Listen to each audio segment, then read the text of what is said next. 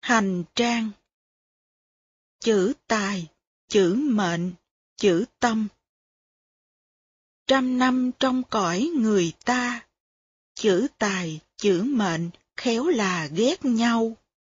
Trải qua một cuộc bể dâu, những điều trông thấy mà đau đớn lòng.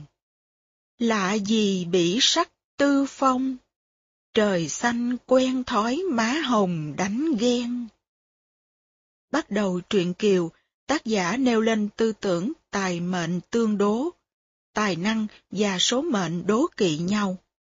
Cố nhiên qua truyện Kiều, ta có thể thấy tác giả là một thi sĩ đại tài. Vì vậy, khi nói tới tài, Nguyễn Du nói tới kinh nghiệm trực tiếp của mình, chứ không phải nói tới một sự thực ở ngoài. Những người có tài và có sắc được thi sĩ cho đứng về phía màu hồng. Màu hồng kỵ với màu xanh đại diện cho ông trời, tạo hóa. Ông trời sẽ đi theo, đánh ghen, đầy đọa những người có tài có sắc bằng cách phó cho họ một số phận trớ trêu. Má hồng không phải chỉ là đàn bà. Đàn ông có tài có sắc thì cũng là một thứ má hồng bị số phận làm cho điêu đứng. Đó là quan niệm của Nguyễn Du. Kết thúc truyện Kiều, câu 3247, cụ Nguyễn Du trở lại ý niệm về tài và mệnh. Cụ trình bày quan niệm luân lý của mình như sau. Có tài mà cậy chi tài, chữ tài liền với chữ tai một dần. Đã mang lấy nghiệp vào thân, cũng đừng trách lẫn trời gần trời xa. Thiện căn ở tại lòng ta, chữ tâm kia mới bằng ba chữ tài. Cụ khuyên chúng ta không nên cậy vào tài của mình, bởi vì khi có tài mà không có đức, không tu, không biết giấu cái tài của mình đi, mà cứ khoe khoang, hợm hĩnh, cho mình là giỏi, thì tai nạn sẽ đến với mình, và mình sẽ đau khổ rất nhiều. Chữ tài liền với chữ tai một dần là một câu chơi chữ rất khéo. Và mầm mống của những tai nạn khổ đau kia đến từ đâu? Cụ Nguyễn Du nói, đừng đổ lỗi cho ai hết. Đã mang lấy nghiệp vào thân. Khi mình đã có những tham giận kiêu căng trong người rồi, thì cũng đừng trách lẫn trời gần trời xa. Đừng đổ lỗi cho ai hết, đừng trách trời. Tại sao mình đau khổ? Mình nói, tại trời, tại xã hội, tại người này người kia. Kỳ thực, mình chịu trách nhiệm lớn về những đau khổ của mình.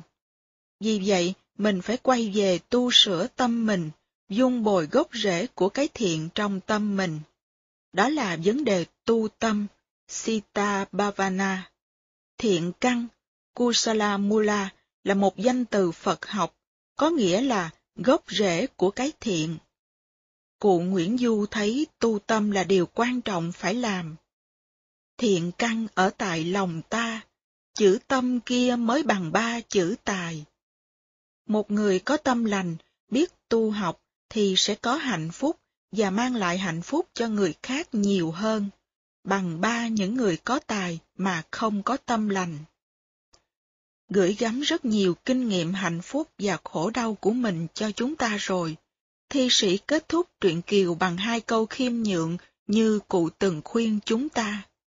Lời quê chấp nhặt dông dài, mua vui cũng được một dài trống canh. Và cũng thật đẹp khi một tác phẩm lớn như truyện Kiều lại được kết thúc bằng hai câu giản dị và khiêm nhượng như vậy. Sau khi viết xong truyện Kiều, cụ Nguyễn Du lại có cơ hội học Phật thêm rất nhiều. Kiến thức về đạo Phật của Nguyễn Du sau truyện Kiều sâu sắc hơn. Có vài danh từ Phật học trong truyện Kiều dùng chưa được hoàn toàn chính xác. Ví dụ như chữ nghiệp và tâm trong đoạn trích vừa dẫn. Chúng ta sẽ thấy ở phần sau.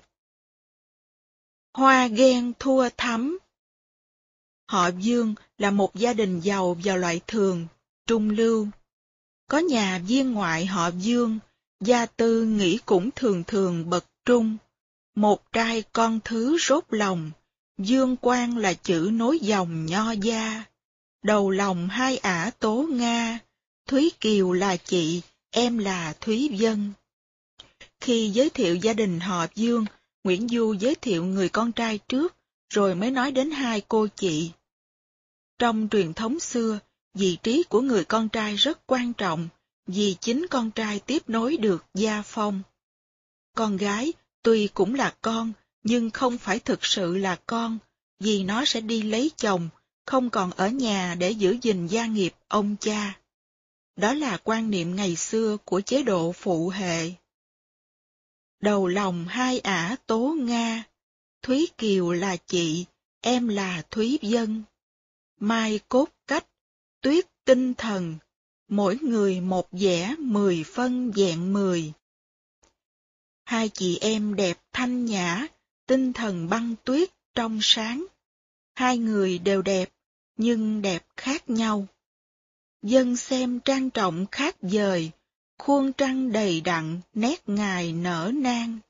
Hoa cười ngọc thốt đoan trang, mây thua nước tóc, tuyết nhường màu da. thuyết dân trang trọng đài cát, cười nói đoan trang, mây thua nước tóc, tuyết nhường màu da.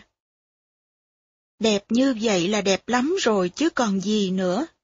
Chúng ta tưởng thi sĩ đã dùng hết tất cả chữ nghĩa để tả một cô gái rồi. Ai dè ông còn trong túi rất nhiều chữ khác hay hơn nữa để tả cô chị. Kiều càng sắc sảo mặn mà, so bề tài sắc lại là phần hơn. Làng thu thủy, nét xuân sơn, hoa ghen thua thắm, liễu hờn kém xanh. Chú thích, làng thu thủy, mắt trong như nước hồ thu, nét xuân sơn, lông mày như dáng núi mùa xuân. Hết chú thích.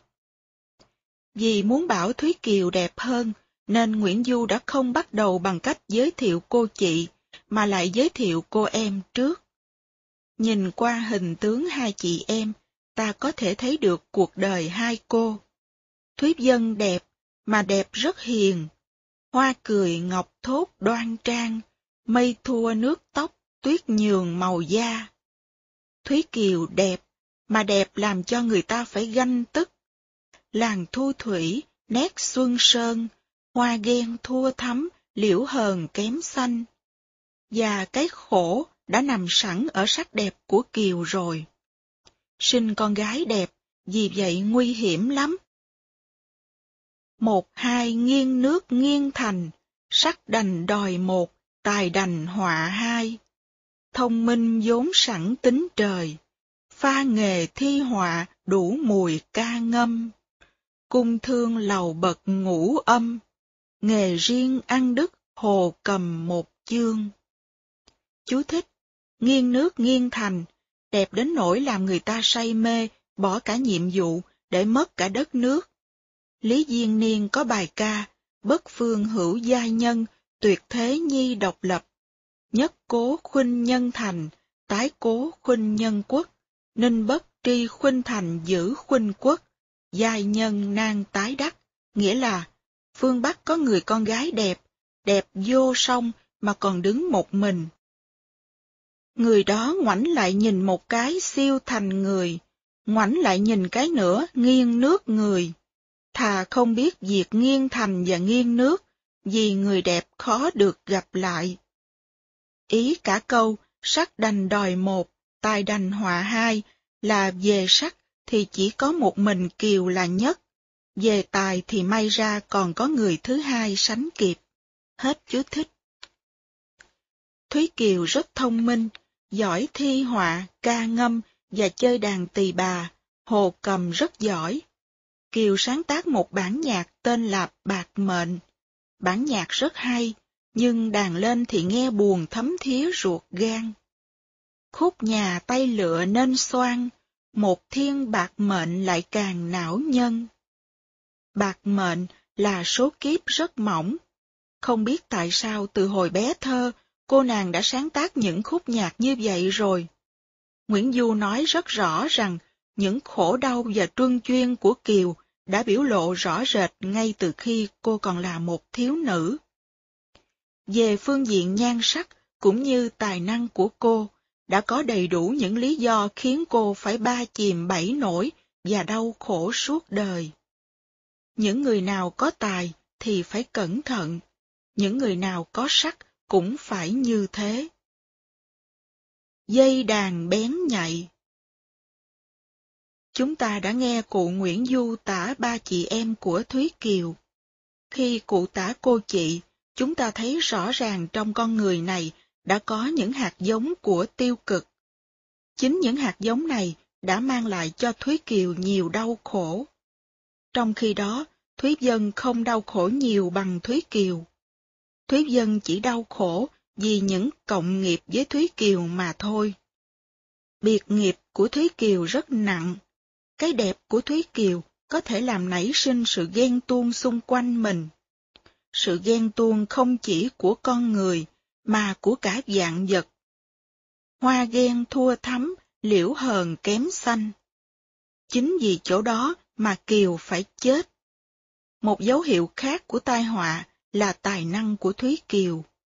Cô là nhạc sĩ, sáng tác nhạc rất hay, đánh lên thì mọi người đều phải buồn thấm thía. Trong tâm hồn của Thúy Kiều có hạt giống của sự đau buồn. Kiều là một người đa cảm, cảm nhận được những cái mà người khác không cảm nhận được.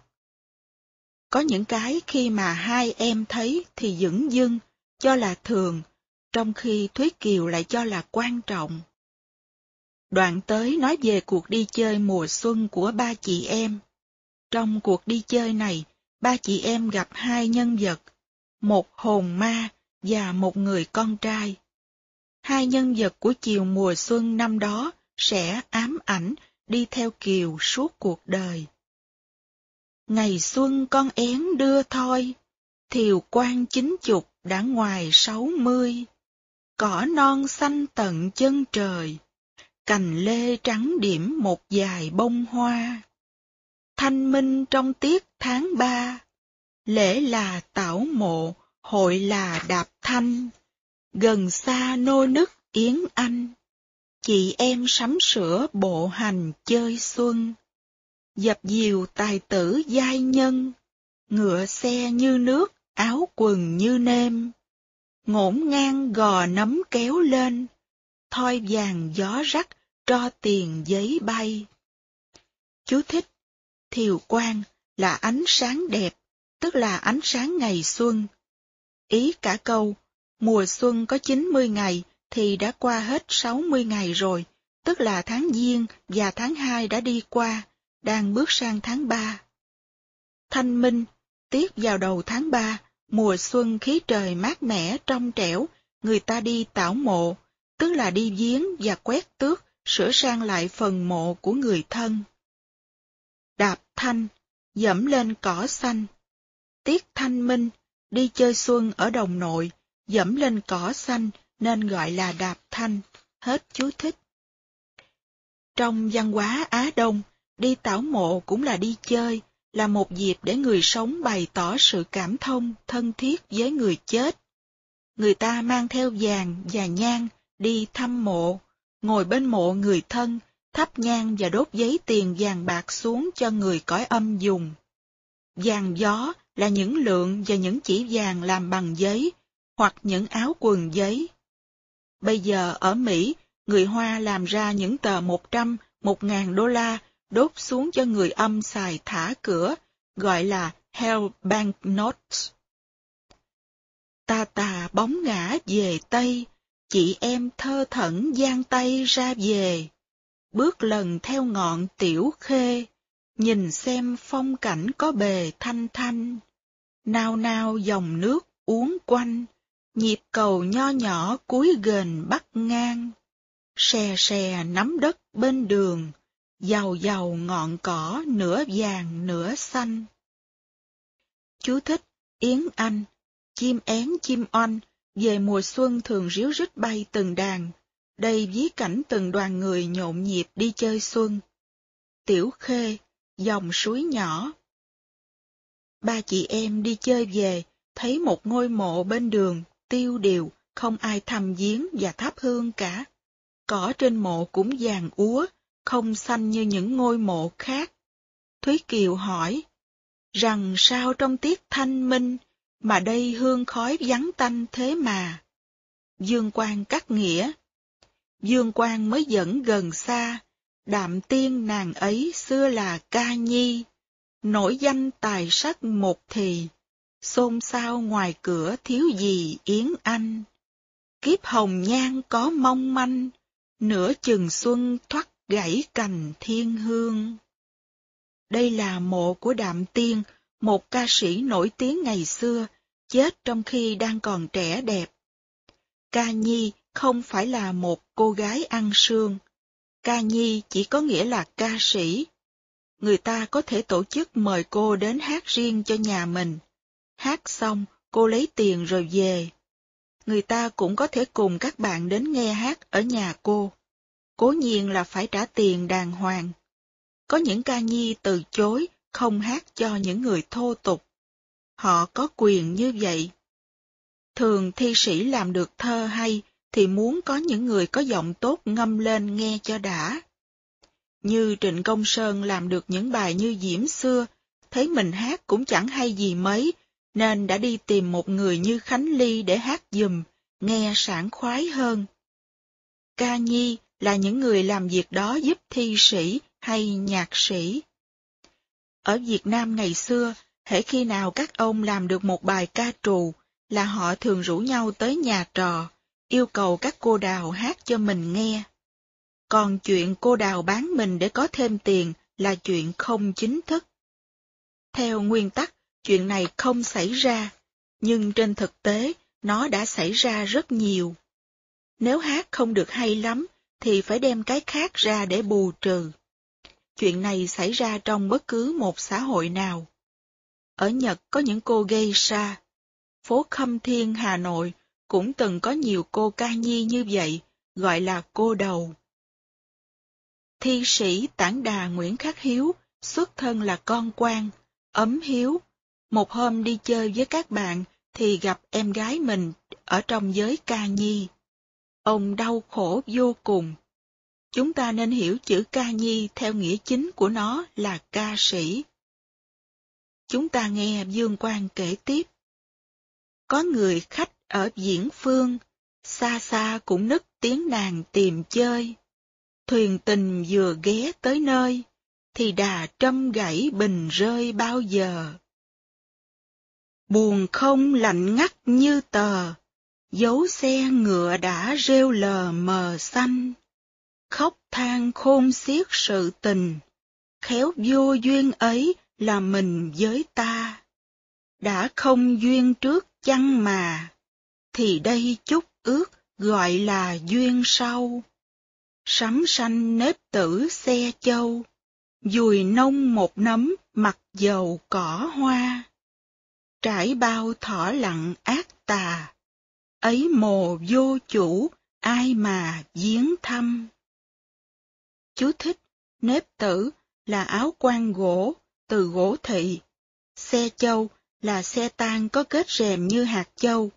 Đây là nói người khách diễn phương làm lễ tang cho đạm tiên. Nghe như vậy thì Kiều òa lên khóc. Lòng đâu sẵn mối thương tâm, thoạt nghe Kiều đã đầm đầm châu sa. Trong khi đó, Thúy Dân vẫn tỉnh bơ tiếp tục nhai kẹo xinh gum, nếu có xinh gum lúc đó.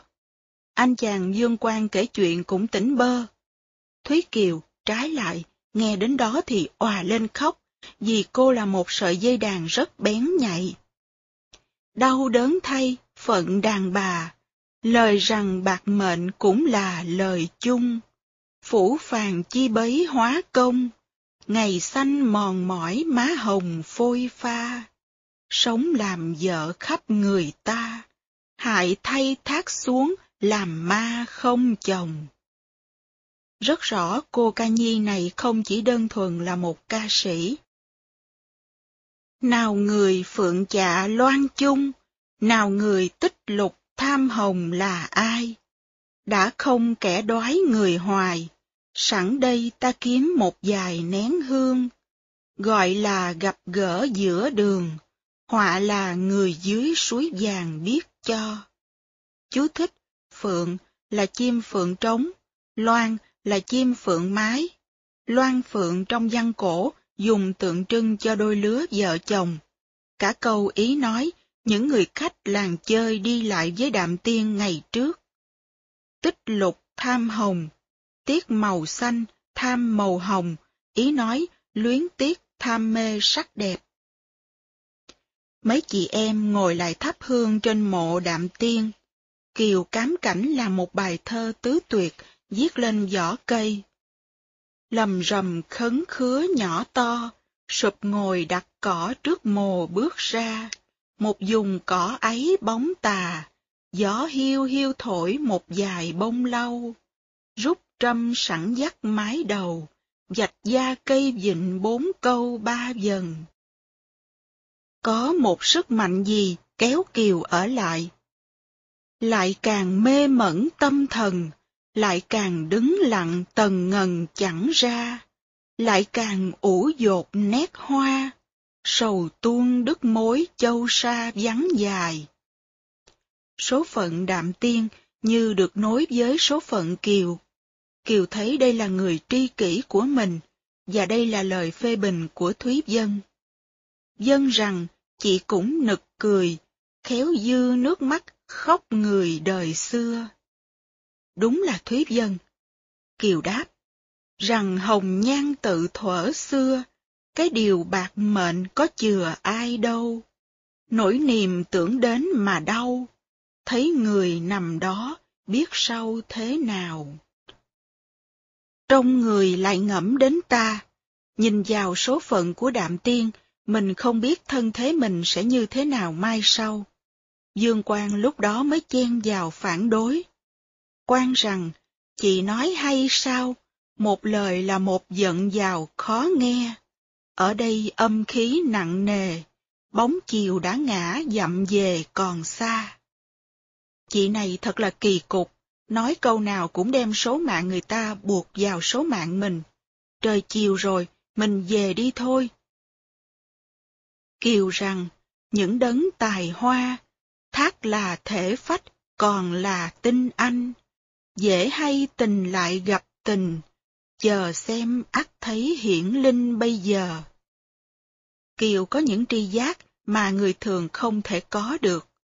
Cô có thể cảm, thấy, nghe, sờ mó được những cái mà người khác không cảm thấy, nghe, sờ mó được.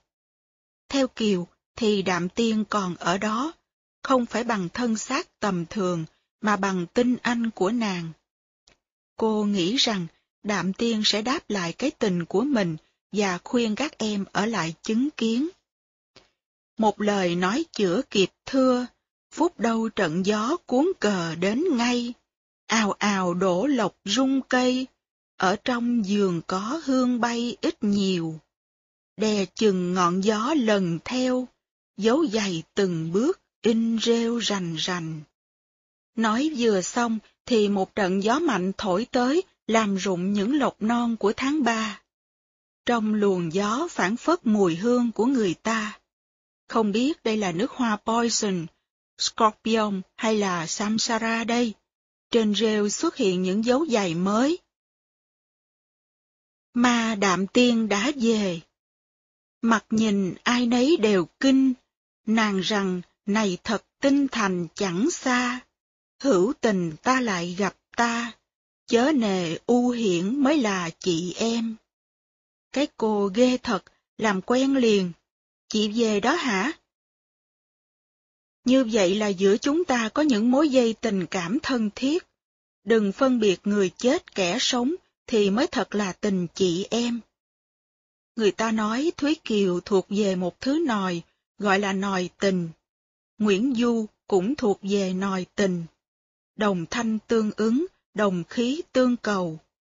Hữu tình ta lại gặp ta, thì chớ nề u hiển mới là chị em. Đã lòng hiển hiện cho xem, tạ lòng nàng lại nối thêm vài lời.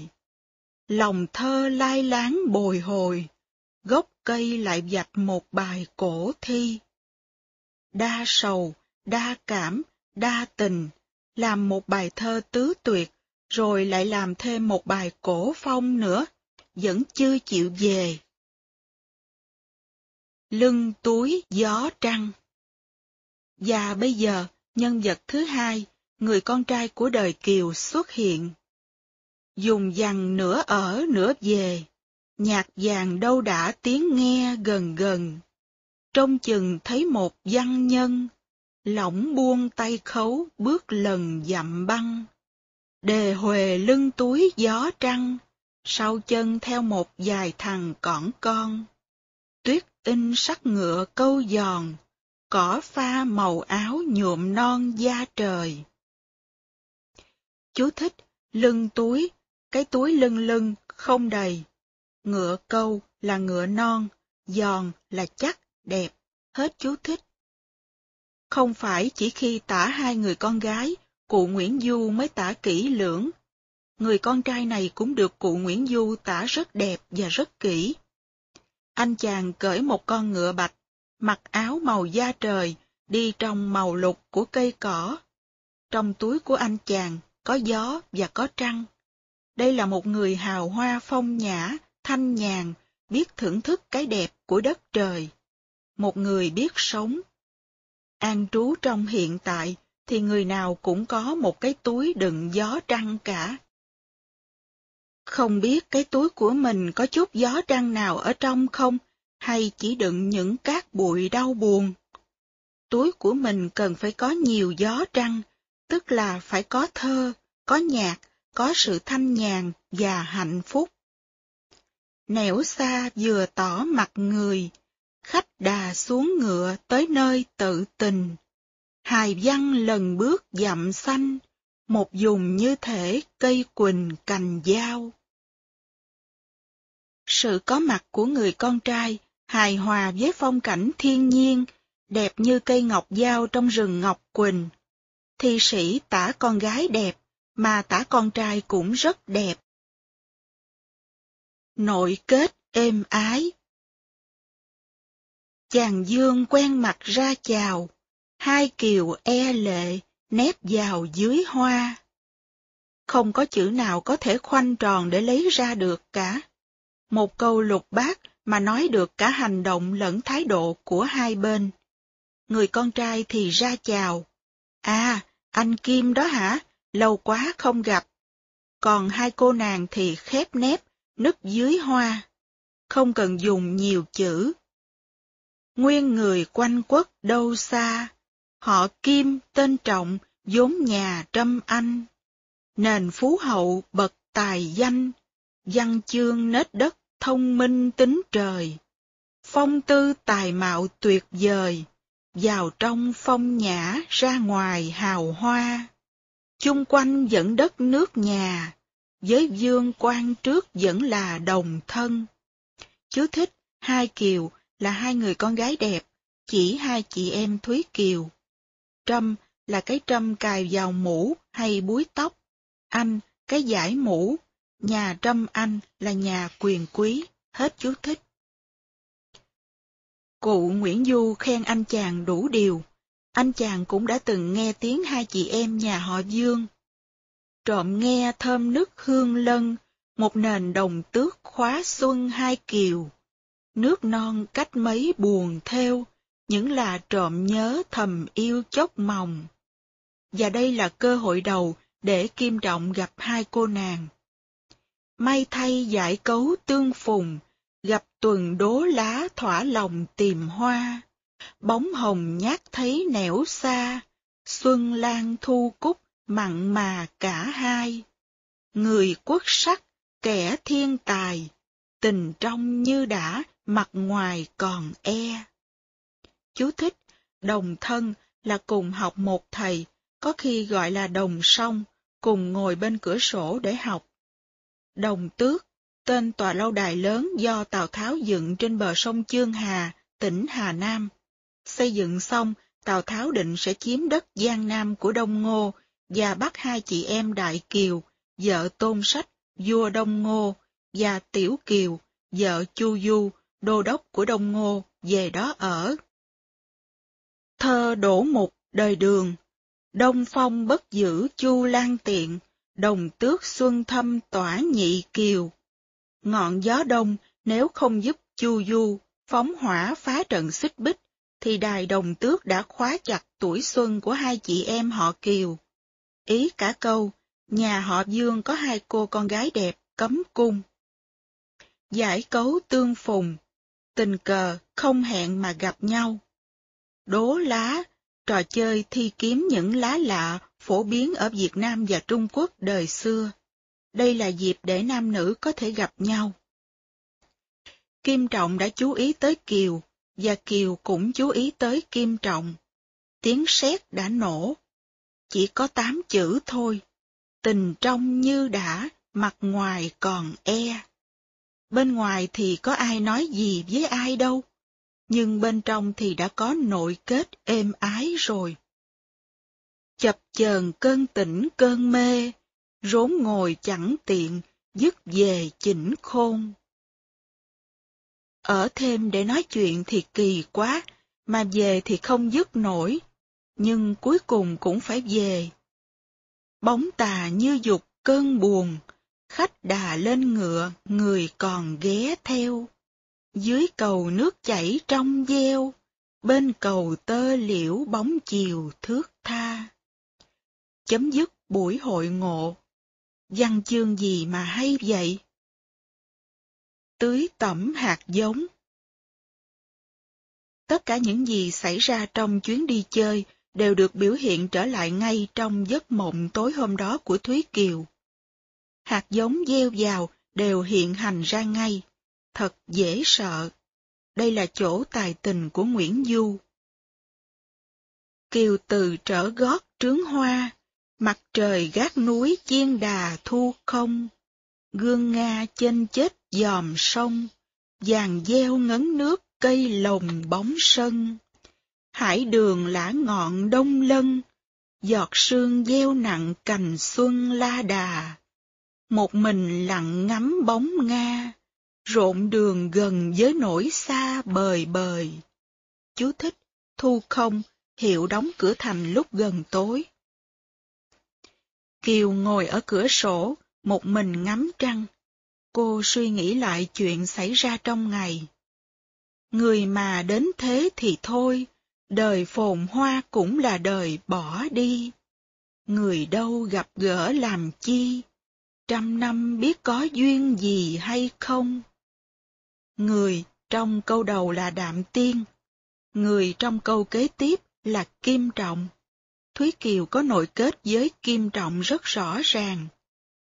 Ngổn ngang trăm mối bên lòng, nên câu tuyệt diệu ngụ trong tính tình. Hết nghĩ tới con ma, lại nghĩ tới anh chàng. Nghĩ tới anh chàng, rồi lại nghĩ tới con ma, rồi làm thơ về những điều mình nghĩ. Đây là hành động tự mình tưới tẩm những hạt giống trong tâm mình. Trên trên bóng nguyệt xế mành, tựa ngồi bên triện một mình thiêu thiêu. Không chịu đi ngủ đàng hoàng, ngồi ngủ gục và Kiều mơ thấy đạm tiên. Thoát đầu thấy một tiểu Kiều, có chiều phong giận có chiều thanh tân, sương in mặt tuyết pha thân, sen vàng lãng đảng như gần như xa. Một cô rất đẹp, đến từ trong đêm, bước chân rất nhẹ, thấp thoáng khi thì ở gần, khi thì ở xa. Đúng là một bóng ma.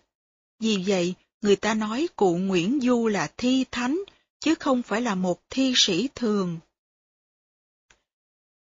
Rước mừng đón hỏi dò la, đào nguyên lạc lối đâu mà đến đây.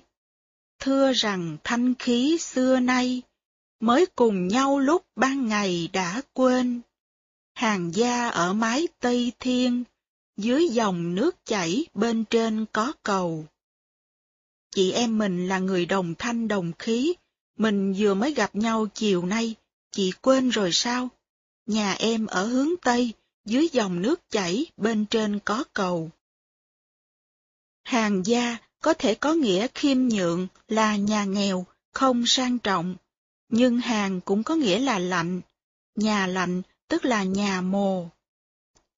Mấy lòng hạ cố đến nhau, mấy lời hạ tứ ném châu gieo vàng, dân trình hội chủ xem tường, mà xem trong sổ đoạn trường có tên. Âu đành quả kiếp nhân duyên, cũng người một hội một thuyền đâu xa. Này mười bài mới mới ra, câu thần lại mượn bút hoa vẽ vời. Hạ tứ là viết tứ thơ xuống, ném châu gieo vàng là lời hay ý đẹp, quý như vàng như ngọc. Đạm Tiên đã đem thơ của Kiều trình cho bà hội chủ hội đoạn trường. Bà này mở sổ của những người đàn bà có số phận mỏng ra tra và thấy tên Kiều. Đạm Tiên đưa thêm 10 đề bài mới, yêu cầu Thúy Kiều Vịnh để bỏ vào quyển tuyển tập collection của hội đoạn trường, hội của những người suốt đời đau khổ. Trong nguyên tác, 10 đề bài đó là tích đa tài, liên bạc mệnh, bi kỳ ngộ, ức cố nhân, niệm nô kiều, ai thanh xuân, ta kiến ngộ, khổ linh lạc, mộng cố duyên và khóc tương tư. Toàn là những đề tài đứt ruột. Thúy Kiều chỉ cần mấy phút đồng hồ là làm xong cả 10 bài thơ. Kiều dân lĩnh ý đề bài, tay tiên một dãy đủ 10 khúc ngâm. Xem thơ nức nở khen thầm, giá đành tú khẩu cẩm tâm khác thường. Dí đem vào tập đoạn trường, thì treo giải nhất chi nhường cho ai. Thơ của chị hay quá, bỏ vào tập đoạn trường là hay nhất, không ai bằng. Nói xong, Đạm Tiên cầm mấy bài thơ và từ biệt. Kiều còn muốn giữ lại. Thềm hoa khách đã trở hài, nàng còn cầm lại một hai tự tình. Gió đâu sịch bức mành mành, tỉnh ra mới biết là mình chim bao. Trông theo nào thấy đâu nào, hương thừa phản phất ra vào đâu đây. Kiều tỉnh dậy, còn nghe cả mùi nước hoa của con ma vừa mới ghé thăm đó. Một mình lưỡng lự canh chày, đường xa nghĩ nổi sau này mà kinh. Thấy khúc đời còn lại của mình mà ngán quá, không dám sống. Hoa trôi bèo dạt đã đành, biết duyên mình, biết phận mình thế thôi. Nổi riêng lớp lớp sóng dồi, nghĩ đòi cơn lại sụp sùi đòi cơn. Tâm Kiều như có những đợt sóng lên xuống, càng suy nghĩ chừng nào thì Kiều càng khóc lớn chừng đó. Bà Dương đang ngủ gần đó bị quấy rầy. Giọng Kiều rền rỉ trướng loan, nhà huyên chợt tỉnh hỏi cơn cớ gì.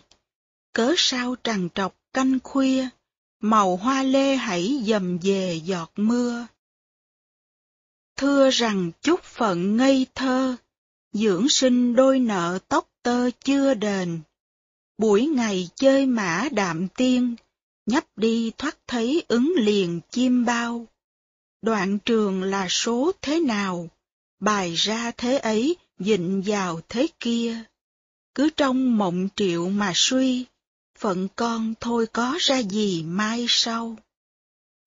Chú thích, nhà huyên, do chữ huyên đường chỉ người mẹ. Huyên là tên một thứ rau nấu canh rất ngon, cây kim châm tượng trưng cho người mẹ.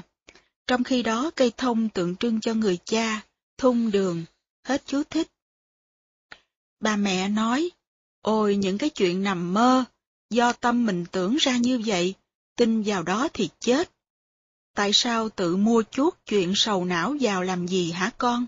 Con đừng tin vào những giấc mộng.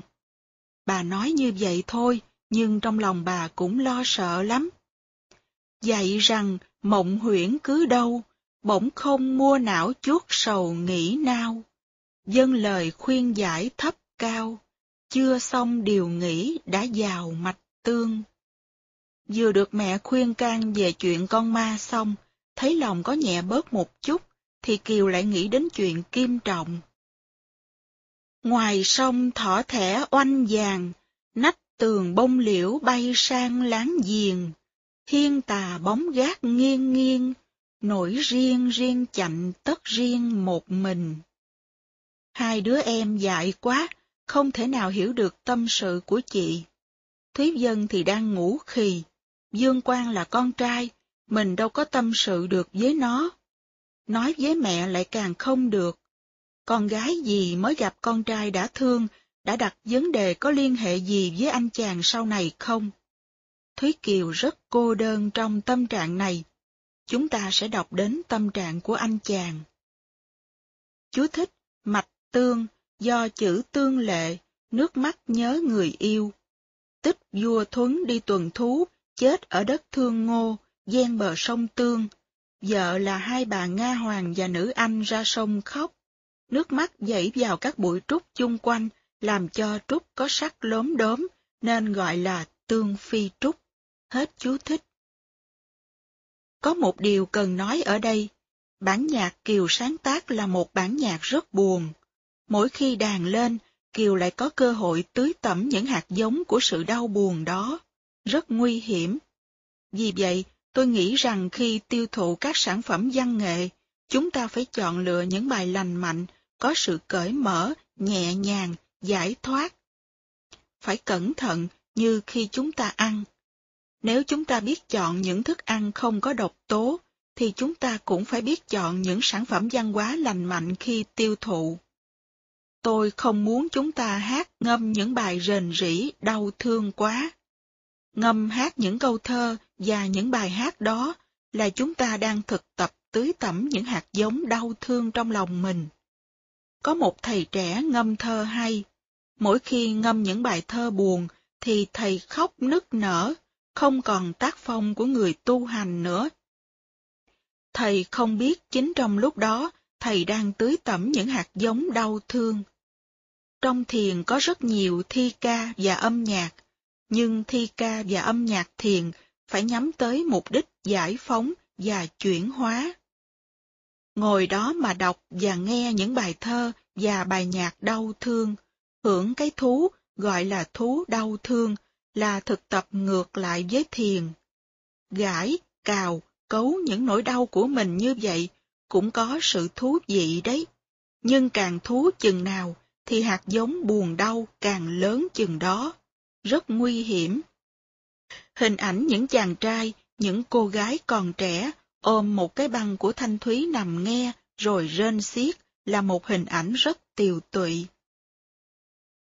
Ngày xưa, khi chị cầm của tôi đọc truyện kiều cho mẹ tôi nghe, ngang câu, phận sao phận bạc như vôi, đã đành nước chảy hoa trôi lỡ làng. Mẹ tôi nói, con đừng đọc như vậy, phải đọc là phấn sao phấn bạc như vôi. Tôi nói, đâu có, trong sách để phận rõ ràng mà, tại sao lại đọc là phấn? Mẹ tôi nói, đúng rồi, viết là phận, nhưng nếu mình đọc phận sao phận bạc như vôi, thì mình cũng đang than thở như kiều vậy. Mình sẽ giận nó vào trong người, rất nguy hiểm, thành ra phải đọc là phấn, để chứng tỏ là mình khác. Lúc đó mấy chị em mới hiểu là trong văn hóa của mình có truyền thống tự bảo hộ như vậy. Không phải chỉ trong đạo Phật, người ta mới cẩn trọng việc tưới tẩm hạt giống. Chính trong văn hóa Việt Nam cũng có truyền thống kiên cử. Người con gái nào chơi đàn độc huyền cầm, đàn bầu nhiều, thì người ta tin rằng cô sẽ suốt đời đau khổ. Tiếng độc huyền rất trệ, làm người nghe lụy xuống. Ngồi đó mà chơi, đêm tàn bến ngự, tưới tẩm hoài những hạt giống đau thương, thì thế nào cũng có một ngày mình sẽ lãnh đủ. Đây là chuyện thực tập. Người tu mà không biết chuyện này là có thiếu sót. Có một thi sĩ làm thơ hô hào những nhà sáng tác, những ca sĩ từ bỏ lối sáng tác và ca hát đau thương đứt ruột. Ông ta viết những câu này, tôi còn nhớ. Đừng kể nữa những mảnh tình tan tác, hãy đứng lên nhạc sĩ với tôi đi. Tôi ghét anh ưa giọng hát sầu bi, và tung mãi tâm hồn thường trụy lạc. Hãy đứng dậy, dứt chiếc cầm áo não, tôi cần nghe những khúc nhạc rất hùng. Thét ngựa lòng phi mãi chẳng chồn chân, sáng như gươm tuốt, mạnh như luồng bão. Ôi nhạc sĩ, thật anh người thậm tệ. Quan hoài chi những khúc hát mê ly, những câu ca không đẹp lại không thi, của kỹ nữ dọc cuộc đời ê trệ. Hãy cung kính nhượng những người tuổi tác, những bản đàn nhịp hát thiếu tinh thần. Hãy ra xem sóng dỗ với mây dần, và sáng chế cho tôi vài điệu khác. Nếu chúng ta cứ hát những bài khóc gió than mây, và cứ nghe những bài độc huyền, thì có thể dẫn cái rủi vào số mạng của mình, tưới tẩm những hạt giống đau buồn, điều đó không tốt.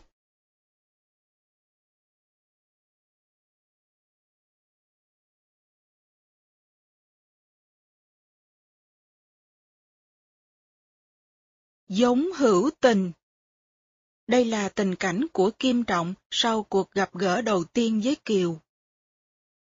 Cho hay là giống hữu tình, đố ai gỡ mối tơ mành cho xong.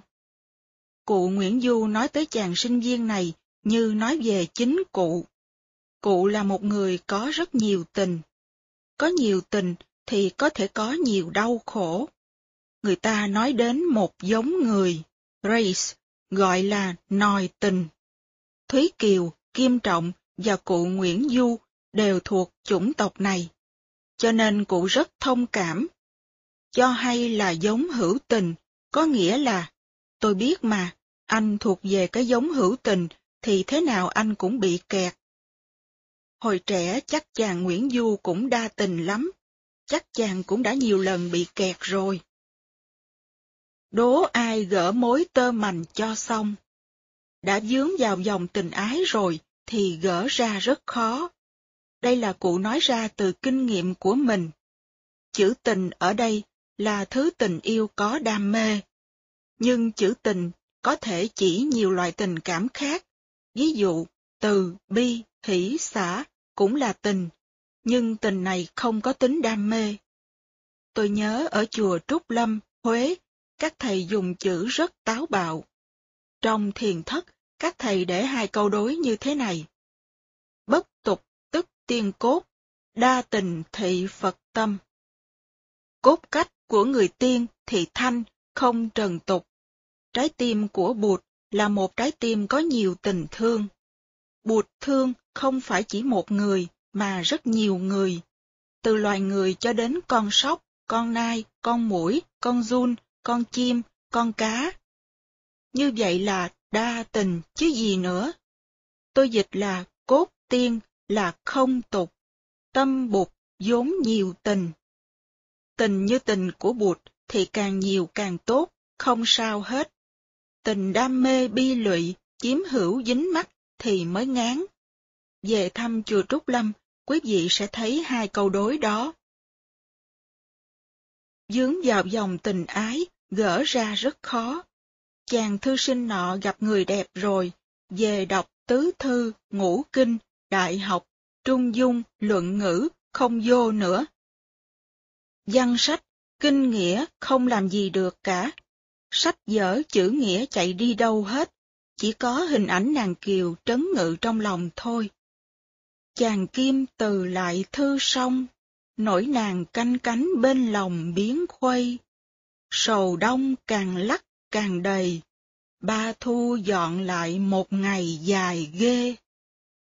Một ngày thương nhớ, dài như ba năm. Thi sĩ dùng hình ảnh một hũ sầu để nói về sự nhung nhớ. Người ta thường lắc hũ để dồn những vật bên trong lắng xuống đáy, làm hũ dơi đi. Cái hũ sầu ở đây càng lắc lại càng đầy thêm. Đúng là thơ. Nhớ ít, tưởng nhiều. Mây tầng khóa kính sông the, bụi hồng liệu nẻo đi về chim bao. Tuần trăng khuyết, đĩa dầu hao, mặt tơ tưởng mặt, lòng khao khát lòng. Đọc những câu thơ này, chúng ta đừng cười kim trọng. Có cười thì nên cười thi sĩ Nguyễn Du, một nhà nho đang làm quan ở triều đình mà viết những câu thơ về tình tương tư như vậy. Phòng văn hơi giá như đồng, trúc xe ngọn thỏ tơ trùng phím loan, mành tương phân phất gió đàn, hương gây mùi nhớ trà khang giọng tình. dí chăng duyên nợ ba sinh, làm chi đem thói khuynh thành trêu ngươi. Chú thích, thơ từ An Trinh, ngân thược trùng quan thích di tịch, bất như miên khứ mộng trung khang, nghĩa là khóa bạc mấy lần nghe chưa thấy mở, chi bằng ngủ đi, may được thấy mặt trong giấc mơ. Mành tương, mành làm bằng giống trúc tương phi. Tích, Nga Hoàng và nữ Anh khóc vua thuấn ở bờ sông Tương, nước mắt làm trúc bên bờ sông trở nên lốm đốm. Hết chú thích.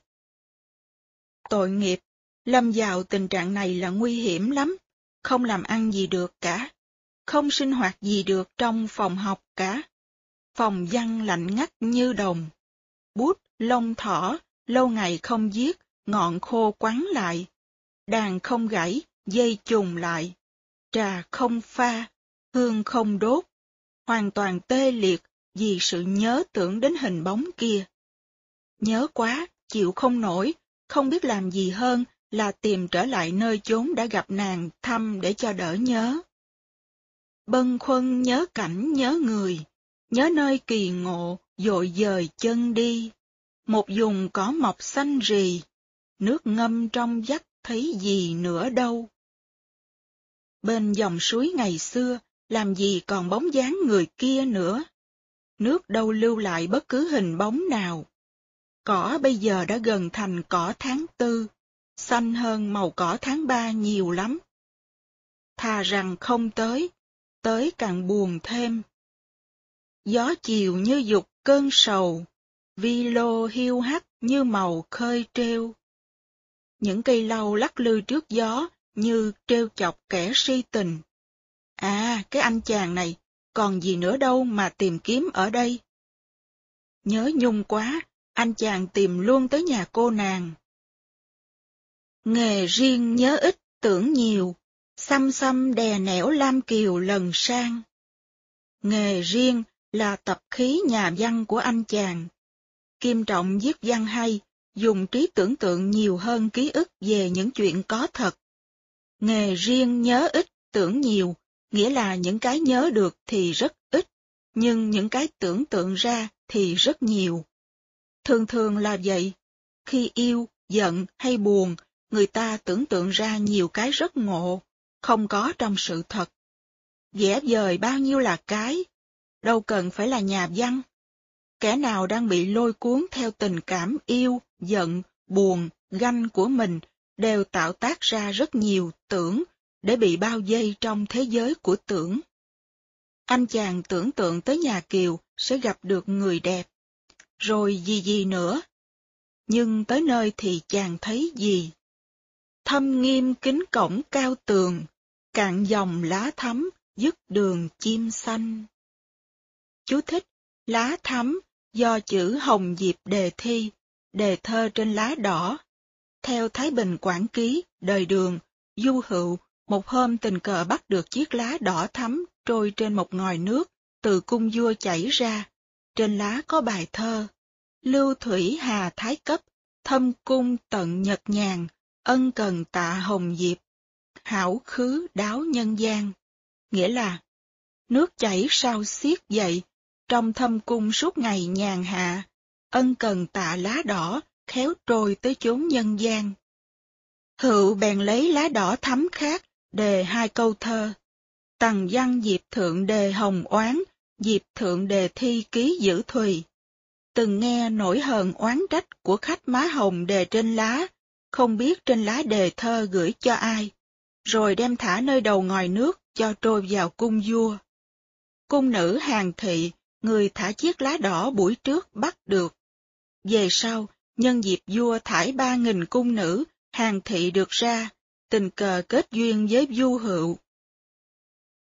Hàng thị nhân làm bài thơ, nhất liên giai cú tùy lưu thủy, thập tải ưu tư mãn tố hoài, kim nhật khước thành loan phượng hữu, phương tri hồng diệp thị lương môi. Một đôi câu thơ đẹp trôi theo dòng nước chảy, mười năm ôm bụng nghĩ ngợi âm thầm, ngày nay thành được bạn loan phượng, mới biết lá đỏ ấy là bà mối giỏi. Chim xanh là con chim sứ giả, chỉ người đưa tin. Theo Hán Vũ Cố Sự, ngày mùng 7 tháng 7, có con chim xanh bay đến trước cửa điện, vua hỏi, Đông Phương Sóc, Tâu, chắc Tây Dương Mẫu sắp đến. Một lát sau, quả Tây Dương Mẫu đến, có ba con chim xanh bay đậu bên cạnh. Hết chú thích. Xung quanh bốn bức tường cao, nhìn vào cũng không thấy được gì. Không có phương tiện để liên lạc, nhắn tin. Đi quanh một vòng rồi về, chứ làm gì nữa. Lơ thơ tơ liễu buông mành, con oanh học nói trên cành mỉa mai. Những cây liễu buông rủ xuống như bức mành. Trên cây có con chim oanh tập hót, chọc ghẹo anh chàng. Anh chàng si tình ơi, đứng đó làm gì, đi về cho rồi. Tâm trạng anh chàng như vậy, nên thấy cái gì cũng như đang treo chọc mình hết. Cụ Nguyễn Du không nói, anh chàng nhớ cô nàng quá, thất vọng quá, mà dùng toàn hình ảnh để diễn đạt ý đó. Dùng hình ảnh để nói, đó là thơ. Mấy lần cửa đóng then cài, đầy thềm hoa rụng, biết người ở đâu. Tần ngần đứng suốt giờ lâu, dạo quanh chợt thấy mé sau có nhà. Là nhà ngô Việt thương gia, phòng không để đó người xa chưa về. Lấy điều du học hỏi thuê, túi đàn cặp sách đề huề dọn sang. Dọn đến làm hàng xóm, ở một hai bữa không gặp, nhưng ba bốn bữa chắc thế nào cũng có dịp gặp. Người ta cũng phải mở cửa đi ra, chứ không lẽ ở hoài trong nhà sao? Đó là hy vọng của chàng Kim. Có cây có đá sẵn sàng, có hiên lãm thúy, nét vàng chưa phai. Nhà có cảnh đẹp, lại có một cái hiên ngắm hoa đề ba chữ, lãm thúy hiên. Lãm là ngắm, thúy là màu xanh đẹp của cây cảnh, trùng với chữ trong tên của Thúy Kiều. Vì vậy Kim Trọng mừng. Mừng thầm chốn ấy chữ bài, ba sinh âu hẳn duyên trời chi đây. Đúng là khi đam mê, người ta hay tưởng tượng và suy diễn theo cái muốn của mình. Ba sinh là nói đến chuyện hôn nhân. Ngày xưa, khi gặp người con trai hay người con gái mà thương, thì người ta nghĩ ngay đến chuyện cưới nhau làm vợ chồng. Không có chuyện chỉ liên hệ trong chốc lát hay chỉ đi chơi như bây giờ. Bây giờ người ta gặp cô này xong thì gặp cô khác. Đang chơi với cô này, thấy cô khác xinh xinh cũng chạy theo luôn. Có hai ba người một lần. Chính ngày trong số thiền sinh tới đây cũng có người đồng thời chơi với hai ba cô, nhất là ở Đức. Có người tới thưa, Bạch thầy, con thương ba người một lần, bây giờ làm sao? Quý vị ra hành đạo bây giờ khó lắm. Ngày xưa dạy cho anh chàng kim trọng này thì còn dễ. Sông hồ nửa khép cánh mây, tường đông ghé mắt ngày ngày hằng trông. Tất gan động khóa nguồn phong, tuyệt mù nào thấy bóng hồng vào ra. Chú thích, động khóa nguồn phong. Khi lưu thần Nguyễn Triệu trở lại, thì cửa động tiên đã khóa chặt, nguồn đào phong kính, lấp mất lối cũ, không có cách gì gặp lại người tiên. Rình hoài, cửa sổ không bao giờ đóng hết. Cách nhau trong gan tấc mà hoàn toàn không sao gặp mặt được. Ngóng đợi như vậy, hai tháng trôi qua. Cách tường phải buổi êm trời, dưới đào giường có bóng người thước tha. Buông cầm, xốc áo dội ra, hương còn thơm nức, người đà vắng tanh. Một hôm, thấy nhà bên kia có thấp thoáng bóng người, anh chàng buông đàn xốc áo và chạy ra liền. Rình hoài mà. Ra tới nơi, thì cô nàng đã đi mất rồi, chỉ còn mùi nước hoa thoang thoảng. Lần theo tường gấm dạo quanh, trên đào nhát thấy một cành kim thoa. Không biết Kiều đã làm rớt cành thoa thật, hay nàng đã cố tình để nó lại trên cành đào. Đây là một nghi án phải điều tra lại. Cô nàng có thể cũng biết có anh chàng ở bên cạnh, nhưng không dám ra. Cái cách ngày xưa là như vậy. Vô tình hay hữu ý, xin để tùy người đọc phán đoán. giơ tay với lấy về nhà, này trong khuê cát đâu mà đến đây. Gẫm âu người ấy báu này, chẳng duyên chưa dễ vào tay ai cầm. Ngộ nghĩnh không? Chiếc trâm ở bên nhà người ta mà mình lại nhón qua lấy, cố tình giới lấy, rồi đoán vào là duyên mình. Liền tay ngắm nghía biến nằm, hãy còn thoang thoảng hương trầm chưa phai. Ngắm nghía không ngủ suốt đêm, có cảm tưởng hương trầm của người đẹp còn thoang thoảng nơi cây trâm. Đài gương soi đến dấu bèo cho chăng. Tan sương đã thấy bóng người, quanh tường ra ý tìm tòi ngẩn ngơ, sinh đà có ý đợi chờ, cách tường lên tiếng xa đưa ướm lòng. Thoa này bắt được hư không, biết đâu hợp phố mà mong châu về. Chú thích, châu về hợp phố, vật đã mất, nay trở về chủ cũ. Theo hậu Hán Thư, quận hợp phố có nhiều ngọc trai, quận thú tham ô, bắt dân mò ngọc cho họ rất nhiều. Ngọc quý bỏ đi gần hết, dân không có gì đổi cái ăn, chết đói đầy đường.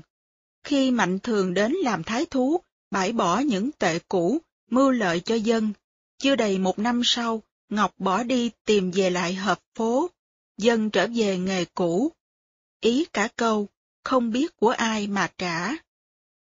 Cây thoa của Kiều dướng trên cành đào. Nhánh đào phải nằm bên không nhận nhà bên kia, chứ đâu qua bên nhà này được. Giói lấy của người ta, rồi nói, bắt được hư không. Tiếng Kiều nghe lọt bên kia, ơn lòng quân tử xá gì của rơi. Chiếc thoa là của mấy mươi, mà lòng trọng nghĩa khinh tài xiết bao. Nghĩa khí là lòng ngay thẳng, thành thật, trong trắng của con người. Cô ta khen anh chàng. Chiếc thoa là của mấy mươi, mà lòng trọng nghĩa khinh tài xiết bao. Cô cũng lịch sự và khéo léo lắm.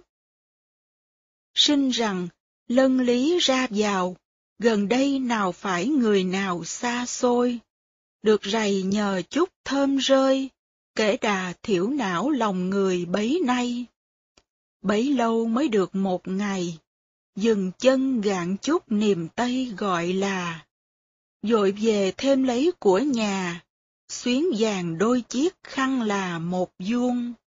Thang mây rón bước ngọn tường, phải người hôm nọ rõ ràng chẳng nghe.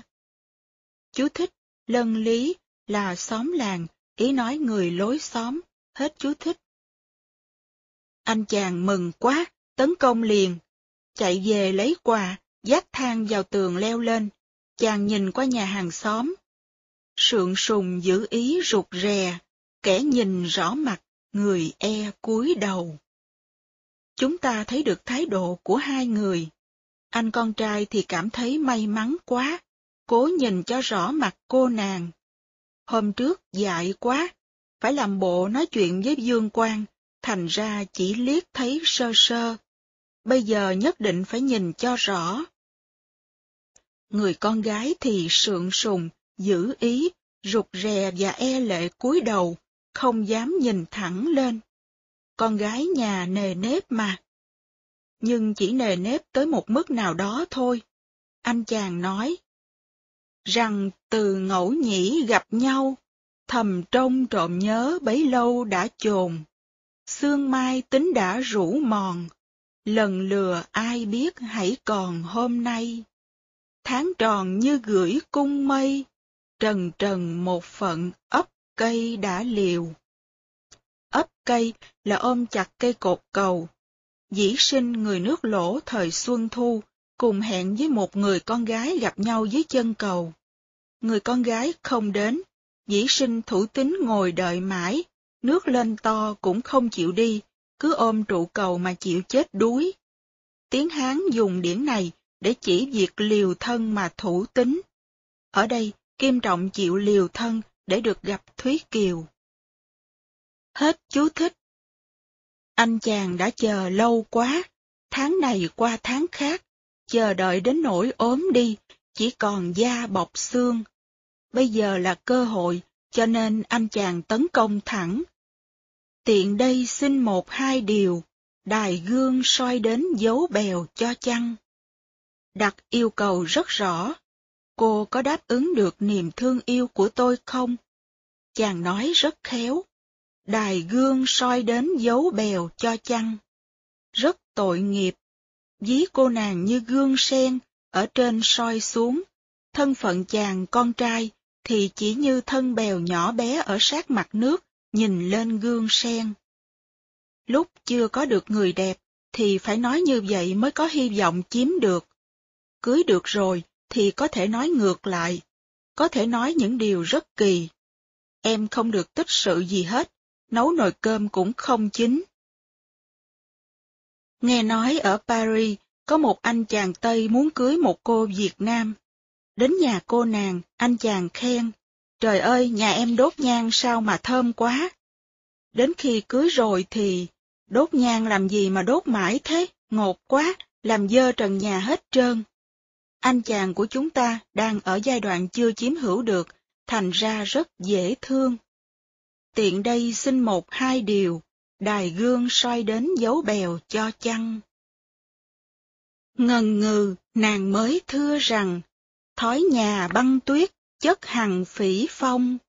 Dù khi lá thắm chỉ hồng, nên chăng thì cũng tại lòng mẹ cha. Nặng lòng xót liễu vì hoa, trẻ thơ đã biết đâu mà dám thưa. Đó là cách trả lời của con gái ngày xưa. Dầu bằng lòng rồi đi nữa cũng phải nói. Em không biết, cái đó anh hỏi ba má em. Thói nhà băng tuyết, chất hằng phỉ phong, là gia đình sống một nếp sống truyền thống, giản dị, khỏe mạnh và đạo đức.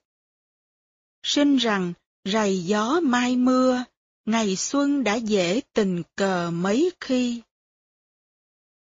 Vô thường lắm cô ơi, có mấy cơ hội may mắn như ngày hôm nay. Dù chăng xét tấm tình si, thiệt đây mà có ích gì đến ai.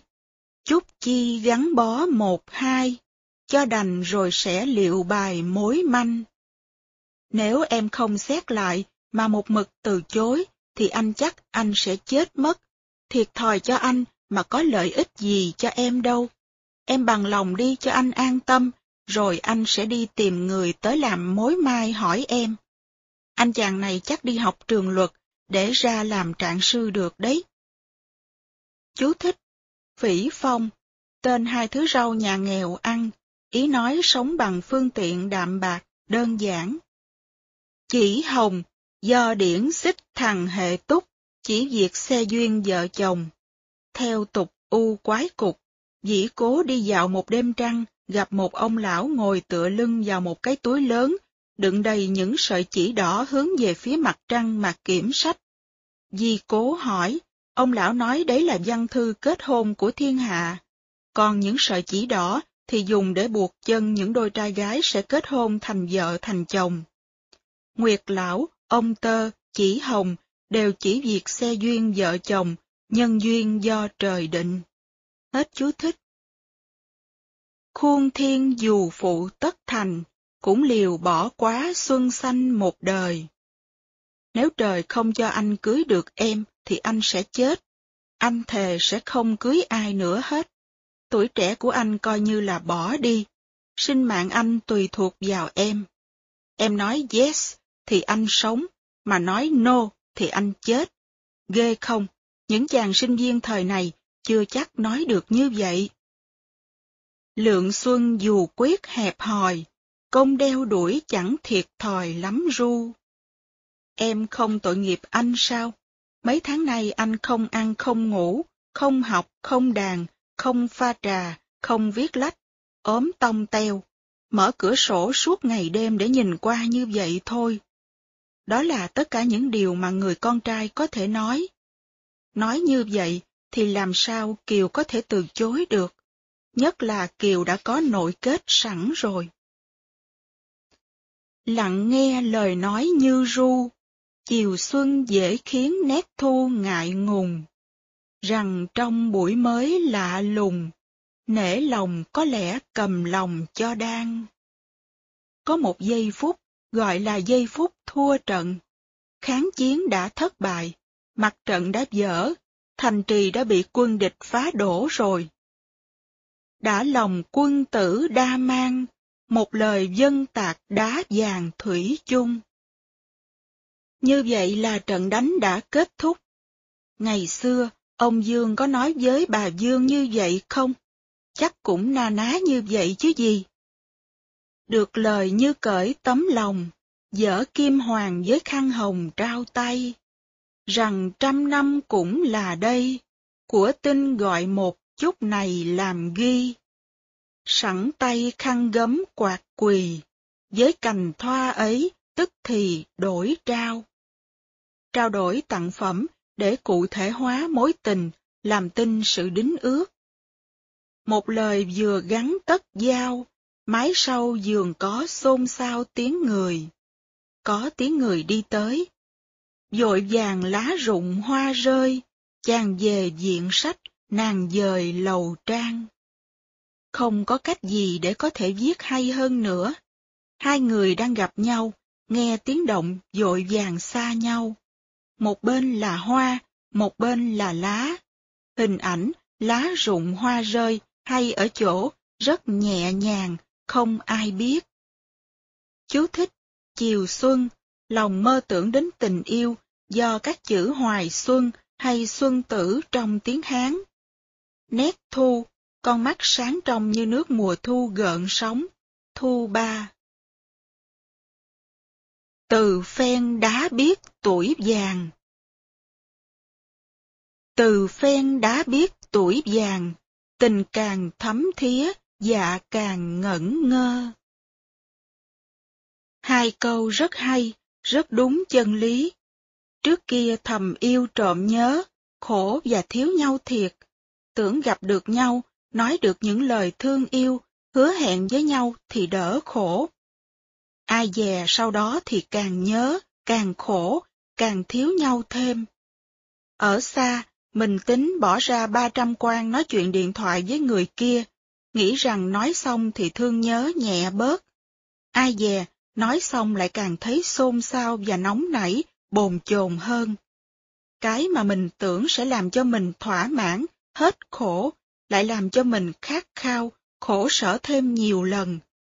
Đây là một sự thật, được nói ra không phải từ kinh điển, mà là từ kinh nghiệm của người đời.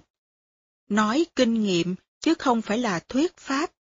Giá trị của sự thật này không thua gì giá trị của một câu kinh sông tương một dải nông sờ, bên trong đầu nọ, bên chờ cuối kia. Đây là hai câu lấy ý đoạn thơ trong tình sử. Quân tại tương giang đầu, thiếp tại tương giang dĩ, tương tư bất tương kiến, đồng ẩm tương giang thủy. Chàng ở đầu sông Tương, thiếp ở cuối sông Tương, nhớ nhau mà không thấy mặt nhau, dù cùng uống nước sông Tương làm sao mà gặp được nhau hoài hoài, mỗi ngày, mỗi giờ, mỗi phút. Một lần là đã quá may mắn rồi. Ngẫm cơ hội ngộ đã đành hôm nay. Lần lần ngày gió đêm trăng, thưa hồng rậm lục đã chừng xuân qua. Màu hồng ít đi, màu lục nhiều hơn, mùa xuân đã nhường chỗ cho mùa hè.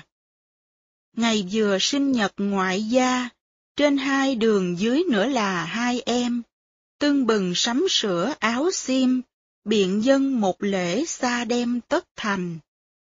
Gia đình Thúy Kiều về bên ngoại ăn sinh nhật, Kiều ở nhà, cố nhiên là cô lấy cớ, con nhức đầu, con xin ở nhà.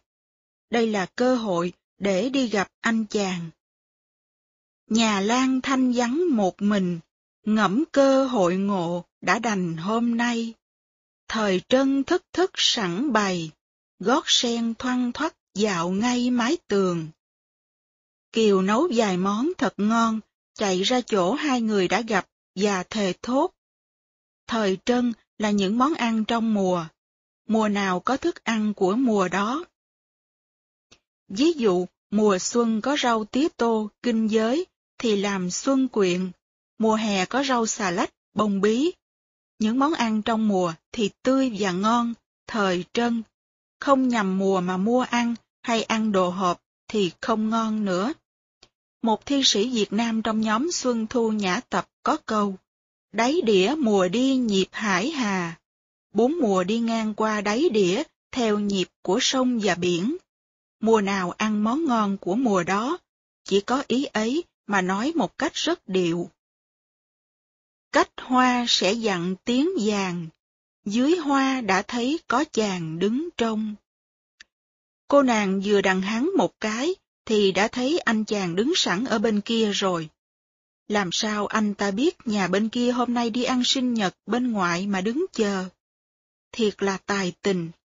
Thật ra cả ngày anh có làm ăn gì được đâu, suốt ngày chỉ nhìn qua bên này, chờ đợi thôi mà. Và bây giờ anh chàng trách. Trách lòng hờ hững với lòng, lửa hương chốc để lạnh lùng bấy lâu. Những là đắp nhớ đổi sầu, tuyết sương nhuốm nửa mái đầu hoa râm. Anh chàng cường điệu hóa, mới có hai mươi mấy tuổi đầu, làm sao mà tóc bạc được. Nàng rằng, gió bắt mưa cầm, đã cam tệ với tri âm bấy chày.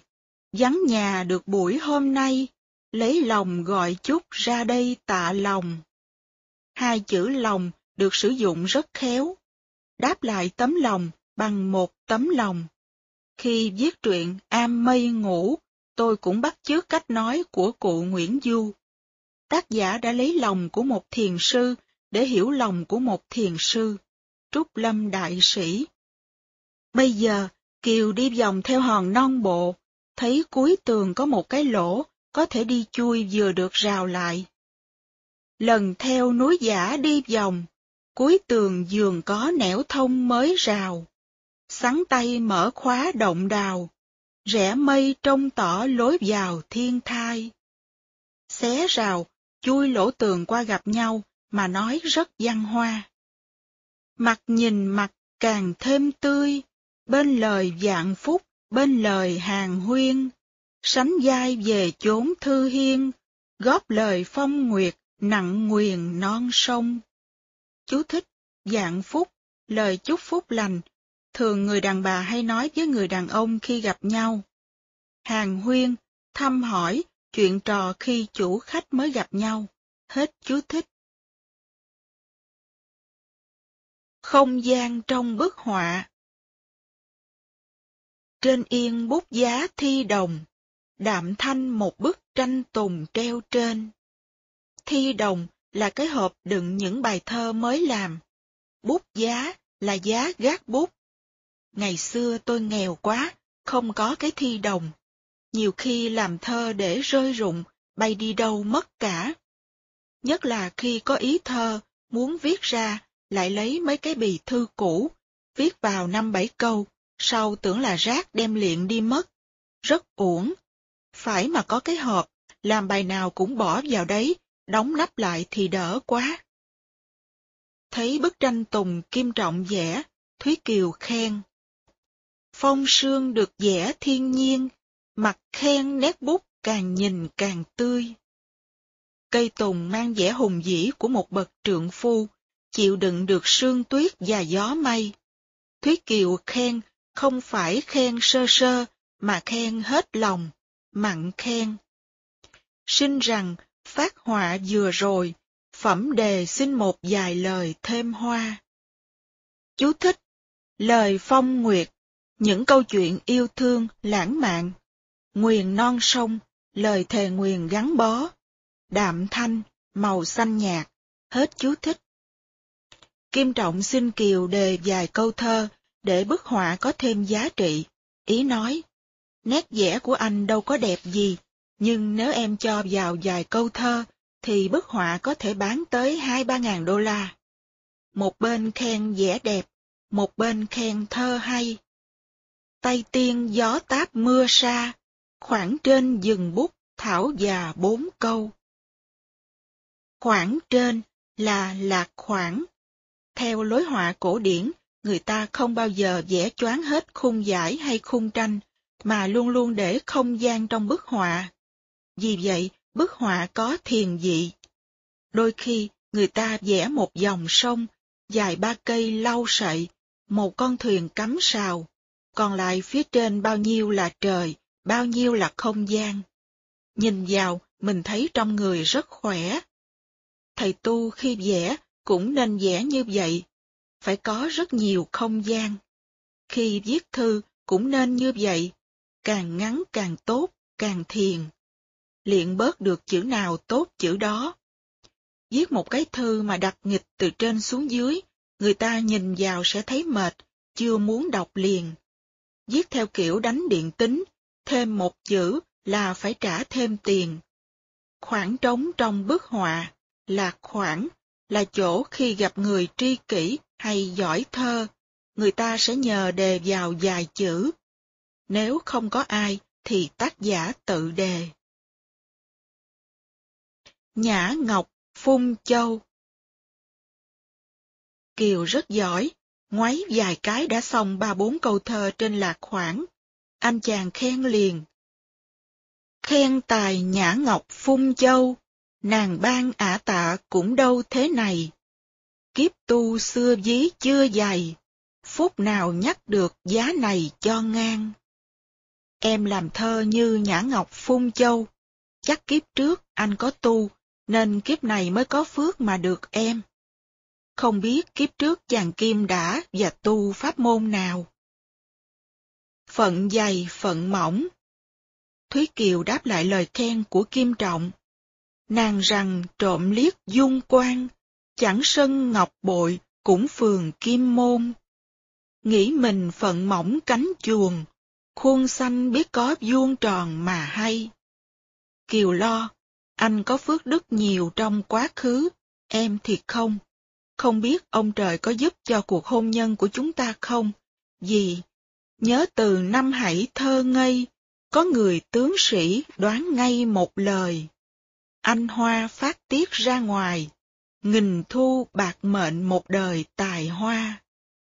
Ông thầy tướng nói, tất cả những cái tinh anh của con người Thúy Kiều đều lộ ra ngoài hết, sợ rằng suốt đời cô sẽ khổ. Khi có những cái quý, cái hay, người ta phải biết giấu bớt vào bên trong. Anh hoa là cái tinh ba, cái đẹp nhất của con người. Nếu phát tiết ra ngoài hết, thì bên trong sẽ không còn gì nữa. Và như vậy, sẽ chiêu cảm vào những tai nạn. Những người có hạnh phúc là những người chất chứa được nội dung và nội lực bên trong.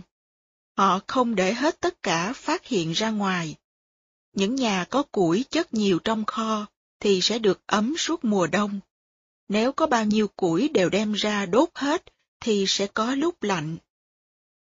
Chú thích, Nàng ban ả tạ Ban Chiêu, đời Đông Hán, và Tạ Đạo Uẩn, đời Tấn, là hai người đàn bà nổi tiếng thông minh, học rộng, có tài biện luận và giỏi thơ văn.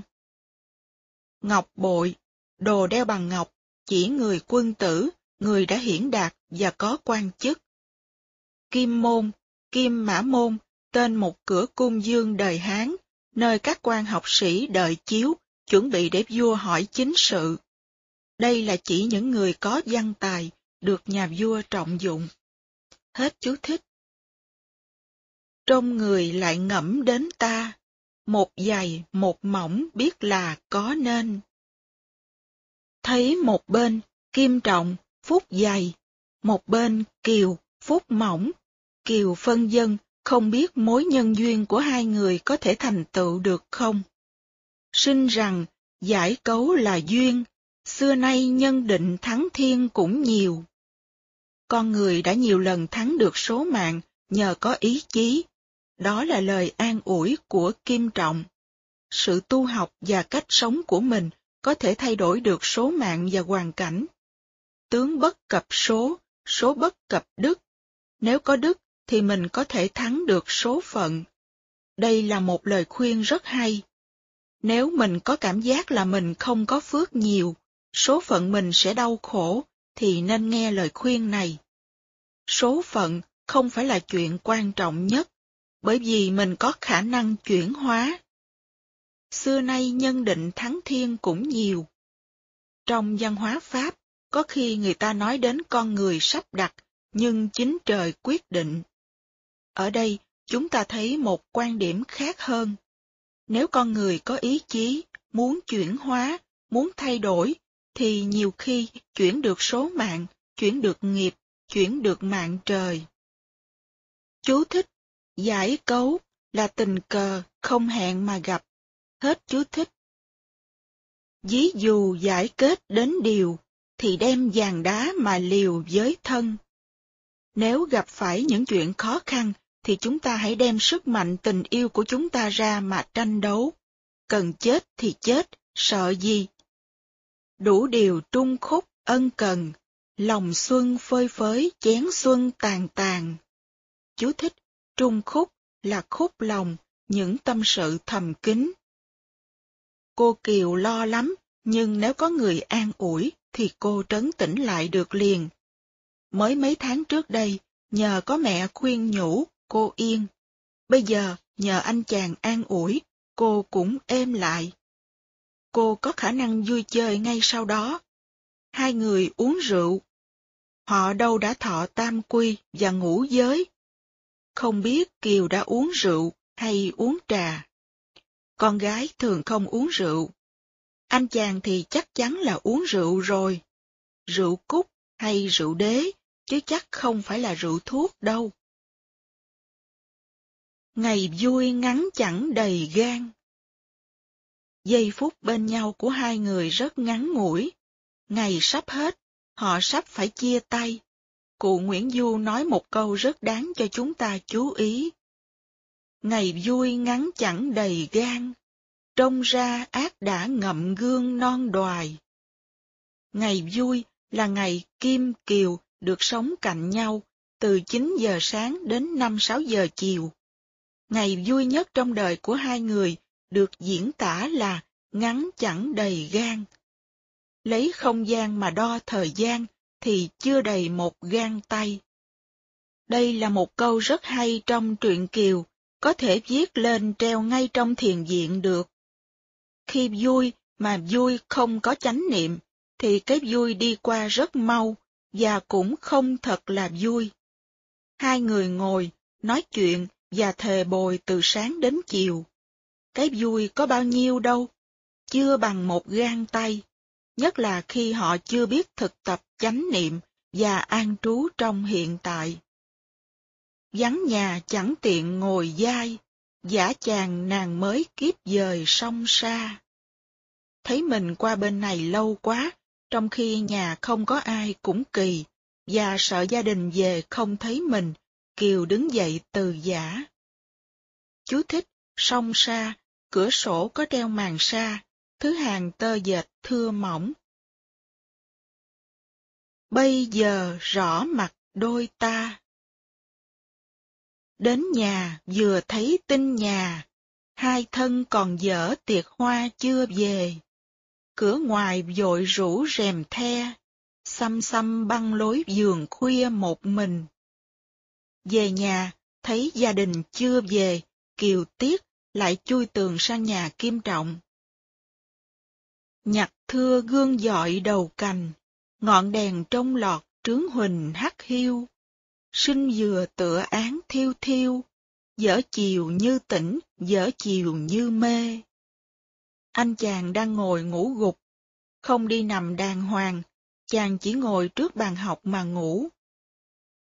Tiếng sen sẽ động giấc hòe, bóng trăng đã xế hoa lê lại gần. Câu thơ rất đẹp, bước chân của Kiều làm sao động giấc ngủ của Kim Trọng. Trong trạng thái nửa tỉnh nửa mê, chàng Kim thấy một nàng tiên bước tới. Anh chàng nghĩ là mình đang nằm mộng. Bân khuân đỉnh giáp non thần, còn ngờ giấc mộng đêm xuân mơ màng. Nàng rằng khoảng vắng đêm trường, vì hoa nên phải đánh đường tìm hoa.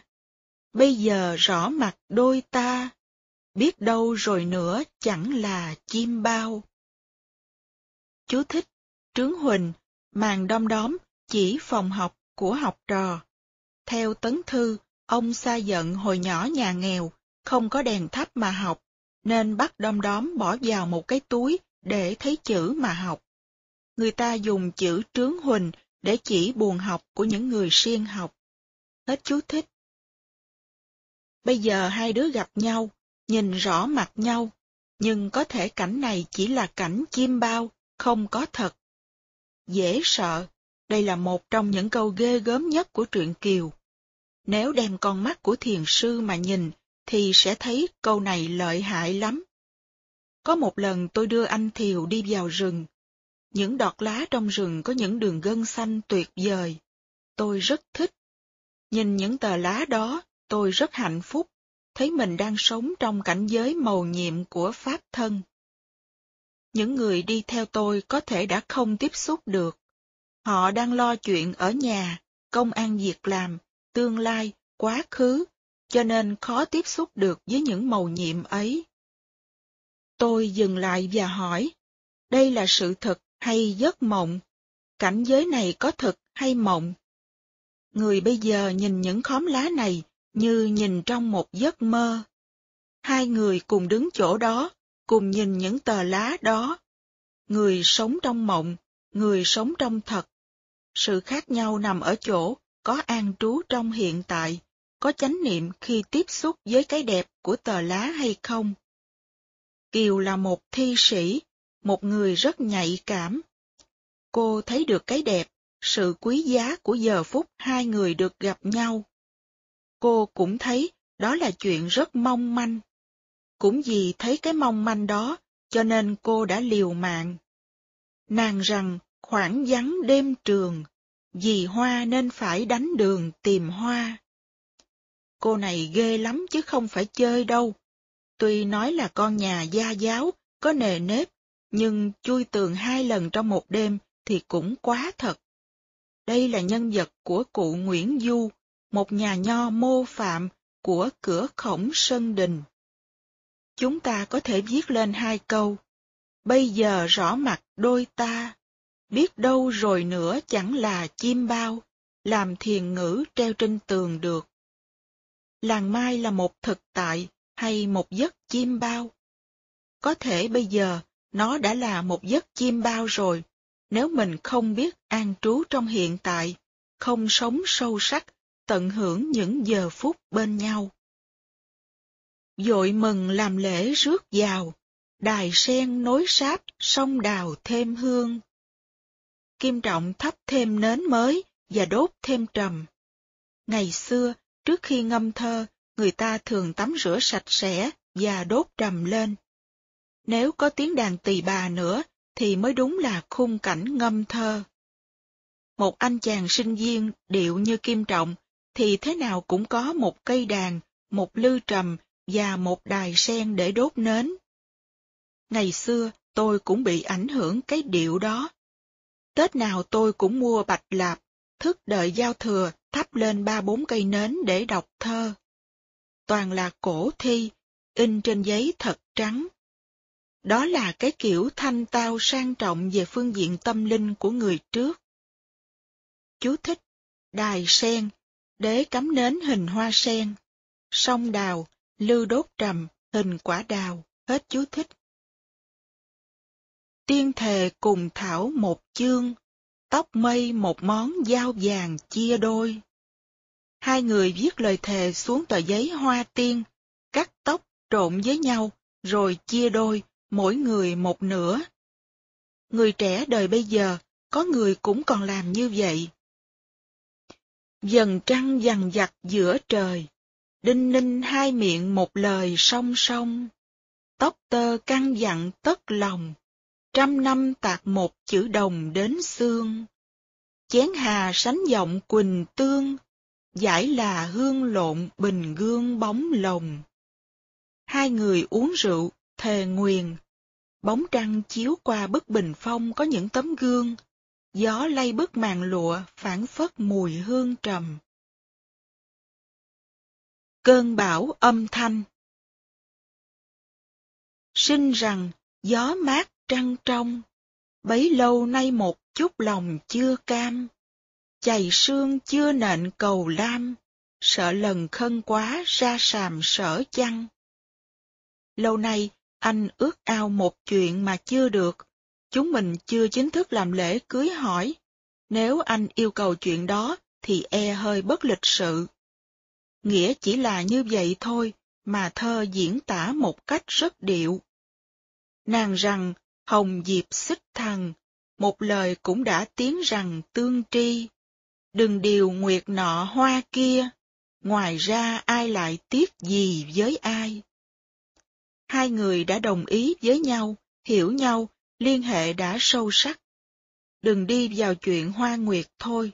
Ngoài chuyện đó ra, em không từ chối chuyện gì với anh cả. Rất rõ ràng. Anh chàng bèn yêu cầu.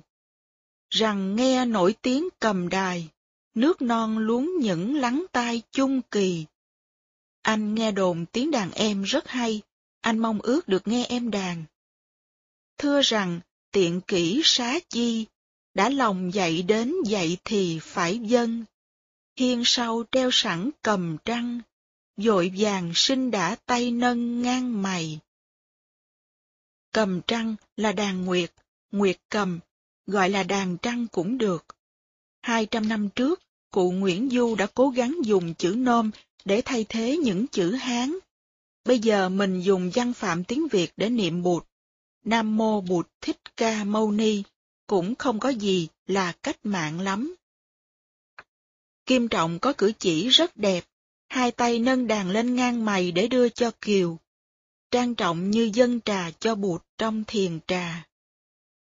Chú thích, nước non, bởi chữ cao sơn lưu thủy, chỉ tiếng đàn hay của người tri kỷ, tiếng đàn có bạn tri âm thưởng thức.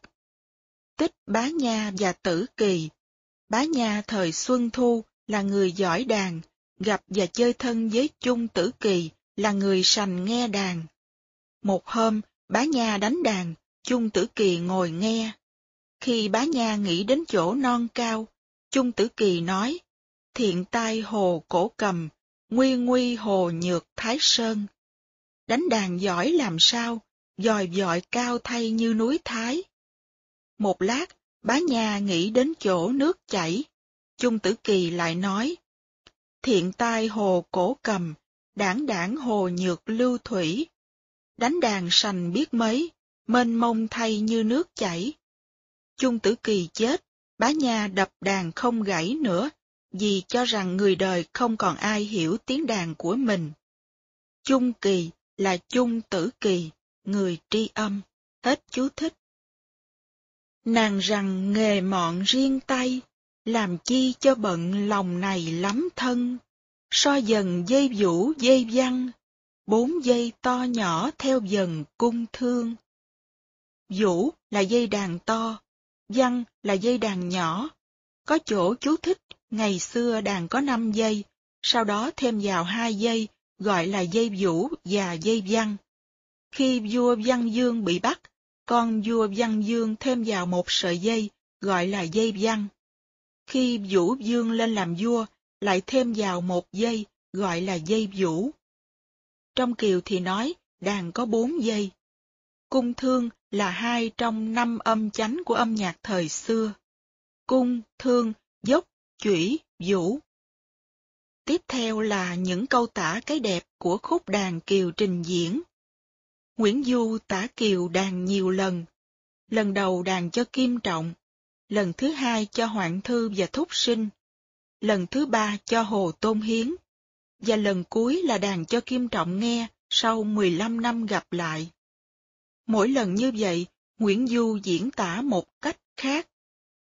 Tùy theo tâm trạng của Kiều mà bản đàn biến thể. Còn có bốn lần đàn khác, Nguyễn Du chỉ nói qua. Đây là lần đầu tiên đàn cho Kim Trọng nghe. Cũng là khúc đàn này, Kim Trọng sau 15 năm nghe lại, không khổ đau, vì trong thân tâm nội kết đã chuyển hóa. Đây là bản đàn, đàn lần đầu tiên. Khúc đầu hán sở chiến trường, nghe ra tiếng sắt tiếng vàng chen nhau. Khúc đầu tư mã phượng cầu, nghe ra như oán như sầu phải chăng. kê khang này khúc quảng lăng, một rằng lưu thủy, hai rằng hành dân. Quá quan này khúc chiêu quân, nửa phần luyến chúa, nửa phần tư gia. Chú thích Tư Mã Phượng Cầu, khúc đàn Phượng Cầu Hoàng của Tư Mã Tương Như đời Hán, đàn tỏ tình với Trác Văn Quân. Phượng Cầu Hoàng là chim phượng, chim trống, đi tìm chim hoàng, chim mái. Kim Trọng không cầm đàn, nhưng cũng đã đàn một bản đàn miệng. Không lấy được em chắc là anh chết. Cũng nghe ra như oán như sầu, làm cho Thúy Kiều nghe xính dính, phải chấp nhận. Kê Khang, khúc Quảng Lăng. Theo thông chi, Kê Khang một hôm đến chơi đất Lạc Tây, trọ ở Hoa Dương Đình, đêm ngồi gãy đàn. Chờ có người khách đến tự nói mình là người thời cổ, rồi cùng Khang bàn luận âm luật, nghĩa lý rành rọt thấu đáo. Nhân đó, ông khách lấy đàn gãy, soạn nên khúc Quảng Lăng Tán, lời điệu cực hay, trao cho Khang, và dặn không được truyền lại cho người khác. Về sau, Kê Khang bị Tư Mã Chiêu sát hại, khúc Quảng Lăng bị thất truyền. Lưu Thủy, hành dân, nước chảy mây trôi, nói tính cách thanh thoát, tự nhiên của khúc đàn. Quá quan, qua cửa ải. Chiêu quân, tên tự của Dương Tường, cung nữ của Hán Nguyên Đế, bị cống cho vua Hung Nô làm hoàng hậu để ngăn chiến tranh giữa hai nước. Khi qua cửa ải, chiêu quân gãy một khúc đàn tỳ bà, tỏ lòng nhớ nước, nhớ nhà vô hạn. Hết chú thích. Đó là tính chất của bản đàn, chứa đựng những hình ảnh, tâm sự buồn ai oán. Và đây là tài nghệ của Thúy Kiều, cuốn hút người nghe vào biển âm thanh. Trông như tiếng hạt bay qua, đục như nước suối mới xa nửa dời. Tiếng khoan như gió thoảng ngoài, tiếng mau sầm sập như trời đổ mưa. Âm thanh được diễn tả bằng những hình ảnh rất tài tình. Và đây là hậu quả tai hại của bản đàn.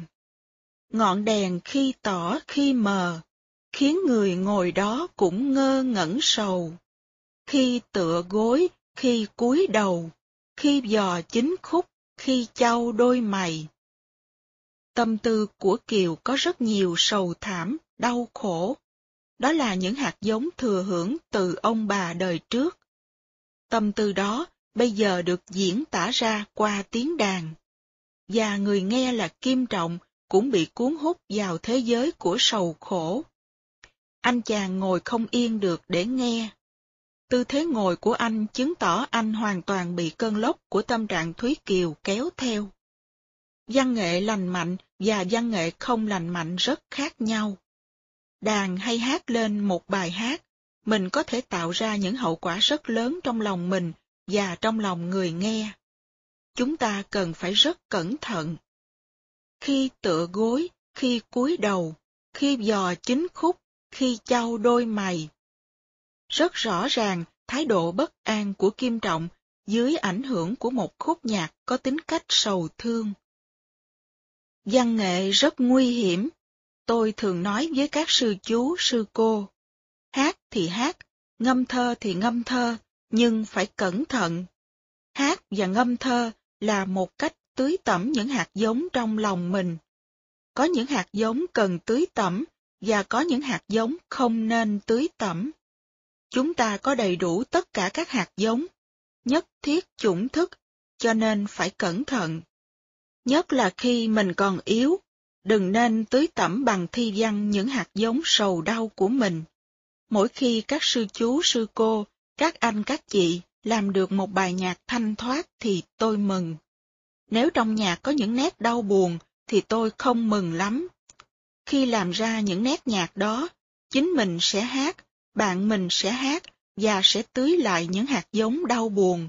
Và đó là đi ngược lại đường lối tu học của chúng ta. Rằng hay thì thật là hay, nghe ra ngậm đắng nuốt cay thế nào. Lựa chi những khúc tiêu tao, dột lòng mình cũng nao nao lòng người. Sau khi đi qua một trận bão của âm thanh rồi, anh chàng nói, em đàn thì hay thật đó, nhưng sao cay đắng, đau khổ quá chừng. Sao em lại chọn những bản nhạc buồn như vậy? Khi đàn em buồn, mà người nghe cũng đứt ruột theo. Anh chàng cũng thẳng thắn lắm, chứ đâu phải chỉ biết khen mà thôi đâu. Ý anh chàng là, em nên sáng tác lành mạnh hơn, nghe thêm một lần nữa chắc anh sẽ chết quá. Chúng ta thấy rõ, anh chàng có hạt giống của sự lành mạnh trong tâm.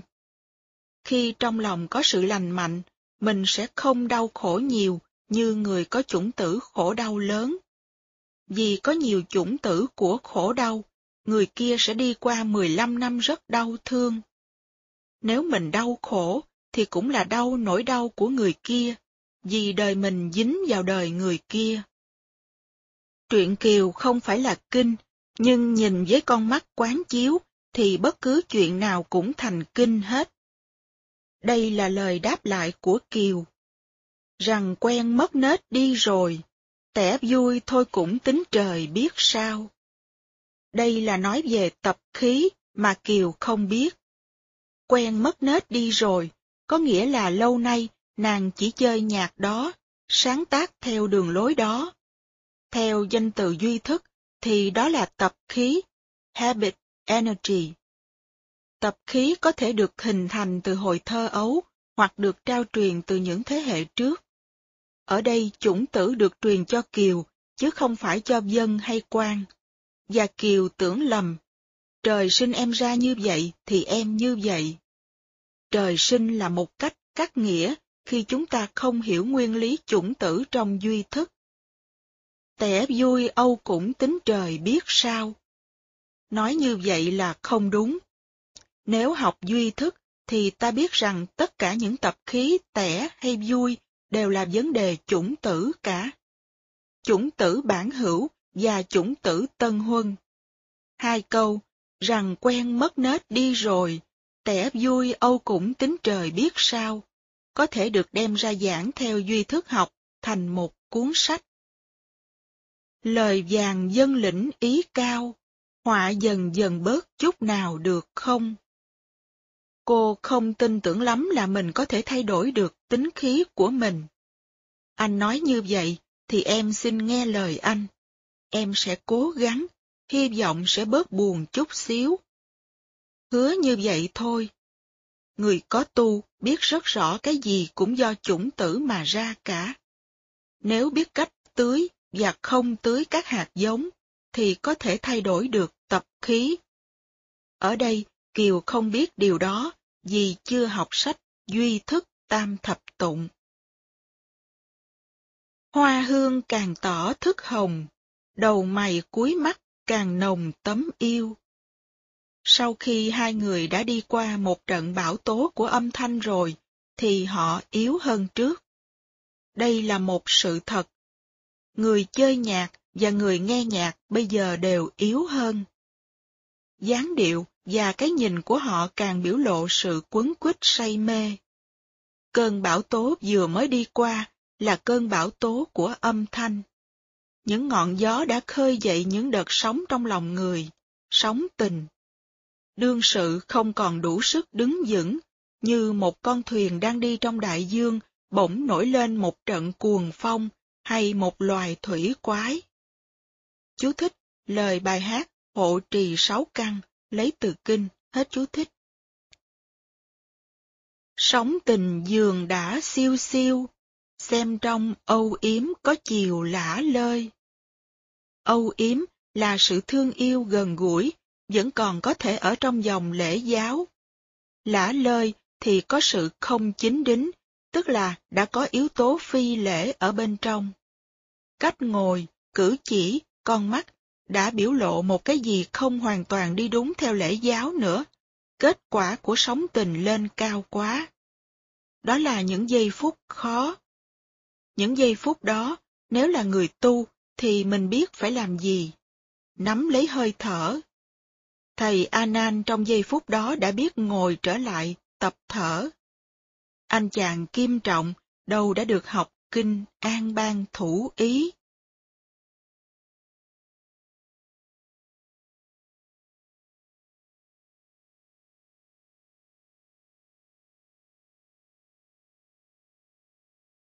Thưa rằng đừng lấy làm chơi.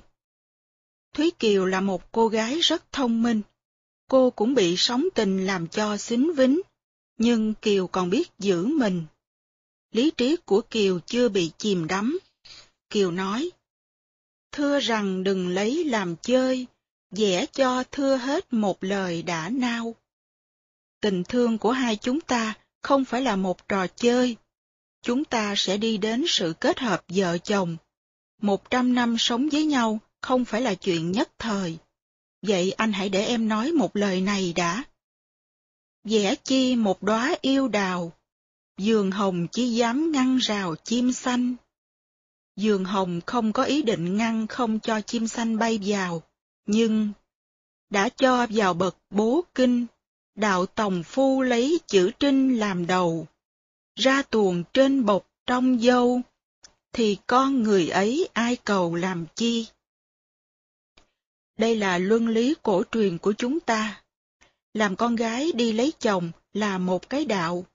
Người con gái phải giữ trinh tiết. Nếu không, bản thân cô sẽ đánh mất sự tự trọng. Người bạn phối ngẫu của cô cũng sẽ không tôn trọng cô nữa, và hạnh phúc lứa đôi sẽ bị sức mẻ. Phải cẩn thận giữ gìn. Cô Kiều đã được học điều này, nên gượng lại được, và đã nói với anh chàng như vậy. Giữ gìn là giữ gìn cho cả hai người. Giữ gìn cho tôi và giữ gìn cho anh. Như lời bài hát, hộ trì sáu căn, chứ không phải là tôi chỉ giữ gìn cho tôi thôi. Truyện Kiều không phải là kinh, nhưng nhìn tới đâu chúng ta cũng có thể thấy kinh cả. Chú thích Bố kinh do chữ bố quần kinh thoa, quần giải thoa gai, chỉ người vợ hiền. Ngày xưa nàng Mạnh quan vợ Lương Hồng chỉ dùng quần giải thoa gai. Trên bọc, trong dâu, chỉ thói tà dâm của trai gái. Hán thư, nước vệ có bãi dâu trên sông Bọc, trai gái hẹn hò đàn hát, làm chuyện không đúng lễ giáo. Hết chú thích. Phải điều ăn sổi ở thì, tiếc trăm năm nở bỏ đi một ngày. Ăn sổi ở thì là không đợi cho đến chín, đã tiêu thụ trước. Chuối chưa chín mà chặt xuống đem vú, lúa chưa chín mà đã gặt vào. Chỉ biết hưởng thụ ngay trong hiện tại thôi. Và trong khi hưởng thụ như vậy, thì phá tan hạnh phúc của tương lai. Hạnh phúc trăm năm dài lâu, bền vững, mà nỡ làm cho tan nát đi vì không cẩn trọng trong một giây lát. Ngẫm duyên kỳ ngộ xưa nay, lứa đôi ai lại đẹp tày thôi trương. Mây mưa đánh đổ đá vàng, quá chiều nên đã chán trường Yến Anh. Kiều đưa ra ví dụ của Thôi Trương để Kim Trọng thấy cô đang bảo vệ hạnh phúc của hai người, chứ không phải muốn từ chối Kim Trọng. Ngày xưa, nàng Thôi Oanh Oanh và chàng Trương Cung là hai người đẹp và có tài, xứng đôi vừa lứa. Nhưng vì họ không giữ gìn nên tình yêu của họ tan dở. Mây mưa đánh đổ đá vàng, những điều thiếu lễ giáo phá tan hạnh phúc và tình nghĩa vợ chồng. Đá vàng bị đánh đổ, cuộc tình duyên bất thành là vì trong giây phút sóng tình siêu siêu đã không ai biết dừng lại cả. Trong khi chấp cánh liền cành, mà lòng rẽ rúng đã dành một bên. Mái tây để lạnh hương nguyền, cho duyên đầm thắm ra duyên bẻ bàn. Người đàn bà giữ là giữ cho cả hai người, đó là cách hành xử của người đàn bà Á Đông. Nếu người con gái không giữ gìn trong những phút giây khó giữ, thì sau này trong lòng người con trai sẽ có cảm tưởng rẻ rúng, không kính phục. Không nói ra, nhưng trong lòng anh ta đã không phục hoàn toàn. Tình yêu ban đầu rất đầm thắm, mà sau trở nên nhạt nhẽo, bẻ bàng. Tất cả là vì người con gái không biết giữ gìn trong giờ phút khó. Chú thích Chấp cánh liền cành, sự sống lứa đôi, hai người luôn có mặt bên nhau. Thơ bạch cư dị, tại thiên nguyện tác tỵ dực điểu tại địa nguyện di liên lý chi. Trên trời nguyện làm chim liền cành, dưới đất nguyện làm cây liền cành. Mái Tây, do chữ Tây Sương, tức mái Tây chùa Phổ Cứu, nơi Thôi Trương gặp nhau. Hết chú thích. Gieo thoi trước chẳng giữ vàng, để sau nên thẹn cùng chàng bởi ai. Dội chi liễu ép hoa nài, còn thân ắt lại đền bồi có khi. Kiều lấy thêm tích gieo thoi để khuyên Kim Trọng. Ngày xưa, tạ côn mê một người con gái dệt giải. Anh ta đi quá đà, chinh phục cô gái một cách không đoan trang lắm, và bị cô gái cầm thoi dệt, liện trúng miệng, gãy mất hai cái răng cửa. Nhưng mà lạ, anh chàng vẫn trở lại cầu hôn. Anh đã học một bài học đích đáng và rất phục cô nàng.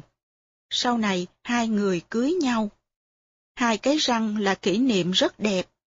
Cô nàng đã chứng tỏ có sự tự trọng và bảo vệ được giá trị của người con gái. Tuy mạnh, nhưng là giải pháp hay. Anh chàng biết đây là cô gái rất mẫu mực và do đó không có nội kết. Ngày xưa nếu có nha sĩ thì chữa hai cái răng đó cũng dễ. Cưới anh chồng mất hai cái răng cửa thì cũng hơi rầu. Thấy lời đoan chính dễ nghe, chàng càng thêm nể thêm gì mười phân.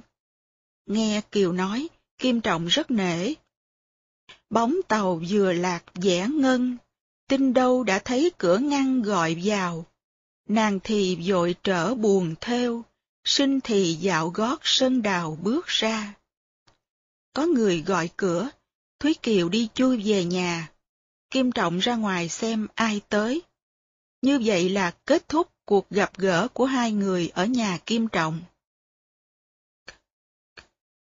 Cách hành xử của Kim Kiều trong đoạn vừa đọc là cách hành xử của ngày xưa. Các thiếu niên bây giờ nghe sẽ phản ứng ra sao? Tuổi trẻ Tây Phương sẽ cười. Tuổi trẻ Việt Nam bị ảnh hưởng Tây Phương cũng sẽ cười. Các thiếu nữ thời đại này có người không nghĩ và không làm như vậy. Đứng về phương diện tư tưởng, họ không nghĩ như Kiều đã đành, mà đứng về phương diện bản lãnh hành động, họ cũng không có bản lãnh để có thể làm được như vậy. Dầu có cho chuyện này là đúng, họ cũng làm không được. Một trong những lý do họ nêu ra, hai bên đã cam kết với nhau rồi, cần gì phải giữ gìn nữa. Quan niệm trinh tiết này xưa quá. Họ sẽ nói như vậy, và một lý luận khác của họ. Đứng về phương diện tâm lý thì mình đã thương yêu nhau thật rồi, nhưng đứng về phương diện sinh lý thì không biết hai đứa có phù hợp chăng? Hạnh phúc đã đành là sự đi đôi nhịp nhàng giữa tâm lý, nhưng cũng phải có sự đi đôi nhịp nhàng giữa sinh lý nữa. Vì vậy, về tâm hồn, rồi họ biết là họ hợp với nhau, và họ thử luôn về thân xác xem có hợp hay không, rồi mới ký giao kèo. Đó là kiểu bây giờ. Ở đây, chúng ta không tổ chức pháp đàm về chuyện này. Chúng ta chỉ nêu ra để biết rõ. Sau này, hướng dẫn tuổi trẻ, quý vị sẽ phải đương đầu với những câu hỏi như vậy. Cố nhiên, trong nền đạo đức cổ truyền có những châu ngọc. Làm thế nào để sử dụng được những châu ngọc đó thì mới hay. Còn nhân danh đạo đức cổ truyền để ngăn cấm thì chắc sẽ không thành công. Chúng ta cần trình bày như thế nào để tuổi trẻ thấy được trong nền đạo đức cổ truyền có những nguyên tắc hành xử bảo đảm được hạnh phúc trong tương lai. Chúng ta phải thấy được những gì đang xảy ra trong hiện tại. Chỉ cho các cháu thấy những đau khổ và thất bại xung quanh, ngay trong thời đại các cháu, thì họa may tuổi trẻ mới thấy được giá trị của những châu báu trong nền văn hóa cổ truyền. Người trẻ có tiếp nhận được di sản văn hóa của họ hay không, đó là tùy thuộc hình thức và cách giải thích của chúng ta.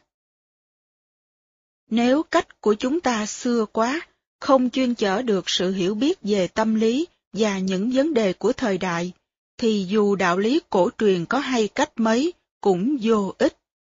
Tuổi trẻ không theo thì chịu thôi. Thiên đường hạnh phúc Thời gian hạnh phúc bên nhau của Kim Kiều rất ngắn ngủi, chỉ độ khoảng một ngày. Lần đầu tiên gặp nhau thật trớ trêu. Anh chàng đứng trên nấc thang cao nhìn xuống, cô nàng ở dưới thấp. Nói đi nói lại vài câu, chắc 10-15 phút là nhiều. 15 phút hạnh phúc, nhưng cả hai cũng run thấy trời.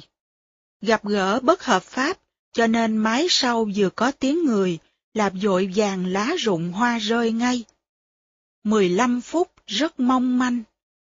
Lần gặp thứ hai là ngày gia đình Thúy Kiều về ăn sinh nhật bên ngoại. Trước khi sang với Kim Trọng, Kiều đã nấu vài món ăn đem qua cho anh chàng. Không biết họ có ăn hay không, hay là họ đã để cho nguội. Tôi nghĩ rằng chưa bao giờ Kim Trọng được ăn những món đó. Vì theo những diễn tiến của truyện thì anh chàng không có cơ hội để ăn. Thúy Kiều đem thức ăn sang, hai bên gặp gỡ, nói chuyện. Thúy Kiều làm thơ đề lên bức tranh tùng của Kim Trọng.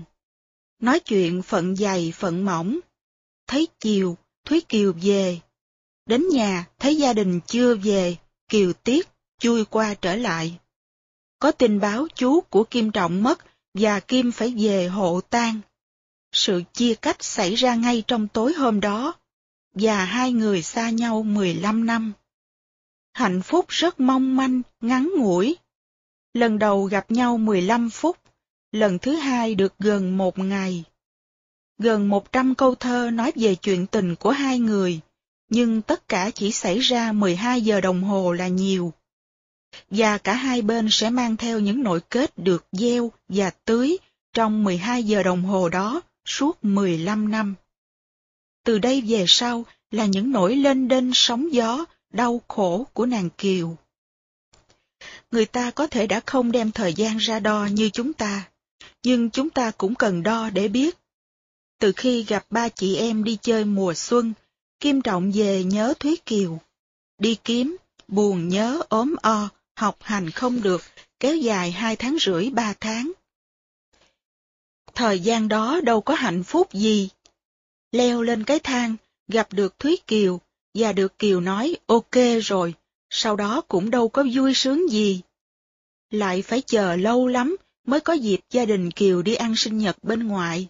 Và cái dịp may này xảy ra khoảng từ 9 giờ sáng đến 10 giờ tối. 12 giờ đồng hồ là tối đa. Trong 12 giờ đồng hồ đó, hai người đã sống những giây phút rất mãnh liệt, đầy cảm xúc. Và sau này là 15 năm lưu lạc, tràn đầy những đau khổ xót xa. Kim Động tuy không đến nỗi khổ như Kiều, nhưng trong tâm luôn tưởng đến người con gái đó và đau khổ. Chúng ta thấy không có hạnh phúc thật trong mối tình đó. Tâm con người không an, thiếu cái gì thì đi tìm cái đó. Chưa kiếm được thì chưa an tâm.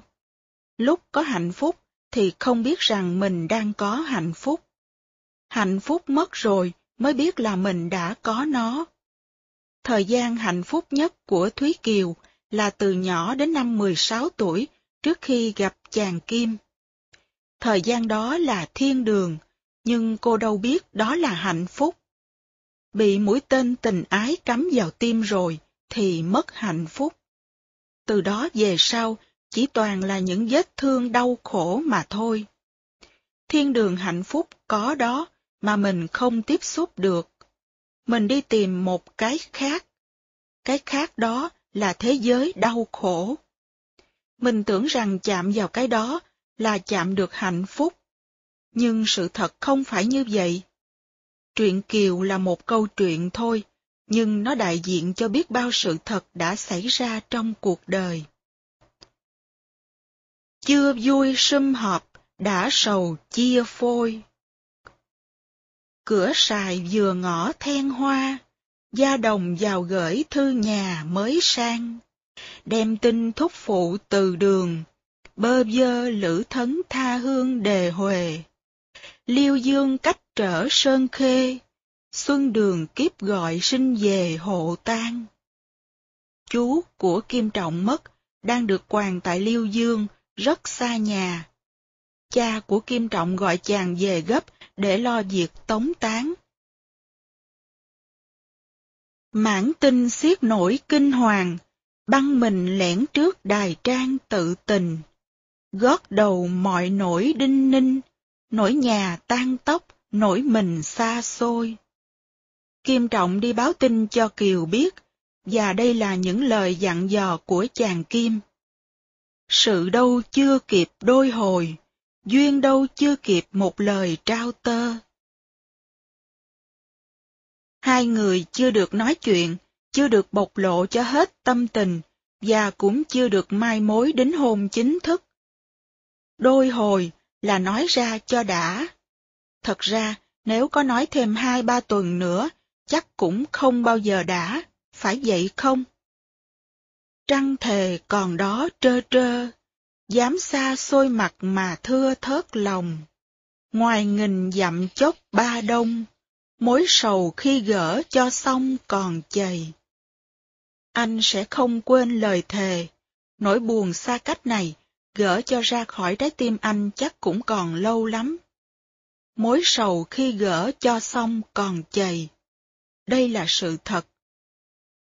Dình vàng giữ ngọc cho hay, cho đành lòng kẻ chân mây cuối trời.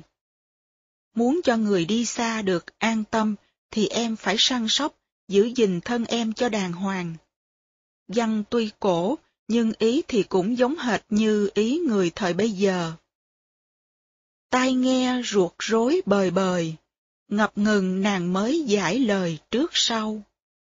Tội nghiệp, Thúy Kiều chẳng qua là một cô bé mới lớn lên, đâu đã có nhiều kinh nghiệm về cuộc đời. Vừa mới học thương, mới thề bồi xong đó, thì bây giờ đã bị rơi vào hố thẳm của sự xa cách. Ông tơ ghét bỏ chi nhau, chưa vui sum họp đã sầu chia phôi. Cùng nhau trót đã nặng lời, dẫu thay mái tóc dám dời lòng tơ. Quảng bao tháng đợi năm chờ, nghĩ người ăn gió nằm mưa xót thầm. Đã nguyền hai chữ đồng tâm, trăm năm thề chẳng ôm cầm thuyền ai. Còn non còn nước còn dài, còn về còn nhớ đến người hôm nay. Người nào cũng lo cho người kia và thề nguyện phần mình. Hai bên nói được có mấy câu là phải chia tay, phải đi liền lập tức. Dùng dằn chưa nở rời tay, dần đông trông đã đứng ngay nóc nhà. Ngại ngùng một bước một xa, một lời trân trọng châu xa mấy hàng buộc yên quẩy gánh dội vàng, mối sầu xẻ nửa bước đường chia hai. Lời trân trọng là lời chào khi chia tay. Trong thiền môn cũng có dùng, xin sư huynh giữ gìn lấy thân tâm. Buồn trong phong cảnh quê người, đầu cành quyên nhặt cuối trời nhạn thưa, não người cử gió tuần mưa, một ngày nặng gánh tương tư một ngày. Đây là tâm trạng của người đi. Đường thì ngàn dặm, tới đầu kia thì đâu có gì hấp dẫn, chỉ có một cái xác chết thôi. Lại phải xa người mình thương rất lâu. Đi như vậy trong lòng nát như tương. Đầu cành quyên nhặt cuối trời nhạn thưa, cho biết Kim Trọng ra đi vào độ cuối hè sang thu chúng ta sẽ đọc và sẽ thấy được nỗi khổ của cô nàng. Ghê gớm gấp trăm ngàn lần anh chàng. Những tai nạn rất lớn xảy ra cho gia đình Thúy Kiều. Cuộc đời lưu lạc của Thúy Kiều cũng bắt đầu từ đó. Chỉ thiếu một chút xíu. Tai nạn lớn xảy ra cho gia đình Thúy Kiều ngay đêm hôm đó. 15 năm luân lạc của Thúy Kiều có thể đã không xảy ra nếu Kim Trọng ở lại thêm vài giờ. Kim là sinh viên con nhà giàu, chàng có thể xoay sở giúp chuộc cho cha Kiều ra khỏi hoàn cảnh oan ức. Nhưng chàng Kim đã từ giả ra đi, và chỉ nội trong nửa giờ đồng hồ sau, tai họa ập tới trên đầu Kiều. Tất cả đều được quyết định bởi những nhân duyên dồn dập xảy tới. Chỉ thiếu một chút xíu nhân duyên thuận lợi thôi mà đã xảy ra bao nhiêu là đau khổ cho nàng Kiều. Chính Kim Trọng, gần cuối truyện, đã nhắc đến điều này. Rằng tôi trót quá chân ra, để cho đến nỗi trôi hoa dạt bèo. Chỉ vì chàng Kim vắng mặt trong giây phút quan trọng đó, mà đã xảy ra 15 năm luân lạc của nàng Kiều. Bèo dạt mây trôi Sao cho cốt nhục vẹn toàn Sau khi Kim Trọng đi rồi, nàng còn đứng tựa hiên tây, chính hồi vấn dích như dày mối tơ. Trong chừng khói ngất sông thưa, hoa trôi dạt thắm liễu sơ sát vàng. Người đi cũng khổ, mà người ở lại cũng khổ. Hoa trôi dạt thắm liễu sơ sát vàng là cảnh vật xung quanh mà cũng chính là tâm trạng của Thúy Kiều. Tần ngần dạo gót lầu trang, một đoàn mừng thọ ngoại hương mới về. Gia đình Thúy Kiều vừa đi sinh nhật bên ngoại về, tai nạn ập tới. Hàng huyên chưa kịp giải về, sai nha bỗng thấy bốn bề xôn xao, người nách thước, kẻ tay đau, đầu trâu mặt ngựa ào ào như sôi. Già gian một lão một trai, một dây vô loại buộc hai thâm tình. Chú thích Sai nha là nhân viên chính quyền. Già giang là cái gông, già, gông vào cổ, giang. Cha và em trai Kiều bị đóng gông và trói chung lại với nhau. Những người đàn bà được để tự do, vì trong xã hội ngày xưa, đàn ông chịu hết trách nhiệm về tất cả mọi chuyện xảy ra. Đầy nhà gian tiếng rùi xanh, rụng rơi khung dệt, tan tành gói may Đồ tế nhuyễn của riêng Tây, sạch sành xanh dép cho đầy túi tham. Lấy cớ tìm tan vật chứng cớ để cướp của. Cụ Nguyễn Du gọi loại sai nha này là rùi xanh. Điều đâu bay buộc ai làm, này ai đang dậm giật dàm bỗng dưng. Hỏi ra sau mới biết rằng, phải tên xưng tuất là thằng bán tơ. Chú thích, dậm, đồ dùng đánh cá, dàm, bẫy bắt chim hay bắt các loài thú. Đang dậm giật dàm, ý nói lừa, đánh bẫy cho nên tội. Hết chú thích. Thấy thằng bán tơ và bạn của nó có vẻ dễ thương, nên ông hàng xóm nhà họ Dương cho ở lại giúp việc. Ông không biết bọn này đã từng làm ăn cướp. Chính viên ngoại, cha của Thúy Kiều, cũng đã từng ngồi uống rượu với thằng bán tơ, tưởng nó là người lương thiện. Cảnh sát tìm ra bọn cướp và họ khai cho gia đình Kiều.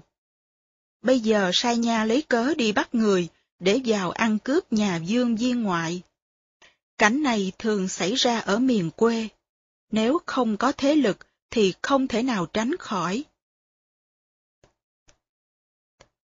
Tai nạn xảy ra cho gia đình Kiều, chứng tỏ sự tham nhũng trong xã hội thời đó. Một nhà hoảng hốt ngẩn ngơ, tiếng oan dậy đất án ngờ lòa mây, hạ từ gian lạy suốt ngày, điếc tai lân tuất, phủ tay tồi tàn. Mặc cho ba người đàn bà lạy lên lạy xuống kêu oan, bọn sai nha vẫn làm ngơ, đánh đập dương viên ngoại và dương quan tàn nhẫn. Tai lân tuất là tai xót thương. Những người đến bắt bớ, dơ vét nhà kiều cũng có lỗ tai này, nhưng họ đóng chặt, làm như điếc. Khác với sự thực tập, con xin tập lắng nghe bằng lỗ tai xót thương của chúng ta. Rường cao rút ngược dây oan, dẫu là đá cũng nát gan lọ người. Mặt trông đau đớn rụng rời, oan này còn một kêu trời nhưng xa. Một ngày lạ thói sai nha, làm cho khốc hại, chẳng qua vì tiền. Vì lòng tham mà họ hành hạ người ta như vậy. Kiều không thấy một giải pháp nào để cứu cha và em ngoài giải pháp hối lộ. Bởi vì họ làm cho khốc hại chẳng qua vì tiền. Phải có tiền thì họ mới chịu tha. Thúy Kiều đi tới một quyết định lớn, thay đổi hoàn toàn cuộc đời mình và đồng thời phải phụ bạc người yêu. Sao cho cốt nhục dạng tuyền, trong khi ngộ biến tùng quyền biết sao. Duyên hội ngộ, đức cù lao, bên tình bên hiếu, bên nào nặng hơn. Duyên hội ngộ là mối tình giới kim trọng, đức cù lao là ơn sinh dưỡng khó nhọc của cha mẹ. Trong lòng Kiều có một sự sâu xé lớn. Muốn giữ vẹn lời thề với người yêu thì phải để cho cha mẹ đau khổ. Còn nếu bán mình chuột cha thì phải phụ tình người yêu mà mình mới vừa thề thốt cách đây có mấy giờ đồng hồ. Để lời thệ hải minh sơn, làm con trước phải đền ơn sinh thành. Quyết tình nàng mới hạ tình, vẽ cho để thiếp bán mình chuột cha. Kiều quyết định bán mình chuột cha. Từ đây, cuộc đời Thúy Kiều đi rẽ sang một hướng khác. Họ chung có kẻ lại già, cũng trong nha dịch lại là từ tâm. Thấy nàng hiếu trọng tình thâm, vì nàng nghĩ cũng thương tình xót dây. Tính bài lót đó luồn đây, có ba trăm lạng việc này mới xuôi. Hãy về tạm phó giam ngoài, dặn nàng quy liệu trong đôi ba ngày. Thương lòng con trẻ thơ ngây, gặp cơn dạ gió tai bay bất kỳ. Đau lòng tử biệt sinh ly, thân còn chẳng tiếc, tiếc gì đến duyên. Hạt mưa xá nghĩ phận hèn, liệu đem tất cỏ quyết đền ba xuân. Chú thích, tất cỏ ba xuân, bài du tử ngâm của Mạnh Giao có câu, Thùy ngôn thốn thảo tâm, báo đắc tâm xuân huy. Ai nói rằng cái lòng của tất cỏ mà báo đáp được ánh sáng của ba tháng mùa xuân. Đó là lời người đi chơi xa, du tử, nhớ mẹ. Tất cỏ, dí cho người con. Ba xuân, dí như cha mẹ. Hết chú thích. Hoa dù rã cánh, lá còn xanh cây. Sự lòng ngõ với băng nhân, tinh sương đồn đại xa gần xôn xao. Tin Thúy Kiều bán mình chuột cha, được mối lái truyền đi. Gần miền có một mụ nào, đưa người diễn khách tìm vào vấn danh, hỏi tên rằng Mã Giám Sinh, hỏi quê rằng huyện Lâm Thanh cũng gần. Quá niên trạc ngoại tứ tuần, mày râu nhẵn nhụi, áo quần bảnh bao. Trước thầy sau tớ lao sao, nhà băng đưa mối rước vào lầu trang.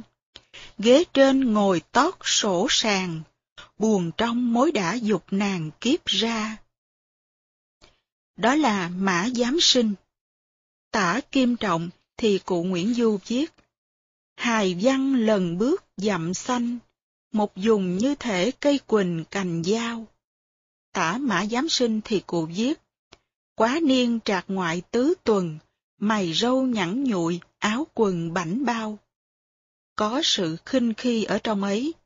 Anh chàng đến rất ồn ào. Trước thầy sau tớ lao sao. Không chăm sóc chánh niệm và uy nghi gì cả. Vào trong nhà rồi thì ghế trên ngồi tót sổ sàng, và buồn trong mối đã dục nàng kiếp ra. Thái độ của kẻ có tiền đi mua vợ nổi mình thêm tức nổi nhà, thềm hoa một bước, lệ hoa mấy hàng. Ngại ngùng dính gió e sương, nhìn hoa bóng thẹn trong gương mặt dày. Đó là Thúy Kiều khi được trình bày ra như một vật để buôn bán. Người ta tới xem con heo con bò như thế nào, thì tới xem Thúy Kiều cũng vậy. không còn nhân phẩm của con người nữa. Mối càng dán tóc bắt tay, nét buồn như cúc, điệu gầy như mai, đắn đo cân sắc cân tài, ép cung cầm nguyệt, thử bài quạt thơ. Càng phô bày được tài sắc của mình chừng nào, thì người ta càng trả nhiều tiền chừng đó. Kiều phải làm tất cả những điều bà mối bảo làm như một cái máy.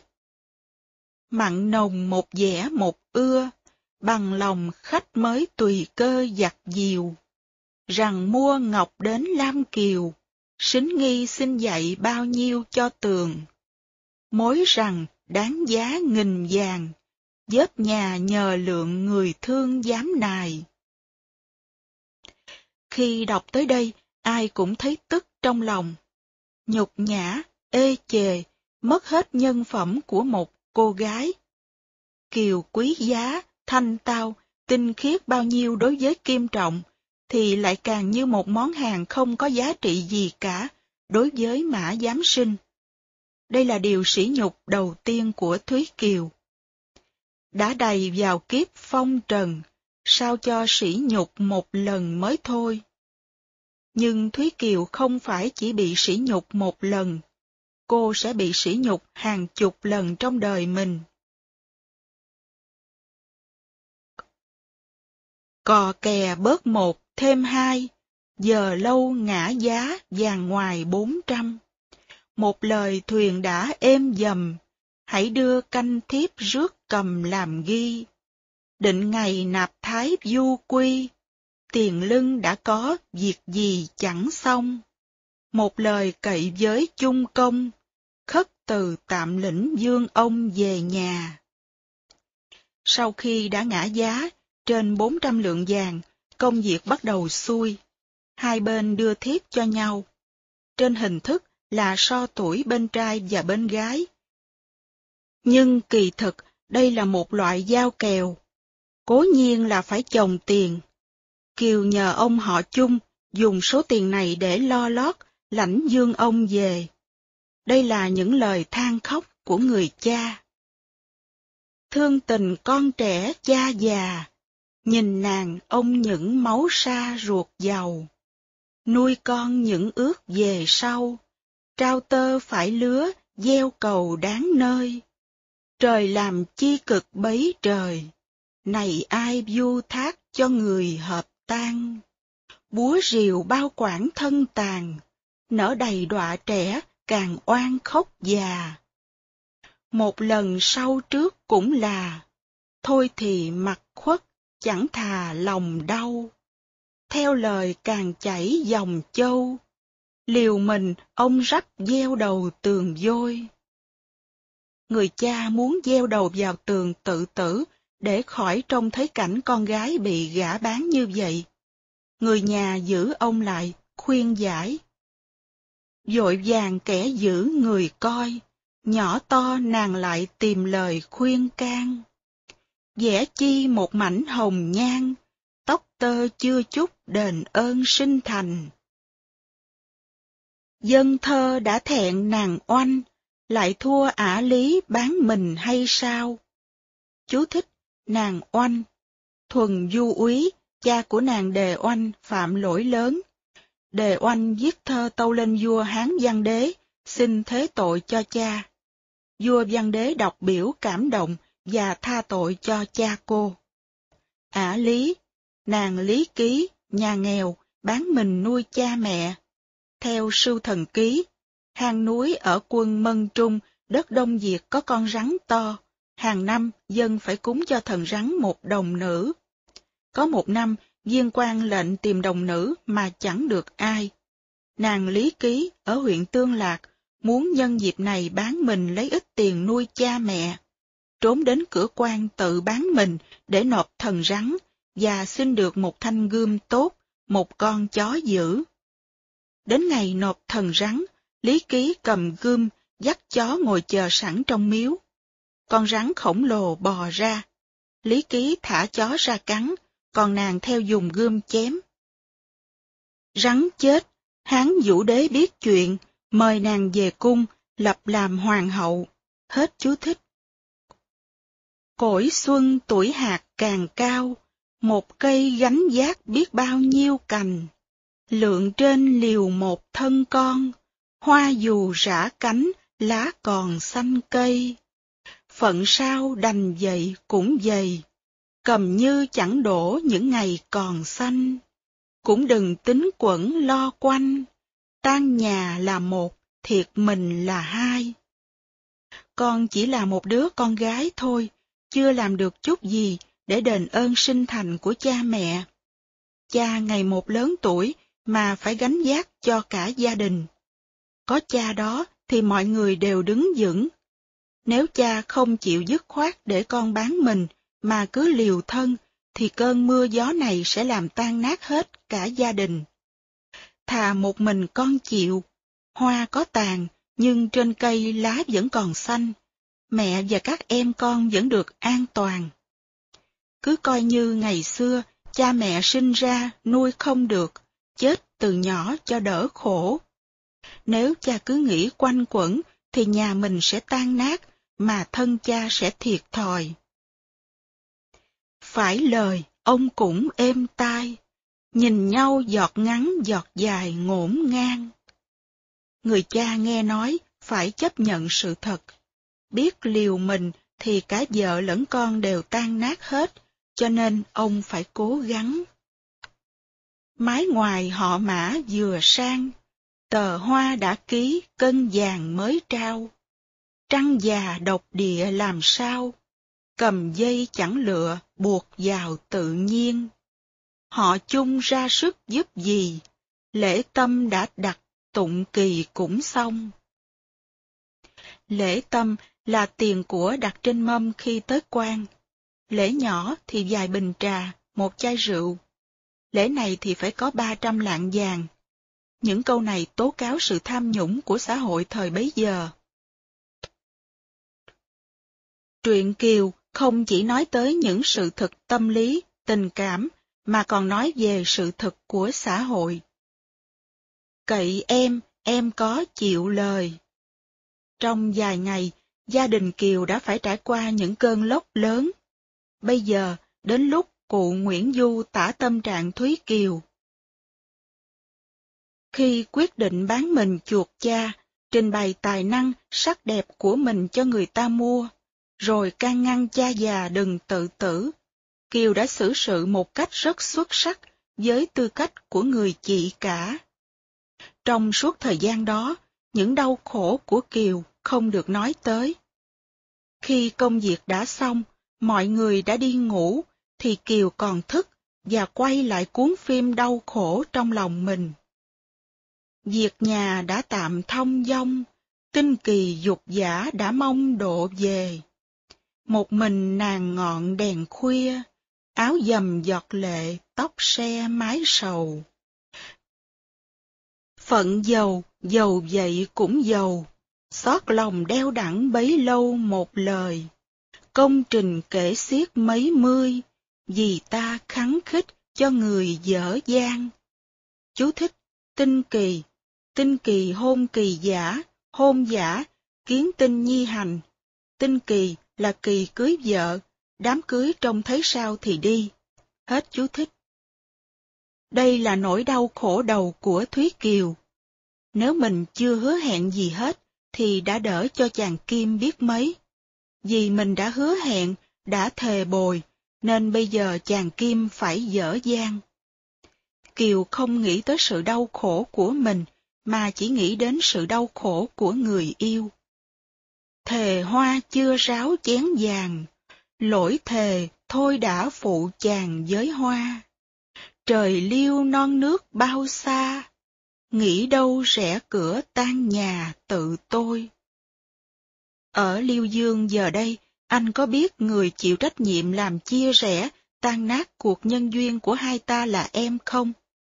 Đây là luân lý Á Đông. Khi hai bên đã chấp nhận, thề thốt rồi, thì coi như hai người thuộc về nhau, coi như đã có gia đình rồi, đã có nhà có cửa rồi. Cái nhà cái cửa đó nằm trong lòng mình. Biết bao duyên nợ thề bồi, kiếp này thôi thế thì thôi còn gì. tái sinh chưa dứt hương thề, làm thân trâu ngựa đền nghì trúc mai. Chuyện thề bồi kiếp này coi như không thực hiện được.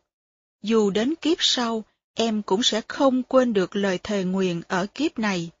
Em sẽ xin làm con trâu, con ngựa kéo cày, chở đồ cho chàng, để đền bù cái nợ mắc chàng trong kiếp này. Câu này có mang ảnh hưởng thuyết luân hồi của Phật giáo.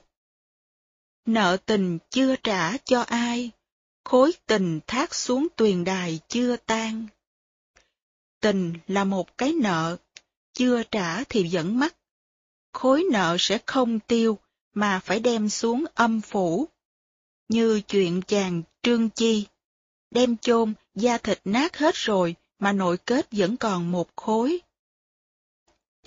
Nổi riêng riêng những bàn hoàng, dầu trong trắng đĩa lệ tràn thấm khăn. Cứ suy nghĩ quanh quẩn, băn khoăn lo lắng, bàn hoàng.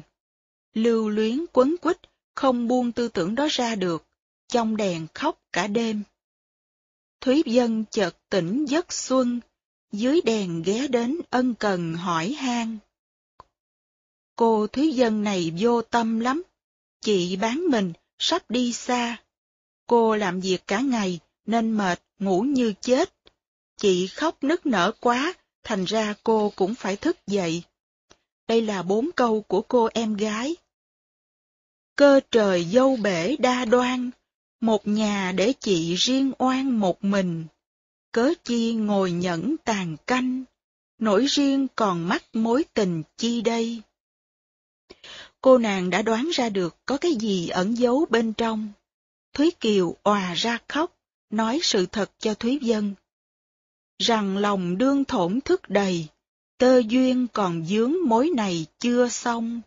Hở môi ra cũng thẹn thùng, để lòng thì phụ tấm lòng với ai. Nói ra thì mắc cỡ, chuyện này là chuyện rất thiêng liêng trong trái tim. Bị buộc phải nói cho người thứ hai nghe thì rất khó chịu, mà không nói thì thành ra phụ bạc. Cậy em, em có chịu lời, ngồi lên cho chị lạy rồi sẽ thưa. Giữa đường đứt gánh tương tư, keo loan chấp mối tơ thừa mặt em. Keo loan, dao loan là một thứ keo để nối dây cung lại. Người ta dùng điển này để nói tình xưa nghĩa cũ đã gián đoạn mà còn nối lại được. Mối tình của Thúy Kiều và Kim Trọng đã tan rồi, nhưng vẫn có cơ hội để hàn gắn lại nếu Thúy Dân chấp nhận thay thế cho Kiều. Kể từ khi gặp chàng Kim, khi ngày quạt ướt, khi đêm chén thề, sự đâu sóng gió bất kỳ, hiếu tình khôn lẻ hai bề vẹn hai. Ngày xuân em hãy còn dài, xót tình máu mũ thay lời nước non. Chị giàu thịt nát xương mòn, ngậm cười chín suối hãy còn thơm lây. Kiều nói hết sự thật cho em gái và nhờ em thay mình làm hạnh phúc cho chàng Kim. Được như vậy thì dù phải chết, Kiều cũng có hạnh phúc. Đó là yêu cầu của Thúy Kiều. Tôi có một câu hỏi đặt ra trong đầu là, chàng Kim có chịu không? Kiều đưa ra những kỷ vật của hai người cho Thúy Dân và tưởng tượng ra cảnh Kim Trọng và Thúy Dân sum họp sau này. Chiếc thoa với bức tờ mây, duyên này thì giữ vật này của chung. Dù em nên vợ nên chồng, xót người mệnh bạc, ắt lòng chẳng quên. Mất người còn chút của tinh, phím đàn với mảnh hương nguyền ngày xưa. Mai sau dù có bao giờ, đốt lò hương ấy so tơ phím này. Trông ra ngọn cỏ lá cây, thấy hiu hiu gió thì hay chị về. Tâm hồn Kiều là một tâm hồn hết sức nhạy cảm, lời nói của cô cũng vậy. Hồn còn mang nặng lời thề, nát thân bồ liễu đền nghì trúc mai, dạ đài cách mặt khuất lời, rảy xin chén nước cho người thác oan, chú thích, trúc mai, tên của hai giống tre. Dạ đài, đài đêm, chỉ âm phủ. Khi đó chị đã chết rồi, em rảy cho vài giọt nước để linh hồn chị được mát mẻ, giống như cam lồ tịnh thủy của Đức Bồ Tát Quán Thế Âm. Những câu thơ này cho thấy ảnh hưởng của Phật giáo rất sâu đậm trong tư tưởng và văn chương Việt Nam. Sau khi đã nói hết những điều phải dặn dò, Thúy Kiều khóc. Trách nhiệm đã làm xong rồi, bây giờ chỉ khóc cho số phận của mình thôi. Bây giờ trâm gãy gương tan, kể làm sao xiết muôn vàng ái ân. Trăm nghìn gửi lại tình quân, tơ duyên ngắn ngủi có ngần ấy thôi. Mở ngoặt 12 tiếng đồng hồ, đóng ngoặt. Phận sao phận bạc như vôi, đã đành nước chảy hoa trôi lỡ làng. Ôi Kim Lan, hỡi Kim Lan, thôi thôi thiếp đã phụ chàng từ đây. Đó là chỗ đau khổ nhất trong lòng Thúy Kiều. Đau khổ nhất không phải là phải bán mình và đi lưu lạc. Đau khổ nhất là phải phụ bạc người tình của mình. Xét về phương diện tâm lý, đoạn thơ này rất hay. Kiều có một khả năng tưởng tượng rất lớn. Cô tưởng ra cảnh em gái thay mình thành duyên với Kim Trọng. Hai người có hạnh phúc, nhớ tới mình, đốt hương, gãy lại phím đàn ngày xưa. Nhìn ra ngoài thấy gió hiu hiu thổi lay động cỏ cây, thì biết hồn mình đang về thăm hai người. Và hai người sẽ rảy nước để làm mát mẻ linh hồn oan ức, khổ đau của mình. Tưởng tượng xong rồi, hướng về kim trọng mà than thở, diễn bày tâm trạng mình. Và khi kêu lên, ôi Kim Lan, hỡi Kim Lan, thôi thôi thiếp đã phụ chàng từ đây, thì đau khổ đã lên tới mức cao nhất. Kiều thét lên, ngã xuống bất tỉnh. Đó là diễn biến về tâm lý và sinh lý. Tâm lý và sinh lý liên hệ mật thiết với nhau. Niềm đau khổ lên đến mức tuyệt đỉnh, tạo thành phản ứng trong cơ thể, biểu hiện bằng một tiếng hét. Hét lên một tiếng thì bao nhiêu tinh lực của khổ đau toát ra. Kiều không còn năng lượng nữa, ngã xuống và bất tỉnh.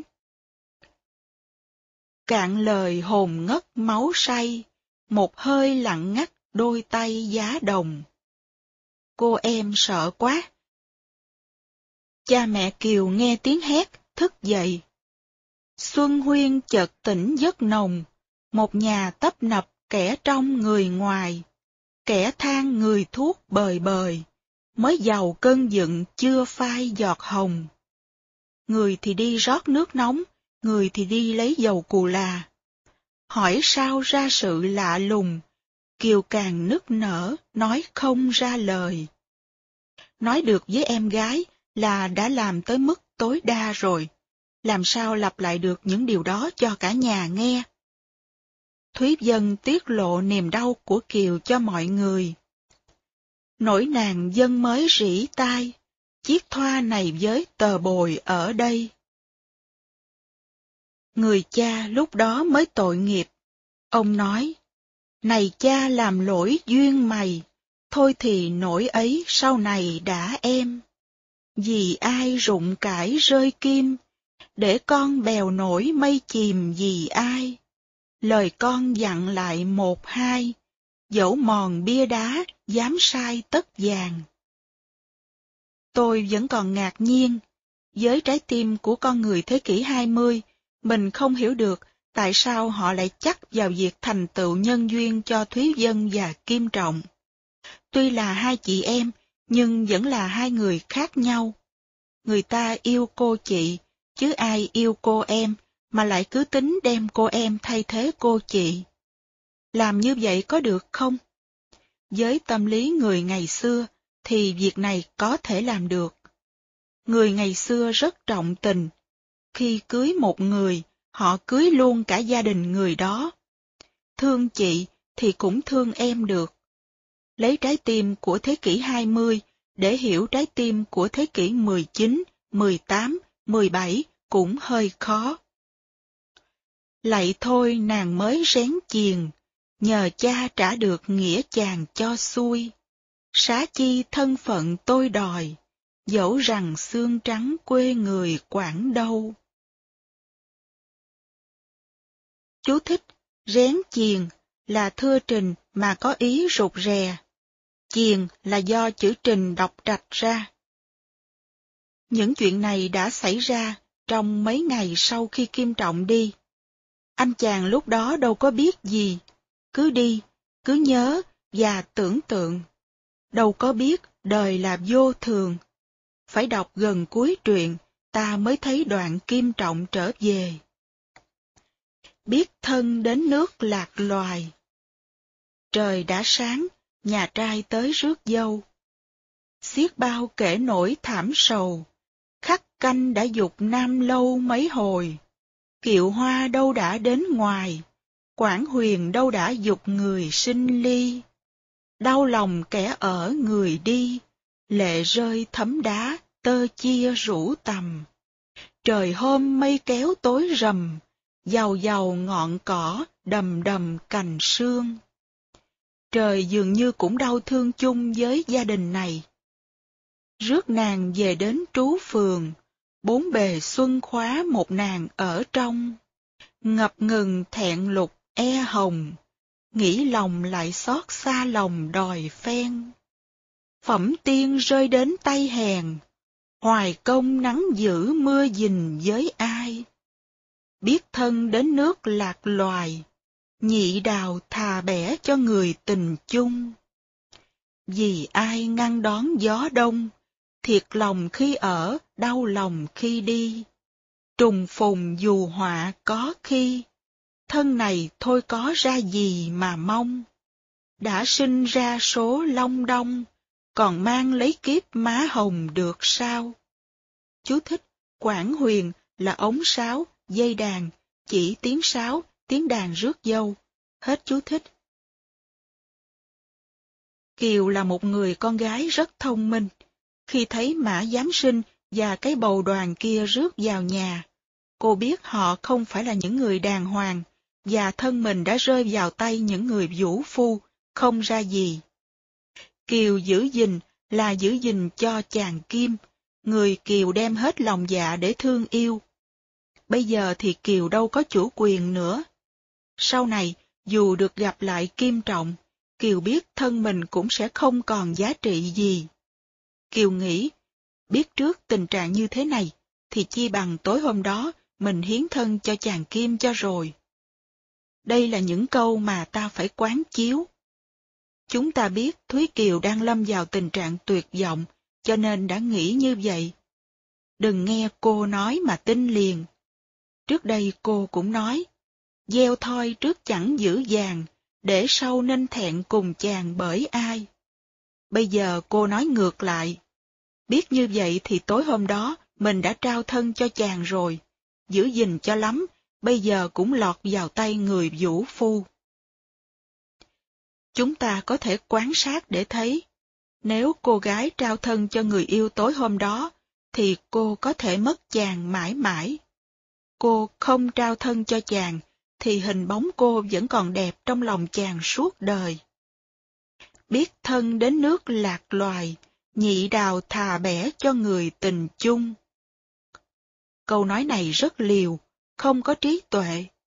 Đó là suy nghĩ của một người đang quá đau khổ. Nếu Kiều làm như vậy thì cũng rất hại cho Kim Trọng. Giữ được hình bóng đẹp đẽ của Thúy Kiều trong suốt cuộc đời mình là có lời cho anh chàng lắm. Còn hình bóng của một người con gái quá dễ dãi, đòi là được liền, thì đâu thể nào ở lại lâu ngày với chàng Kim được. Ta đừng vì cảm tình với Kiều, mà vừa nghe cô nói là đã vội đồng ý ngay. Lời nói trên chẳng qua là tư tưởng của một người bất đắc chí mà thôi, không phản ánh được trí tuệ. Và ý tự tử đã chớm nơi kiều. Trên yên sẵn có con dao, dấu cầm nàng đã gói vào chéo khăn, phòng khi nước đã đến chân, dao này thì liệu với thân sau này. Đêm thu một khắc một chày, bâng khuâng như tỉnh như say một mình. Xót nàng chúc phận thuyền quyên Mã Giám Sinh đóng vai trò của một chàng rể. Kỳ thực, Mã chỉ là một con bài. Lực lượng đứng phía sau họ Mã là một nhà chứa, mà giám đốc là một người đàn bà rất ghê gớm, Tú bà. Tú bà mua Kiều về làm một cô gái giang hồ, tiếp những khách giàu sọp để lấy tiền. Đây là chân tướng của Mã Giám Sinh và Tú bà. Chẳng ngờ gã Mã Giám Sinh vẫn là một đứa phong tình đã quen. Quá chơi lại gặp hồi đen, quen mồi lại kiếm ăn miền nguyệt hoa.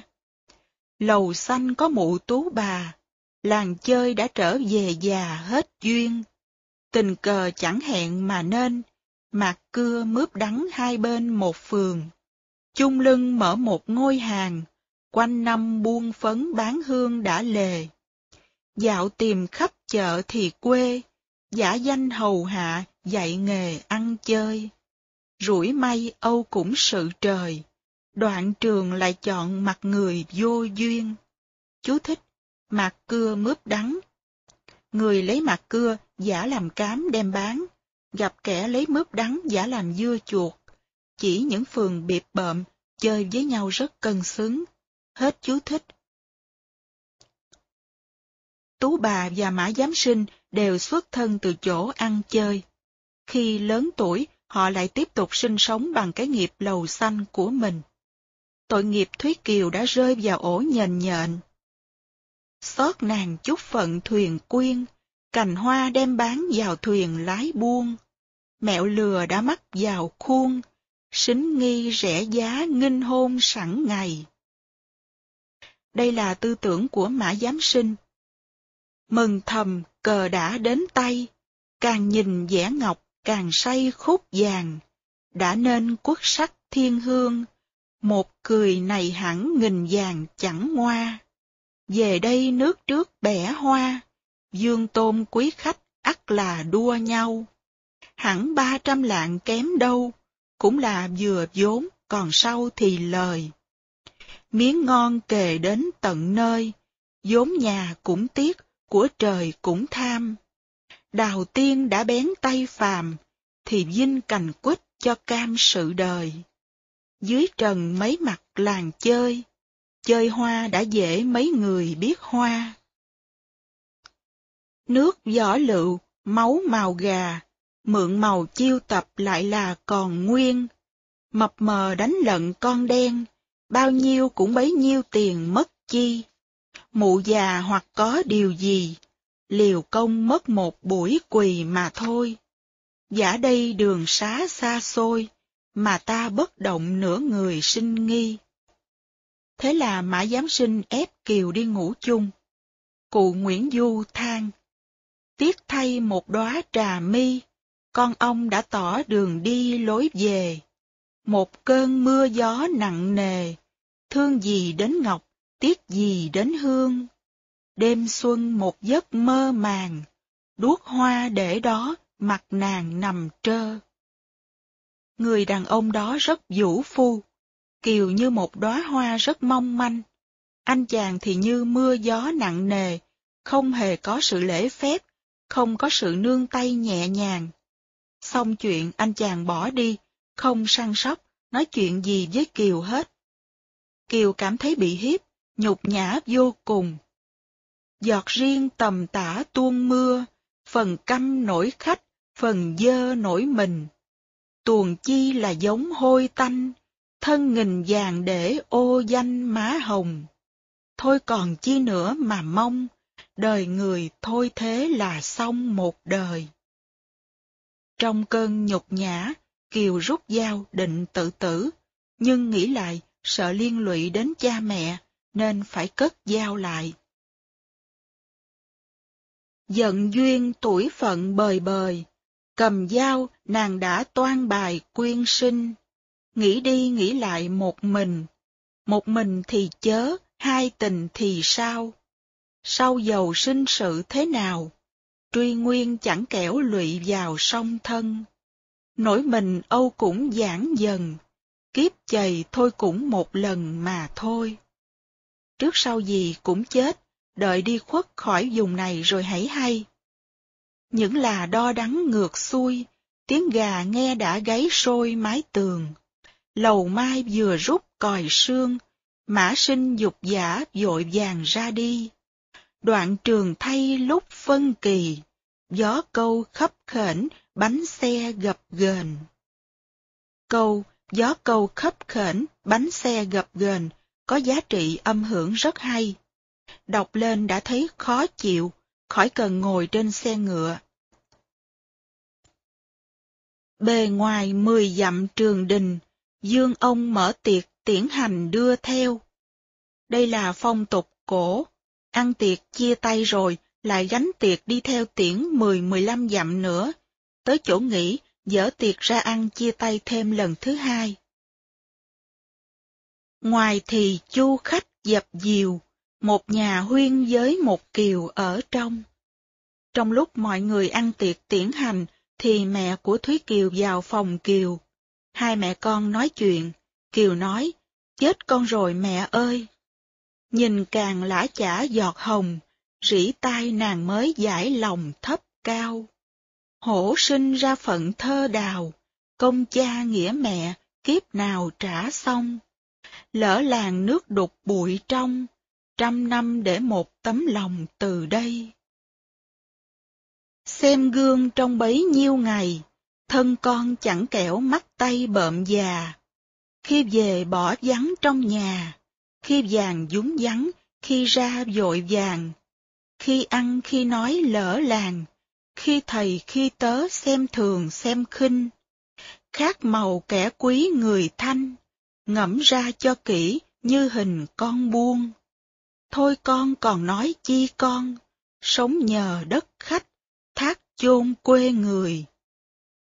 Đó là nhận xét của Thúy Kiều.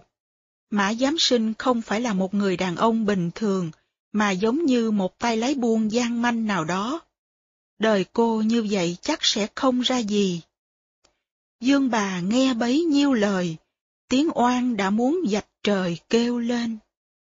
Dùng hình ảnh, trong tám chữ mà thi sĩ có thể lột tả thấm thía nỗi đau nhất, oan ức của người mẹ. Dài tuần chưa cạn chén khuyên, mái ngoài nghĩ đã dục liền rủi xe. Nghĩ, dấu hỏi, là hắn ta, anh ta, chỉ mã giám sinh. Dương ông rất thương con gái, đến trước yên ngựa của mã giám sinh năng nỉ. Xót con lòng nặng chề chề, trước yên ông đã nằng nì thấp cao. Chút thân liễu yếu thơ đào, dớp nhà đến nỗi dấn vào tôi ngươi. Từ đây góc bể bên trời, nắng mưa thui thủi quê người một thân. Nghìn tầm nhờ bóng tùng quân, tuyết sương che chở cho thân các đằng. Hai câu sau rất hay, người đàn bà như dây leo, cát đằng, người đàn ông như cây tùng. Dây leo lên cao được là nhờ cây tùng đứng rất vững. Trong quy sơn cảnh sách, ngày xưa bằng chữ nho, người xuất gia phải học thuộc lòng, có câu, khả bất kiến ỷ tùng chi cát, thượng tổng thiên tầm, phụ thác thắng nhân, phương năng hữu ích. Có nghĩa là, há quý vị không thấy cây dây leo nương vào cây tùng mà leo lên cao tới nghìn tầm. Nếu tu học mà không nương vào những người có đạo đức lớn thì không thể nào thành công được. Trong câu này, Dương ông nói, xin anh làm chỗ nương tựa cho đứa con gái thương của tôi. Trăm sự nhờ anh hết. Hạnh phúc của con gái tôi hoàn toàn trông cậy vào anh. Nhưng sao năng nỉ được? Đây vốn là một tay bợm già. Năng nỉ đâu có ích lợi gì. Anh chàng nói. Cạn lời khách mới thưa rằng, buộc chân thôi cũng xích thằng nhiệm trao. Mai sau dù có thế nào, kìa gương nhật nguyệt nọ giao quỷ thần. Không sao đâu, ông đừng có lo. Có duyên thì mới thành vợ thành chồng được chứ. Sau này mà tôi ăn ở không đàng hoàng, không chăm sóc Thúy Kiều, thì trời phạt tôi chết. Họ mã đã thề như vậy đó.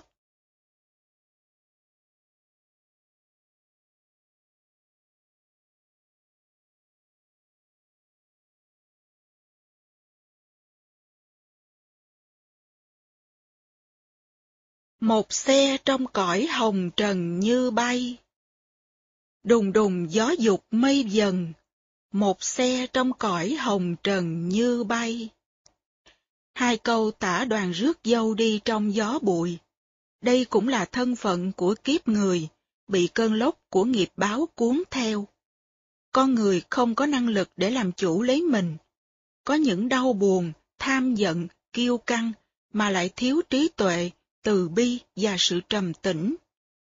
Đi trong cuộc đời như đi trong một cơn lốc, người ta không có khả năng làm chủ thân tâm. Đùng đùng gió dục mây dần, một xe trong cõi hồng trần như bay, là số phận chung của tất cả mọi người. Hồng trần là bụi đỏ, chỉ cuộc đời đau khổ. Mỗi người đang cởi một chiếc xe và đang đi trong cơn lốc của những hạt bụi đỏ. Người tu thì sẽ có phương pháp để thắng xe lại, làm chủ tình thế. Người không tu thì ngồi trên xe và bị cuốn theo cơn lốc của bụi hồng. Hai câu thơ này rất hay, có thể viết lên để treo ở thiền đường. Và đây là tâm trạng Thúy Kiều khi đang ở trên con đường ngàn dặm. Trong dời gạt lệ chia tay, góc trời thăm thẳm ngày ngày đăm đăm. Nàng thì dặm khách xa xăm, bạc phau cầu giá đen rần ngàn mây. Vi lô sang sát hơi may, một trời thu để riêng ai một người. Sương lạnh động trắng trên cầu, bầu trời ảm đạm mây đen. Đó là khung cảnh Kiều đang đi ngang qua nhưng cũng là tình trạng bên trong trái tim Kiều, cũng rất lạnh và rất đen. Nội tâm và ngoại vật giống hệt như nhau. Con người trong cảnh rất cô đơn, cho nên cả trời thu đó dường như chỉ để cho một người chịu đựng mà thôi. Dặm khuya ngất tạnh mù khơi, thấy trăng mà thẹn những lời non sông. Rừng thu từng biết chen hồng, nghe chim như nhắc tấm lòng thần hôn. Tâm trạng của Kiều luôn luôn có hai nỗi nhớ niềm thương, một bên là nhớ người yêu, một bên là nhớ cha nhớ mẹ. Tấm lòng thần hôn là tấm lòng hiếu thảo, muốn săn sóc sớm chiều cho cha mẹ. Sa vào ổ nhện Đi một tháng thì tới Lâm Truy, và Thúy Kiều khám phá ra được sự thật là người ta đã mua cô về để làm gái làng chơi. Những là lạ nước lạ non, Lâm Truy vừa một tháng tròn tới nơi. Xe châu dừng bánh cửa ngoài, rèm trong đã thấy một người bước ra. Thoát trông nhờn nhợt màu da, ăn gì cao lớn đẩy đà làm sao. Đây là bà chủ chứa, Cụ Nguyễn Du tả bà đó cũng ghê. Trước xe lơi lả hang chào, dân lời nàng mới bước vào tận nơi. Và Thúy Kiều thấy, bên thì mấy ả mày ngài, bên thì ngồi bốn năm người làng chơi, giữa thì hương lửa hẳn hoi, trên treo một tượng trắng đôi lông mày. Lầu xanh quen lối xưa nay, nghề này thì lấy ông này tiên sư. Thần lông mày trắng, thần bạch mi là ông thần mà các nhà chứa thờ để ông phù hộ cho được đông khách. Thúy Kiều không hiểu gì cả, tưởng là vô lạy bàn thờ tổ tiên, ai dè là bắt tới lại cái ông thần lạ kỳ đó. Kiều còn ngơ ngẩn biết gì, cứ lời lạy xuống mụ thì khấn ngay cửa hàng buôn bán cho may, đêm đêm hàng thục ngày ngày nguyên tiêu, muôn ngàn người thấy cũng yêu, xôn xao anh yến dập dìu trúc mai. Tinh nhạn dấn, lá thơ bài, đưa người cửa trước rước người cửa sau. lạ tai nghe chữa biết đâu, xem tình ra cũng những màu dở dang. Kiều không hiểu gì hết, nàng là một cô gái nhà lành, làm sao hiểu được ngôn từ của nhà chứa. Nhưng cô càng lúc càng nghi. Lễ xong hương hỏa ra đường, tú bà dắt nóc lên giường ngồi ngay. Dạy rằng con lạy mẹ đây, lạy rồi sang lại cậu mày bên kia. Kiều ngạc nhiên. Nàng rằng phải bước lưu ly, phận hèn dân đã cam bề tiểu tinh. Điều đâu lấy yến làm anh, ngây thơ chẳng biết là danh phận gì. Đủ điều nạp thái du quy, đã khi chung chạ, lại khi đứng ngồi.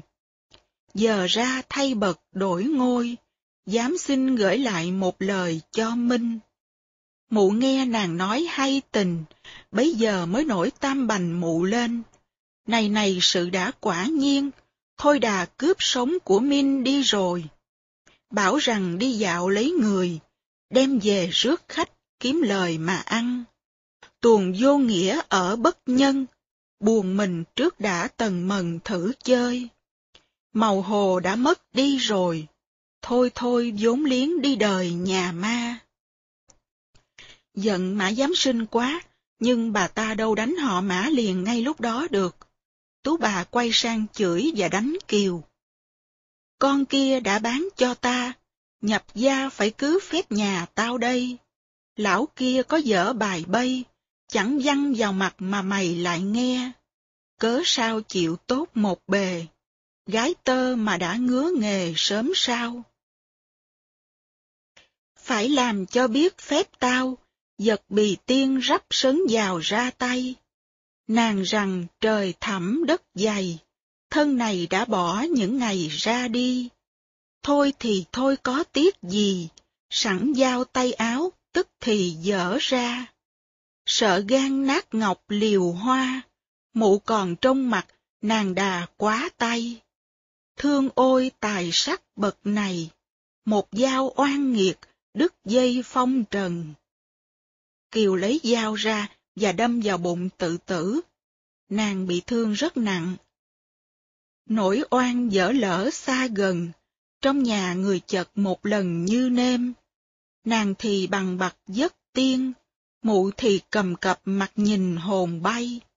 Giật nàng vào chốn hiên tây, các người coi sóc rước thầy thuốc men. Trong lúc mê man, đạm tiên lại hiện ra với Kiều. Nào hay chưa hết trần duyên, trong mê giường đã đứng bên một nàng. Rỉ rằng nhân quả dở gian, đã toan trốn nợ đoạn trường được sao? Số còn nặng nghiệp má đào, người dù muốn quyết trời nào đã cho. Hãy xin hết kiếp liễu bồ, sông tiền đường sẽ hẹn hò về sau. Thuốc thang suốt một ngày thâu, giấc mê nghe đã giàu giàu vừa tan. Tú bà chực sẵn bên màn, lựa lời khuyên giải mơn mang gỡ dần. Bây giờ, Tú bà mới biết rằng Kiều rất gan dạ, không thể dùng oai lực mà nhiếp phục được. Bà phải vuốt ve. Một người dễ có mấy thân, hoa xuân đương nhụy, ngày xuân còn dài. Con ơi, con còn trẻ lắm mà, làm chi như vậy, dại dột lắm con ơi. Cũng là lỡ một lầm hai, đá vàng sao nở ép nài mưa mây, lỡ chân trót đã vào đây, khóa buồn xuân để đợi ngày đào non. Người còn thì của hãy còn, tìm nơi xứng đáng làm con cái nhà. Con là con nhà lành, bác sẽ không ép con làm nghề này đâu. Nhưng con đã lỡ bước vào đây rồi, bác sẽ nuôi con và gả chồng đàng hoàng cho con. Khôn lắm, ăn thua là để cho Kiều chịu uống thuốc, trị bệnh, sống trước đã, rồi tính sau. Làm chi tội báo oan gia, thiệt mình mà hại đến ta hay gì? Nếu con tự tử thì thiệt thân con, mà bác đây cũng sẽ khổ đau lắm. Kề tai mấy nỗi nằng nì, nàng nghe giường cũng thị phi rạch ròi. Thúy Kiều nghe nói thấy cũng đúng, và cũng hy vọng tú bà sẽ giữ lời. Trong giấc mộng, Đạm Tiên cho Kiều biết cô có những nghiệp duyên kiếp trước phải đền trả, không thể tránh bằng cách chấm dứt sự sống của mình. Giả trong thần mộng mấy lời, túc nhân âu cũng có trời ở trong. Túc nhân là nghiệp nhân trong quá khứ, túc là kiếp trước, ví dụ, túc mạng thông là hiểu thấu, nhớ được tất cả những kiếp trước. Trong kinh có bài kệ, dục tri tiền thế nhân, kim sanh thọ giả thị, dục tri lai thế quả, kim sanh tác giả thị, nghĩa là muốn biết nhân đời trước thì coi quả đời này, muốn biết quả đời sau thì coi nhân đời này. Dùng chữ trời ở đây là cụ Nguyễn Du muốn nói tới luật nghiệp báo. Trong giai đoạn này, cụ còn trộn lẫn thuyết thiên mạng với thuyết nhân quả. Về sau này, khi Phật học của cụ đã sâu sắc, cụ viết rất khác về tư tưởng nhà Phật. Kiếp này nợ trả chưa xong, làm chi thêm một nợ chồng kiếp sau. Đây là niềm tin bình dị của xã hội Á Đông ngày xưa. Thôi, ráng sống mà trả cho hết nghiệp báo. Chết thì nghiệp báo vẫn còn hoài, kiếp sau thế nào cũng phải trả nợ chồng chất. Lặng nghe ngẫm nghĩ gót đầu, thưa rằng ai có muốn đâu thế này. Được lời như thế là may, hẳn rằng mai có như rầy cho chăng. Sợ khi ông bướm đãi đằng, đến điều sống đục sao bằng thác trong. Kiều vẫn còn nghi, đâu có ai muốn chết, nhưng sống đục sao bằng thác trong. Bác nói như vậy, nhưng liệu bác có làm theo như vậy không? Lỡ sau này người ta làm nhục con, thì thà con chết bây giờ mà được trong sạch, còn hơn là phải sống ô nhục. Mụ rằng con hãy thông dong, phải điều lòng lại dối lòng mà chơi. Mai sau ở chẳng như lời, trên đầu có bóng mặt trời rạng soi. Nếu bác mà không giữ lời, thì trời đất sẽ không dung bác. Mấy người này hay thề độc lắm. Thấy lời quyết đoán hẳn hoi, đành lòng nàng cũng sẽ nguôi nguôi dần. Kiều chấp nhận. Ai có thể giúp Kiều? Chúng ta phải tìm cách độ những người đang và đã xa vào hoàn cảnh như Thúy Kiều. Những người đang ăn chơi, tàn hoại thân thể và tâm hồn mình cũng cần người đến cảm hóa. Trong kinh có câu, dâm phòng, tử tứ, vô vi, thanh tịnh đạo tràng. Quán rượu và nhà chứa đều là những đạo tràng mình phải đi vào để cứu độ. Phải biến những chỗ đó làm những đạo tràng thanh tịnh để hành đạo, chứ không nên nhắm mắt lại, nói rằng những chỗ đó không có. Nhắm mắt lại thì không chuyển hóa được. Không độ được một mã giám sinh hay một tú bà, thì có biết bao nhiêu Thúy Kiều sẽ rơi vào những ổ nhện đó. Giải tán được một ổ nhện là cứu được không biết bao nhiêu những cô thiếu nữ. Ở Bangkok, Manila, bây giờ có rất nhiều những ổ nhện như vậy. Đây là chuyện xảy ra ở tất cả các thành phố lớn. Các cô gái 13-14 tuổi ở miền quê lên thành phố, bán bánh nuôi em, có thể bị lọt vào những ổ đó rất dễ dàng. Ban đầu, họ chỉ cho vài chục đồng hay một chỗ ở. Sau đó họ dụ, con làm cái nghề đó thì sẽ có nhiều tiền gửi về nhà. Làm nghề này một ngày thì được họ cho mấy trăm, mấy ngàn đồng, thấy khỏe quá, rồi mới lúng từ từ vào sâu. Ở Sài Gòn cũng có những trẻ em bụi đời, những người Việt gốc me, không có nhà, ngủ dưới gốc cây me. Nếu xa vào ổ nhện rồi, thì muốn ra rất khó. Ngày xưa, dưới thời ông Thiệu và ông Kỳ, có ngã tư quốc tế, ngã tư chú lá, ghê gớm lắm. Có khi nào các thầy các sư cô nghĩ tới chuyện đi đến những chỗ ấy để hành đạo không? Nếu các thầy cứ ở chùa mà thuyết pháp, thì tiếng pháp của các thầy làm sao tới được những người đau khổ như Thúy Kiều.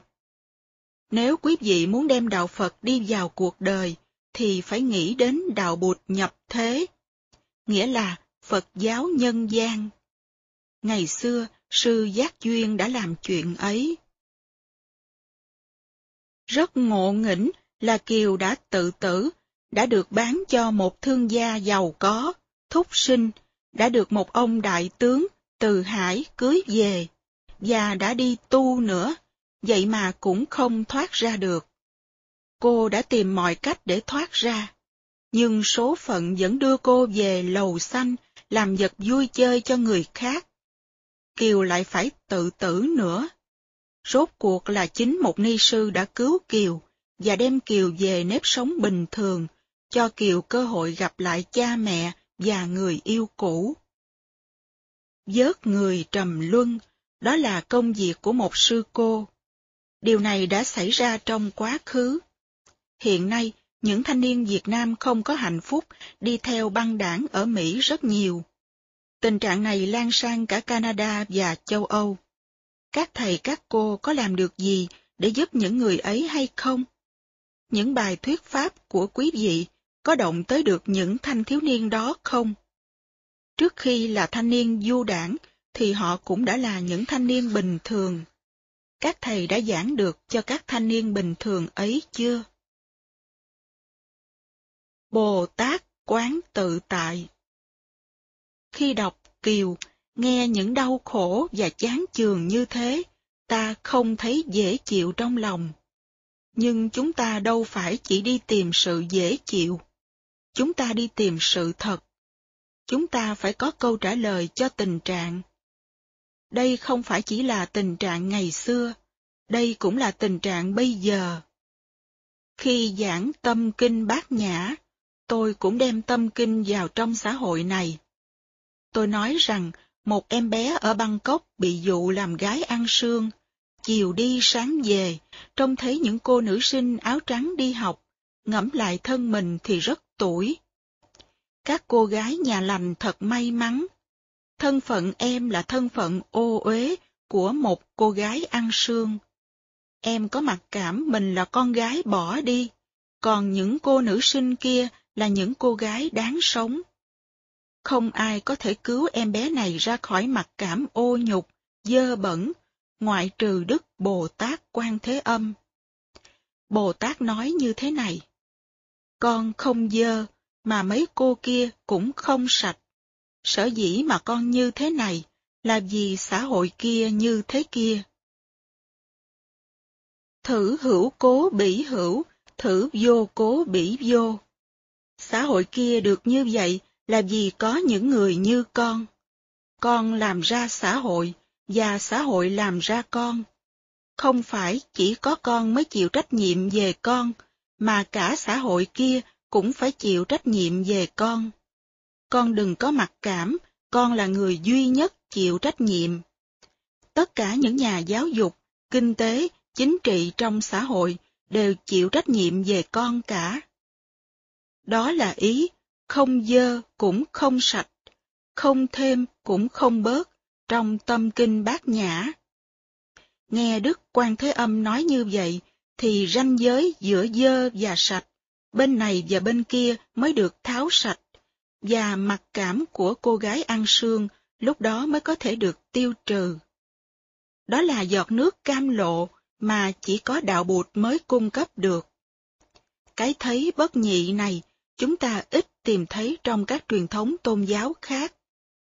Cái này như thế này là vì cái kia như thế kia. Thân phận con, cả xã hội đều chịu trách nhiệm. Con đừng có mặc cảm tội lỗi. Nếu người ta sống đàng hoàng, biết lo cho tất cả, thì con đã không đến nỗi như thế này đâu. Em bé sẽ khóc, sẽ ôm lấy chân Đức Quan Thế Âm. Xin Ngài dạy cho con cách để thoát ra khỏi. Lúc ấy, Đức Quan Thế Âm mới bắt đầu dạy cho em được. Chúng ta cũng phải làm như thế. Ngày xưa, ở Sài Gòn, có các sư cô làm chuyện đó. Ngày nay cũng vậy. Có một em bé ở nhà quê lên bán bánh. Người cô không cho em ở vì em không có tên trong tờ khai gia đình. Em ngủ ngoài nghĩa địa, sợ ma lắm. Một bữa nọ, tú bà lại nói, nếu con chịu ngủ với người ta, thì con sẽ có nhiều tiền. Con được một trăm thì cô chỉ giữ hai chục để trả tiền nhà, tiền nước. Một sư cô thấy em bé nhỏ xíu, mới 16 tuổi mà đứng ngoài đường kiếm khách. Sư cô kêu em lại hỏi chuyện. Thôi, tú bà biết liều không sợ chứa chấp con, thì cô cũng liều. Thay vì ở nhà tú bà, thì con về ở chùa đi. Cô cho em ở đậu và giúp em bày một xe bán bánh mì. Sư cô này hiện đang sống ở Sài Gòn, đã và đang làm những việc như vậy. Đừng nói rằng những chuyện đó là những chuyện quá khứ, những chuyện mình không làm được. Đó là một trong những chuyện đang xảy ra. Nếu sư cô nọ có thể giúp em bé kia, thì sư cô cũng đã có thể giúp những em bé khác. Ngoài sư cô, cũng còn biết bao nhiêu những sư cô khác đang làm được chuyện này. Đây không phải là chuyện lý thuyết. Sự thật, ở Sài Gòn bây giờ có những sư cô buổi sáng mở cửa chùa cho trẻ con bụi đời vô học. Các cô nói, nếu các con chịu khó học được 4 tiếng đồng hồ, thì trưa nay sẽ được ăn cơm chay. Giữ con nít ở trong chùa để các em khỏi ra đường làm du đảng hay đào bới trong những đống rác. Ăn trưa xong, các em có thể nằm lăn ra ngủ. Ở lại học buổi chiều, từ 3 đến 6 giờ, thì các em lại được ăn cơm chiều. Nhìn bề ngoài thấy giống như trẻ em mỗi ngày được cung cấp mấy giờ học và hai bữa cơm. Kỳ thực kết quả lớn lắm. Các cô đã giữ được cho các em khỏi xa vào những ổ nhện và khỏi trở thành những trẻ em du đảng. Cho một em ăn trưa chỉ tốn 25 sen thôi. Ở Tây Phương, 25 sen thì mua gì được? Nhưng vào tay sư cô, 25 sen là một bữa ăn cho một em bé. Bao nhiêu công việc như vậy, rất đẹp, rất hay.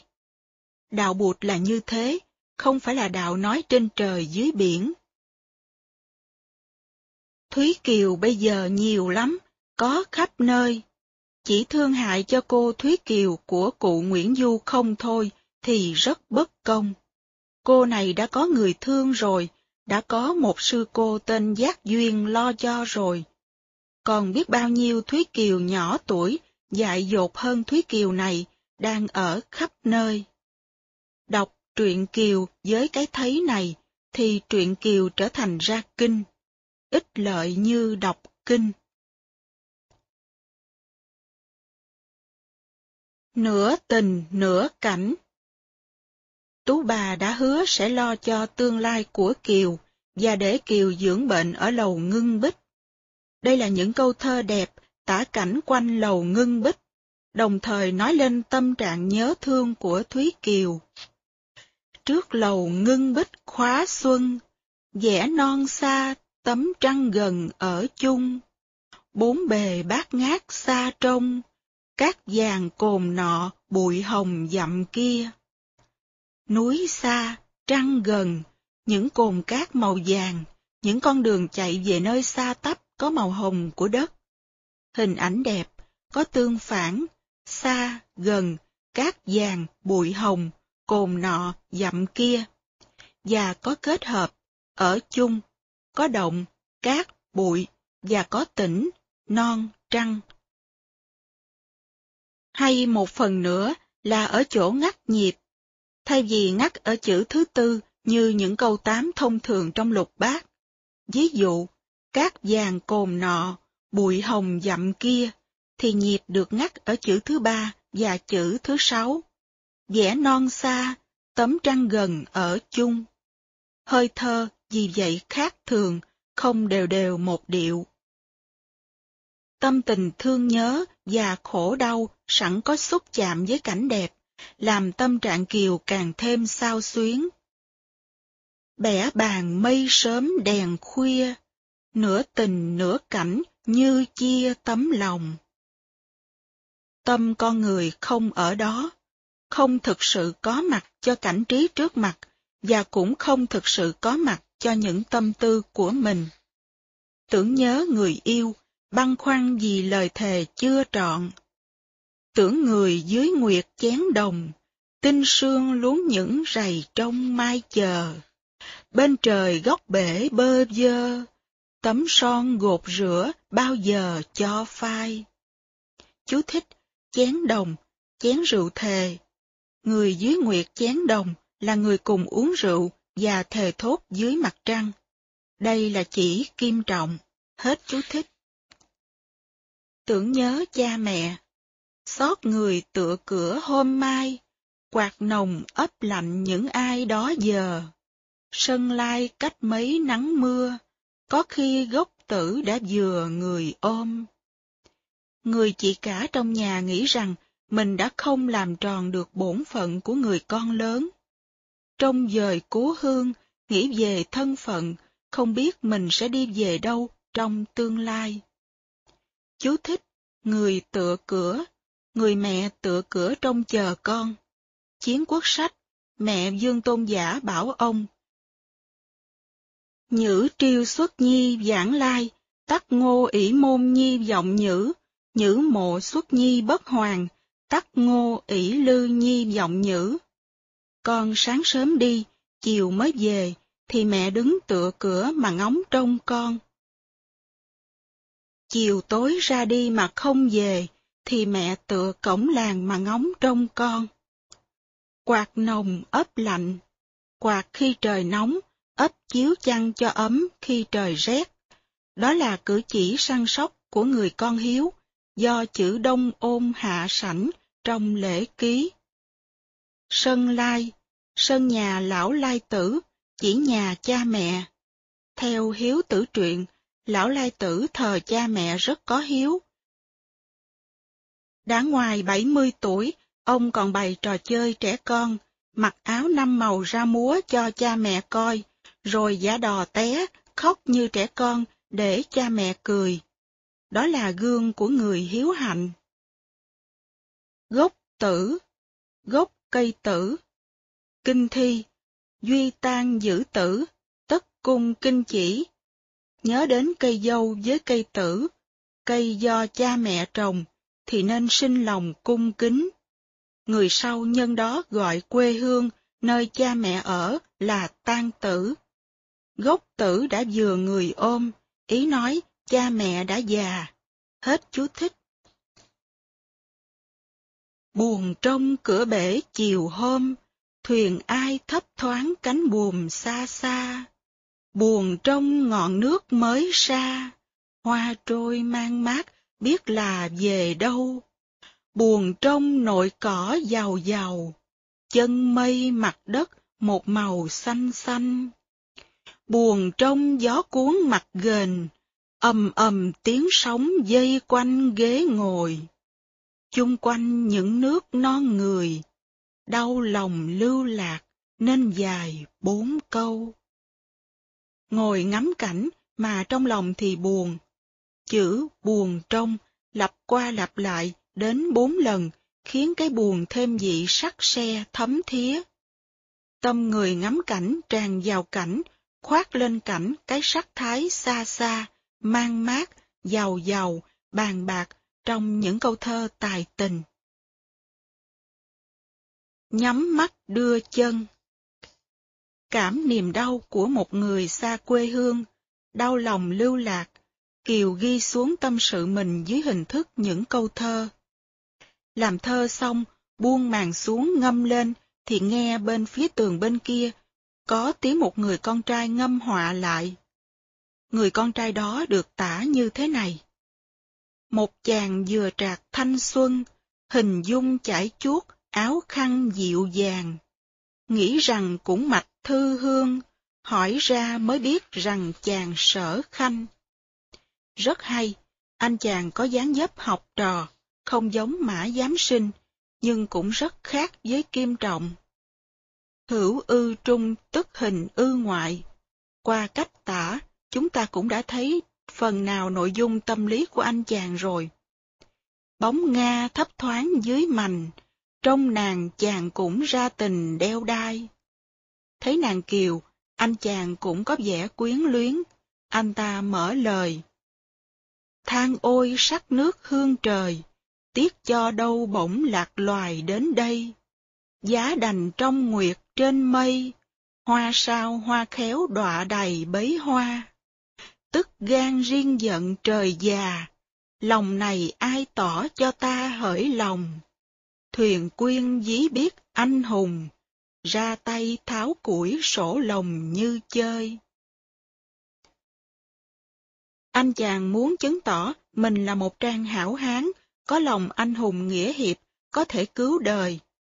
Theo cách nói như vậy, chúng ta thấy rất rõ đây chỉ là nghĩa hiệp ở hình thức.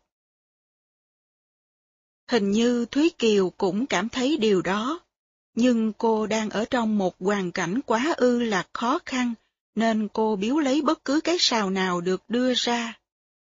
Đánh liều nhắn một hai lời, nhờ tay tế độ, vớt người trầm luân.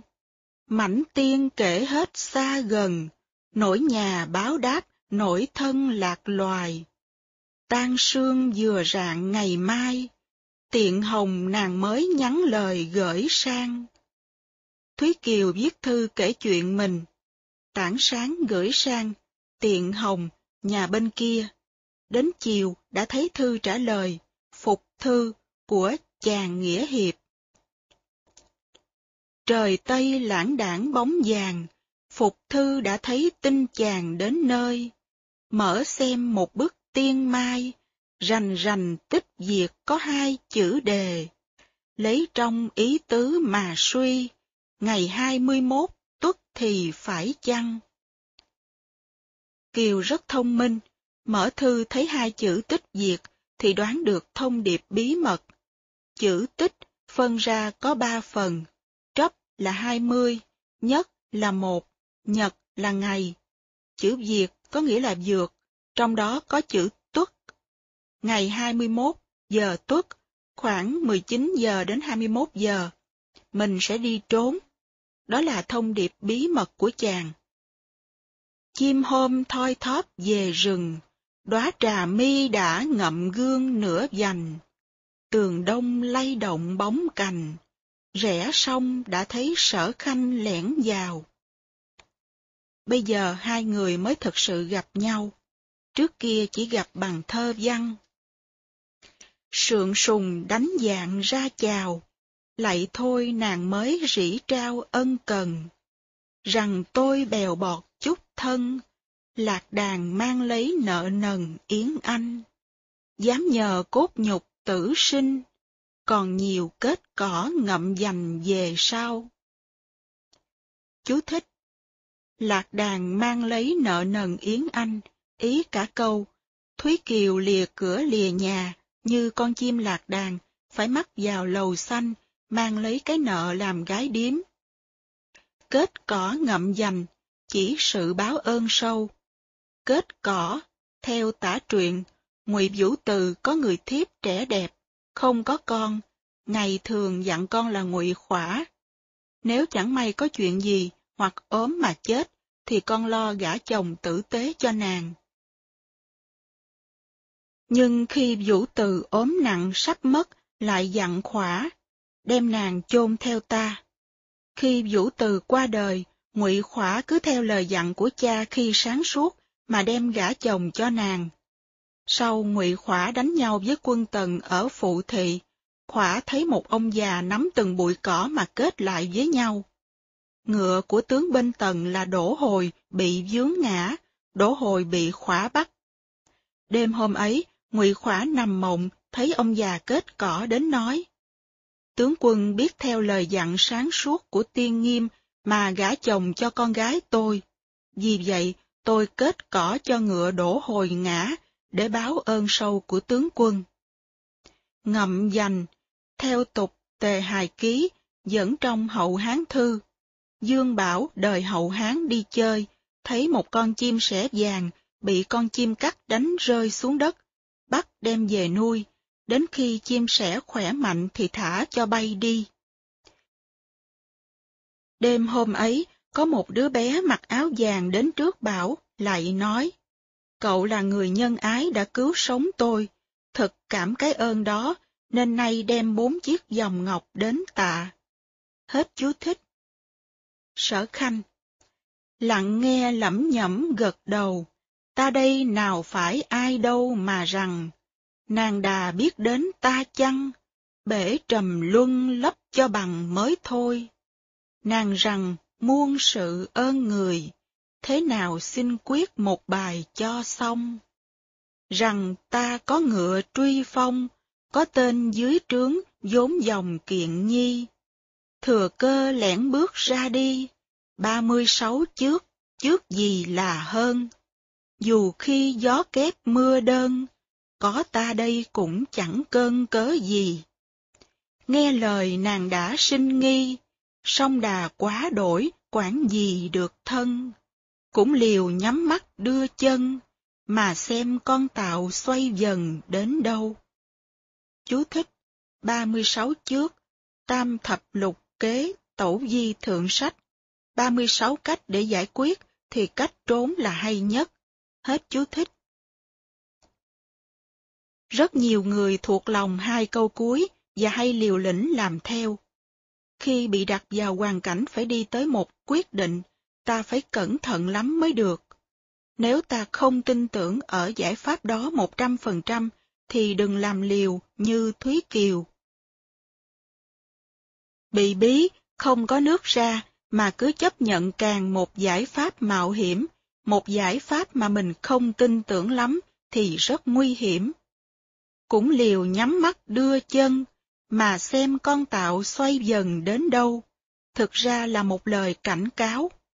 Không bao giờ nên làm một cái gì mà mình chưa suy nghĩ kỹ càng. Phải đem hết tất cả trí tuệ của mình mà quán sát. Chỉ khi nào thấy rằng giải pháp đó là hay nhất, không có con đường nào hay bằng, thì mình mới làm thôi. Trông vào may rủi, taking chance là không nên. Quất ngựa truy phong Cùng nhau lẻn bước xuống lầu, song song ngựa trước ngựa sau một đoàn. Đêm thu khắc lậu canh tàn, gió cây trút lá trăng ngàn ngậm gương. Canh là đơn vị thời gian dài, khắc là đơn vị thời gian ngắn, khoảng 15 phút. Đồng hồ, hồ nước bằng đồng, ngày xưa làm bằng hai chậu nước thông nhau. Thời gian được đo bằng mực nước, nhỏ từ chậu trên xuống chậu dưới. Chữ lậu trong khắc lậu có nghĩa là rỉ ra, lọt xuống. Người tu hành mà còn xa xuống thì gọi là hữu lậu, không còn rơi xuống nữa thì gọi là vô lậu. Lối mòn cỏ nhợt màu sương, lòng quê đi một bước đường một đau. Tiếng gà sao sát gáy mau, tiếng người đâu đã mái sau dậy vàng. Có tiếng đoàn người đuổi theo, sở khanh lộ ra chân tướng. Nàng càng thổn thức gan vàng, sở khanh đã rẽ dây cương lối nào. Một mình khôn biết làm sao, dặm rừng bước thấp bước cao hải hùng. Hãy tưởng tượng cảnh người con gái đang đi một mình trong rừng, sau lưng có một đoàn người đuổi theo. Cụ Nguyễn Du xót cho Kiều. Hóa nhi thật có nở lòng, làm chi dày tía giò hồng lắm nâu.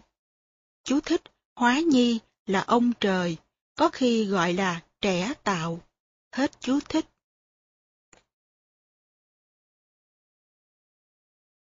Dày tía giò hồng Một đoàn đổ đến trước sau, vuốt đâu xuống đất, cánh đâu lên trời.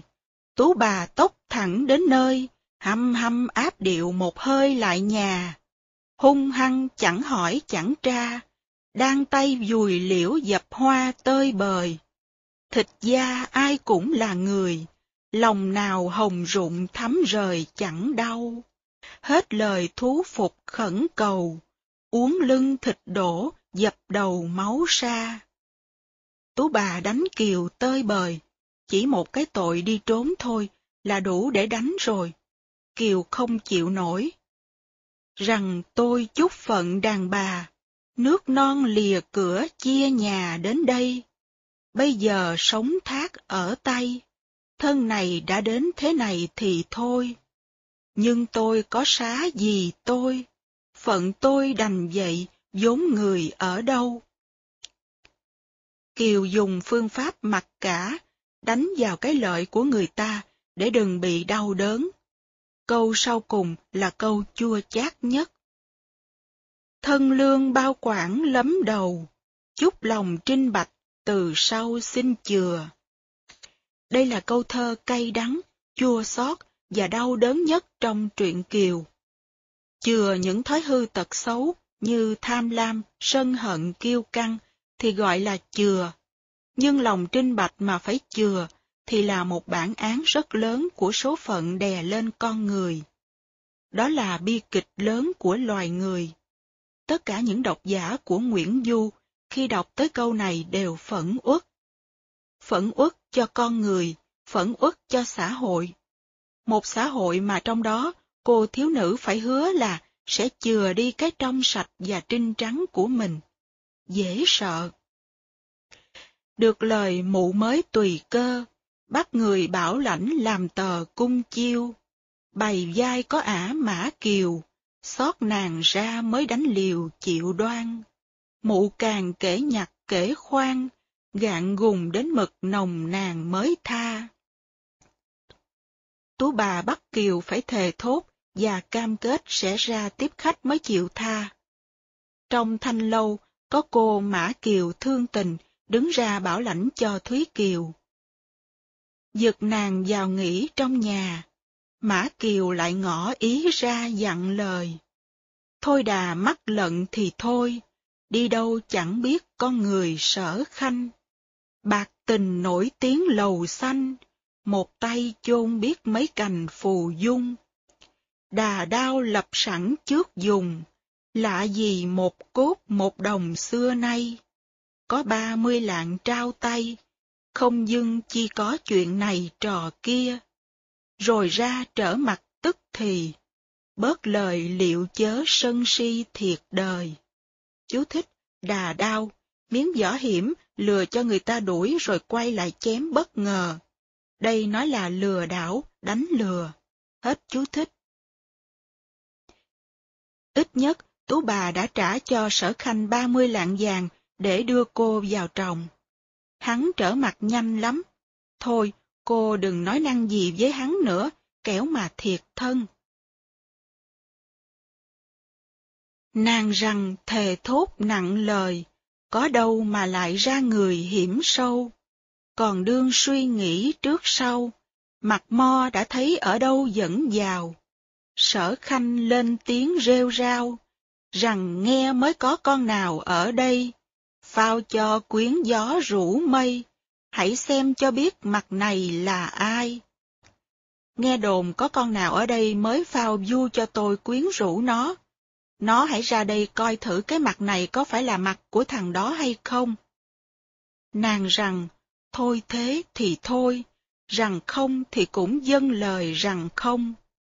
Nếu ông nói không, thì tôi cũng nói là không vậy. Sở khanh quát mắng đùng đùng, bước tay vừa rắp thị hùng ra tay. Kiều đưa ra hai chữ tích diệt. Nàng rằng trời nhé có hay, quyến anh rủ yến sự này tại ai? Đem người đẩy xuống giếng thơi, nói rồi, rồi lại ăn lời được ngay.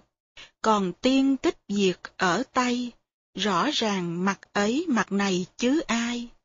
Lời ngay đông mặt trong ngoài, kẻ chê bất nghĩa, người cười vô lương. Phụ tình án đã rõ ràng, dơ tuồng nghĩ mới kiếm đường tháo lui. Chú thích, nghĩ, dấu hỏi là anh chàng, hết chú thích.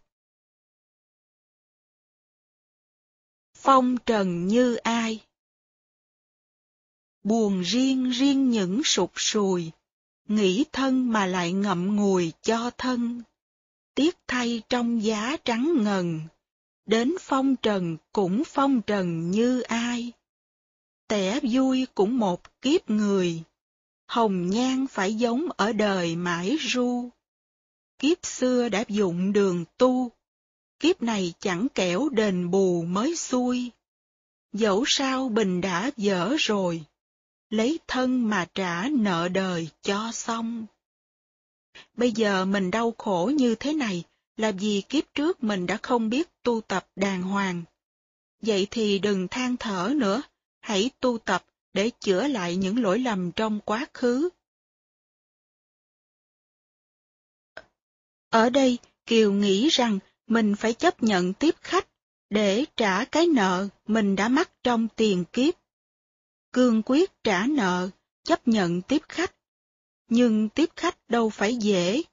Tú bà gọi Kiều vào và dạy phương pháp tiếp khách. Là con gái nhà lành, Kiều phải đi qua một lớp huấn luyện thì mới có thể làm ăn được. Vừa tuần nguyệt sáng gương trong, tú bà ghé lại thông dong dặn dò. Nghề chơi cũng lắm công phu, làng chơi ta phải biết cho đủ điều. Nàng rằng mưa gió dập dìu, liều thân thì cũng phải liều thế thôi. Mụ rằng ai cũng như ai, người ta ai mất tiền hoài đến đây. Ở trong còn lắm điều hay, nỗi đêm khép mở, nỗi ngày riêng chung. Này con thuộc lấy làm lòng, dành ngoài bảy chữ, dành trong tám nghề. Chơi cho liễu chán hoa chê, cho lăn lóc đá, cho mê mẫn đời. Khi khóe hạnh, khi nét ngài, khi ngâm ngợi nguyệt, khi cười cợt hoa. Đều là nghề nghiệp trong nhà, đủ ngần ấy nết mới là người soi. Gót đầu dân dạy mấy lời, giường châu nét nguyệt, giường phai vẽ hồng. Những nghe nói đã thẹn thùng, nước đời lắm nổi lạ lùng, khắc khe. Xót mình cửa cát buồn khuê, dở lòng học lấy những nghề nghiệp hay. Khéo là mặt dạng mày dày, kiếp người đã đến thế này thì thôi thương thay thân phận lạc loài, dẫu sao cũng ở tay người biết sao. Lầu xanh mới rủ trướng đào, càng treo giá ngọc, càng cao phẩm người. Biết bao bướm lã ong lơi, cuộc say đầy tháng trận cười suốt đêm. Dập dìu lá gió cành chim, sớm đưa tống ngọc, tối tìm tràng khanh. Khi tỉnh rượu, Lúc tàn canh, giật mình, mình lại thương mình xót xa. Chú thích, người soi là người sành sỏi. Gió lá cành chim, ý nói cảnh tấp nập đưa đón khách chơi. Nàng tiết đào đời đường, lúc bé có câu thơ, chi nghênh nam bắc điểu, dịp tống giảng lai phong. Cành đón những con chim nam bắc, lá đưa những ngọn gió qua lại. Cha nàng xem thơ không vui, vì biết con về sau không ra gì. Tống Ngọc và Tràng Khanh là những người đẹp trai, văn nhân tài tử, nhưng có tính trăng hoa. Hết chú thích. Trong khi tiếp khách bận rộn, thì Kiều không có thì giờ để đau khổ. Nhưng những khi tỉnh rượu giữa đêm khuya là những lúc Kiều đau khổ cực kỳ. Một mình mình lại thương mình xót xa. Câu thơ có tới ba chữ mình mà không chữ nào dư. Khi sao phong gấm rủ là, giờ sao tan tác như hoa giữa đường. Mặt sao dày gió dạng sương, thân sao bướm chán ông trường bấy thân. Bốn chữ sao lặp đi lặp lại như tiếng than như câu hỏi là nỗi dây dứt không đành trước nghịch lý trớ trêu của thân phận.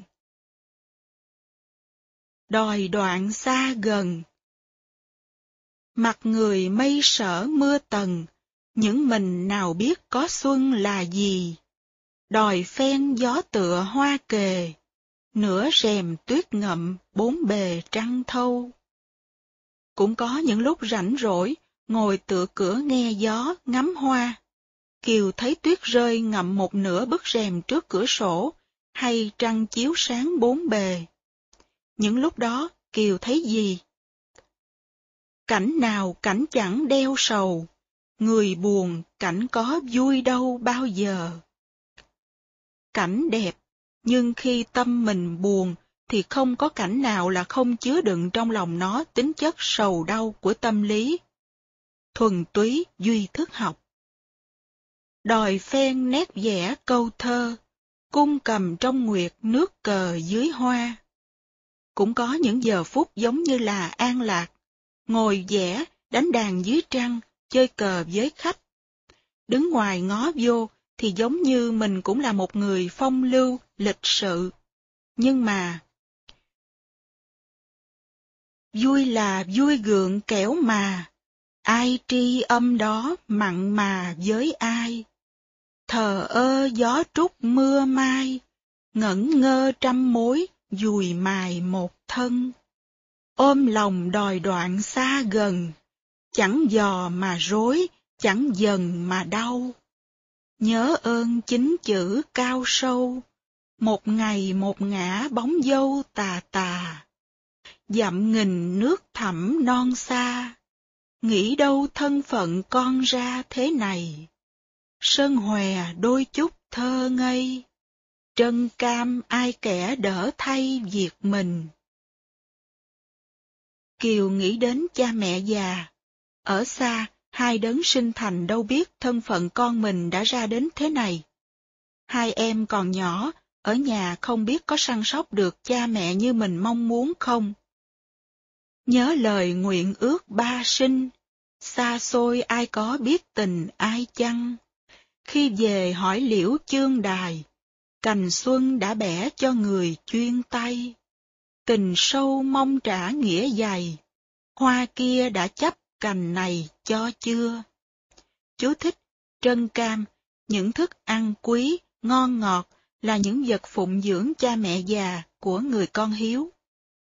Liễu chương đài Theo toàn đường thi thoại hàng hoành đời đường giỏi thơ, kết duyên với một người con gái ở phố Chương Đài, thành Trường An, là Liễu Thị.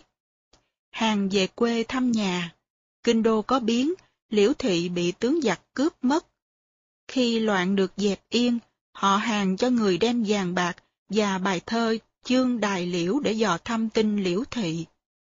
Chương Đài Liễu, Chương Đài Liễu, tích nhật thanh thanh kim tại phủ, túng sử trường điều tự cựu thùy, giả ưng phan chiết, tha nhân thử. Cây liễu ở chương đài, cây liễu ở chương đài, ngày trước xanh xanh, nay có còn không? Cho dù cành dài còn buông rũ như cũ, thì có lẽ cũng đã vinh bẻ vào tay người khác rồi. Sau, thị liễu được trở về đoàn tụ với hàng hoành. Liễu chương đài, chỉ người yêu xa cách. Hết chú thích. Tưởng tượng Kim Trọng về, nghe Kiều đi lấy chồng rồi, thì buồn biết bao nhiêu mà kể. Không biết cuộc nhân duyên mà Thúy Kiều mong muốn tác hợp giữa người yêu và em gái có thành tựu được không? Mối tình đòi đoạn dò tơ, giấc hương quan luống ngẩn ngơ canh dài.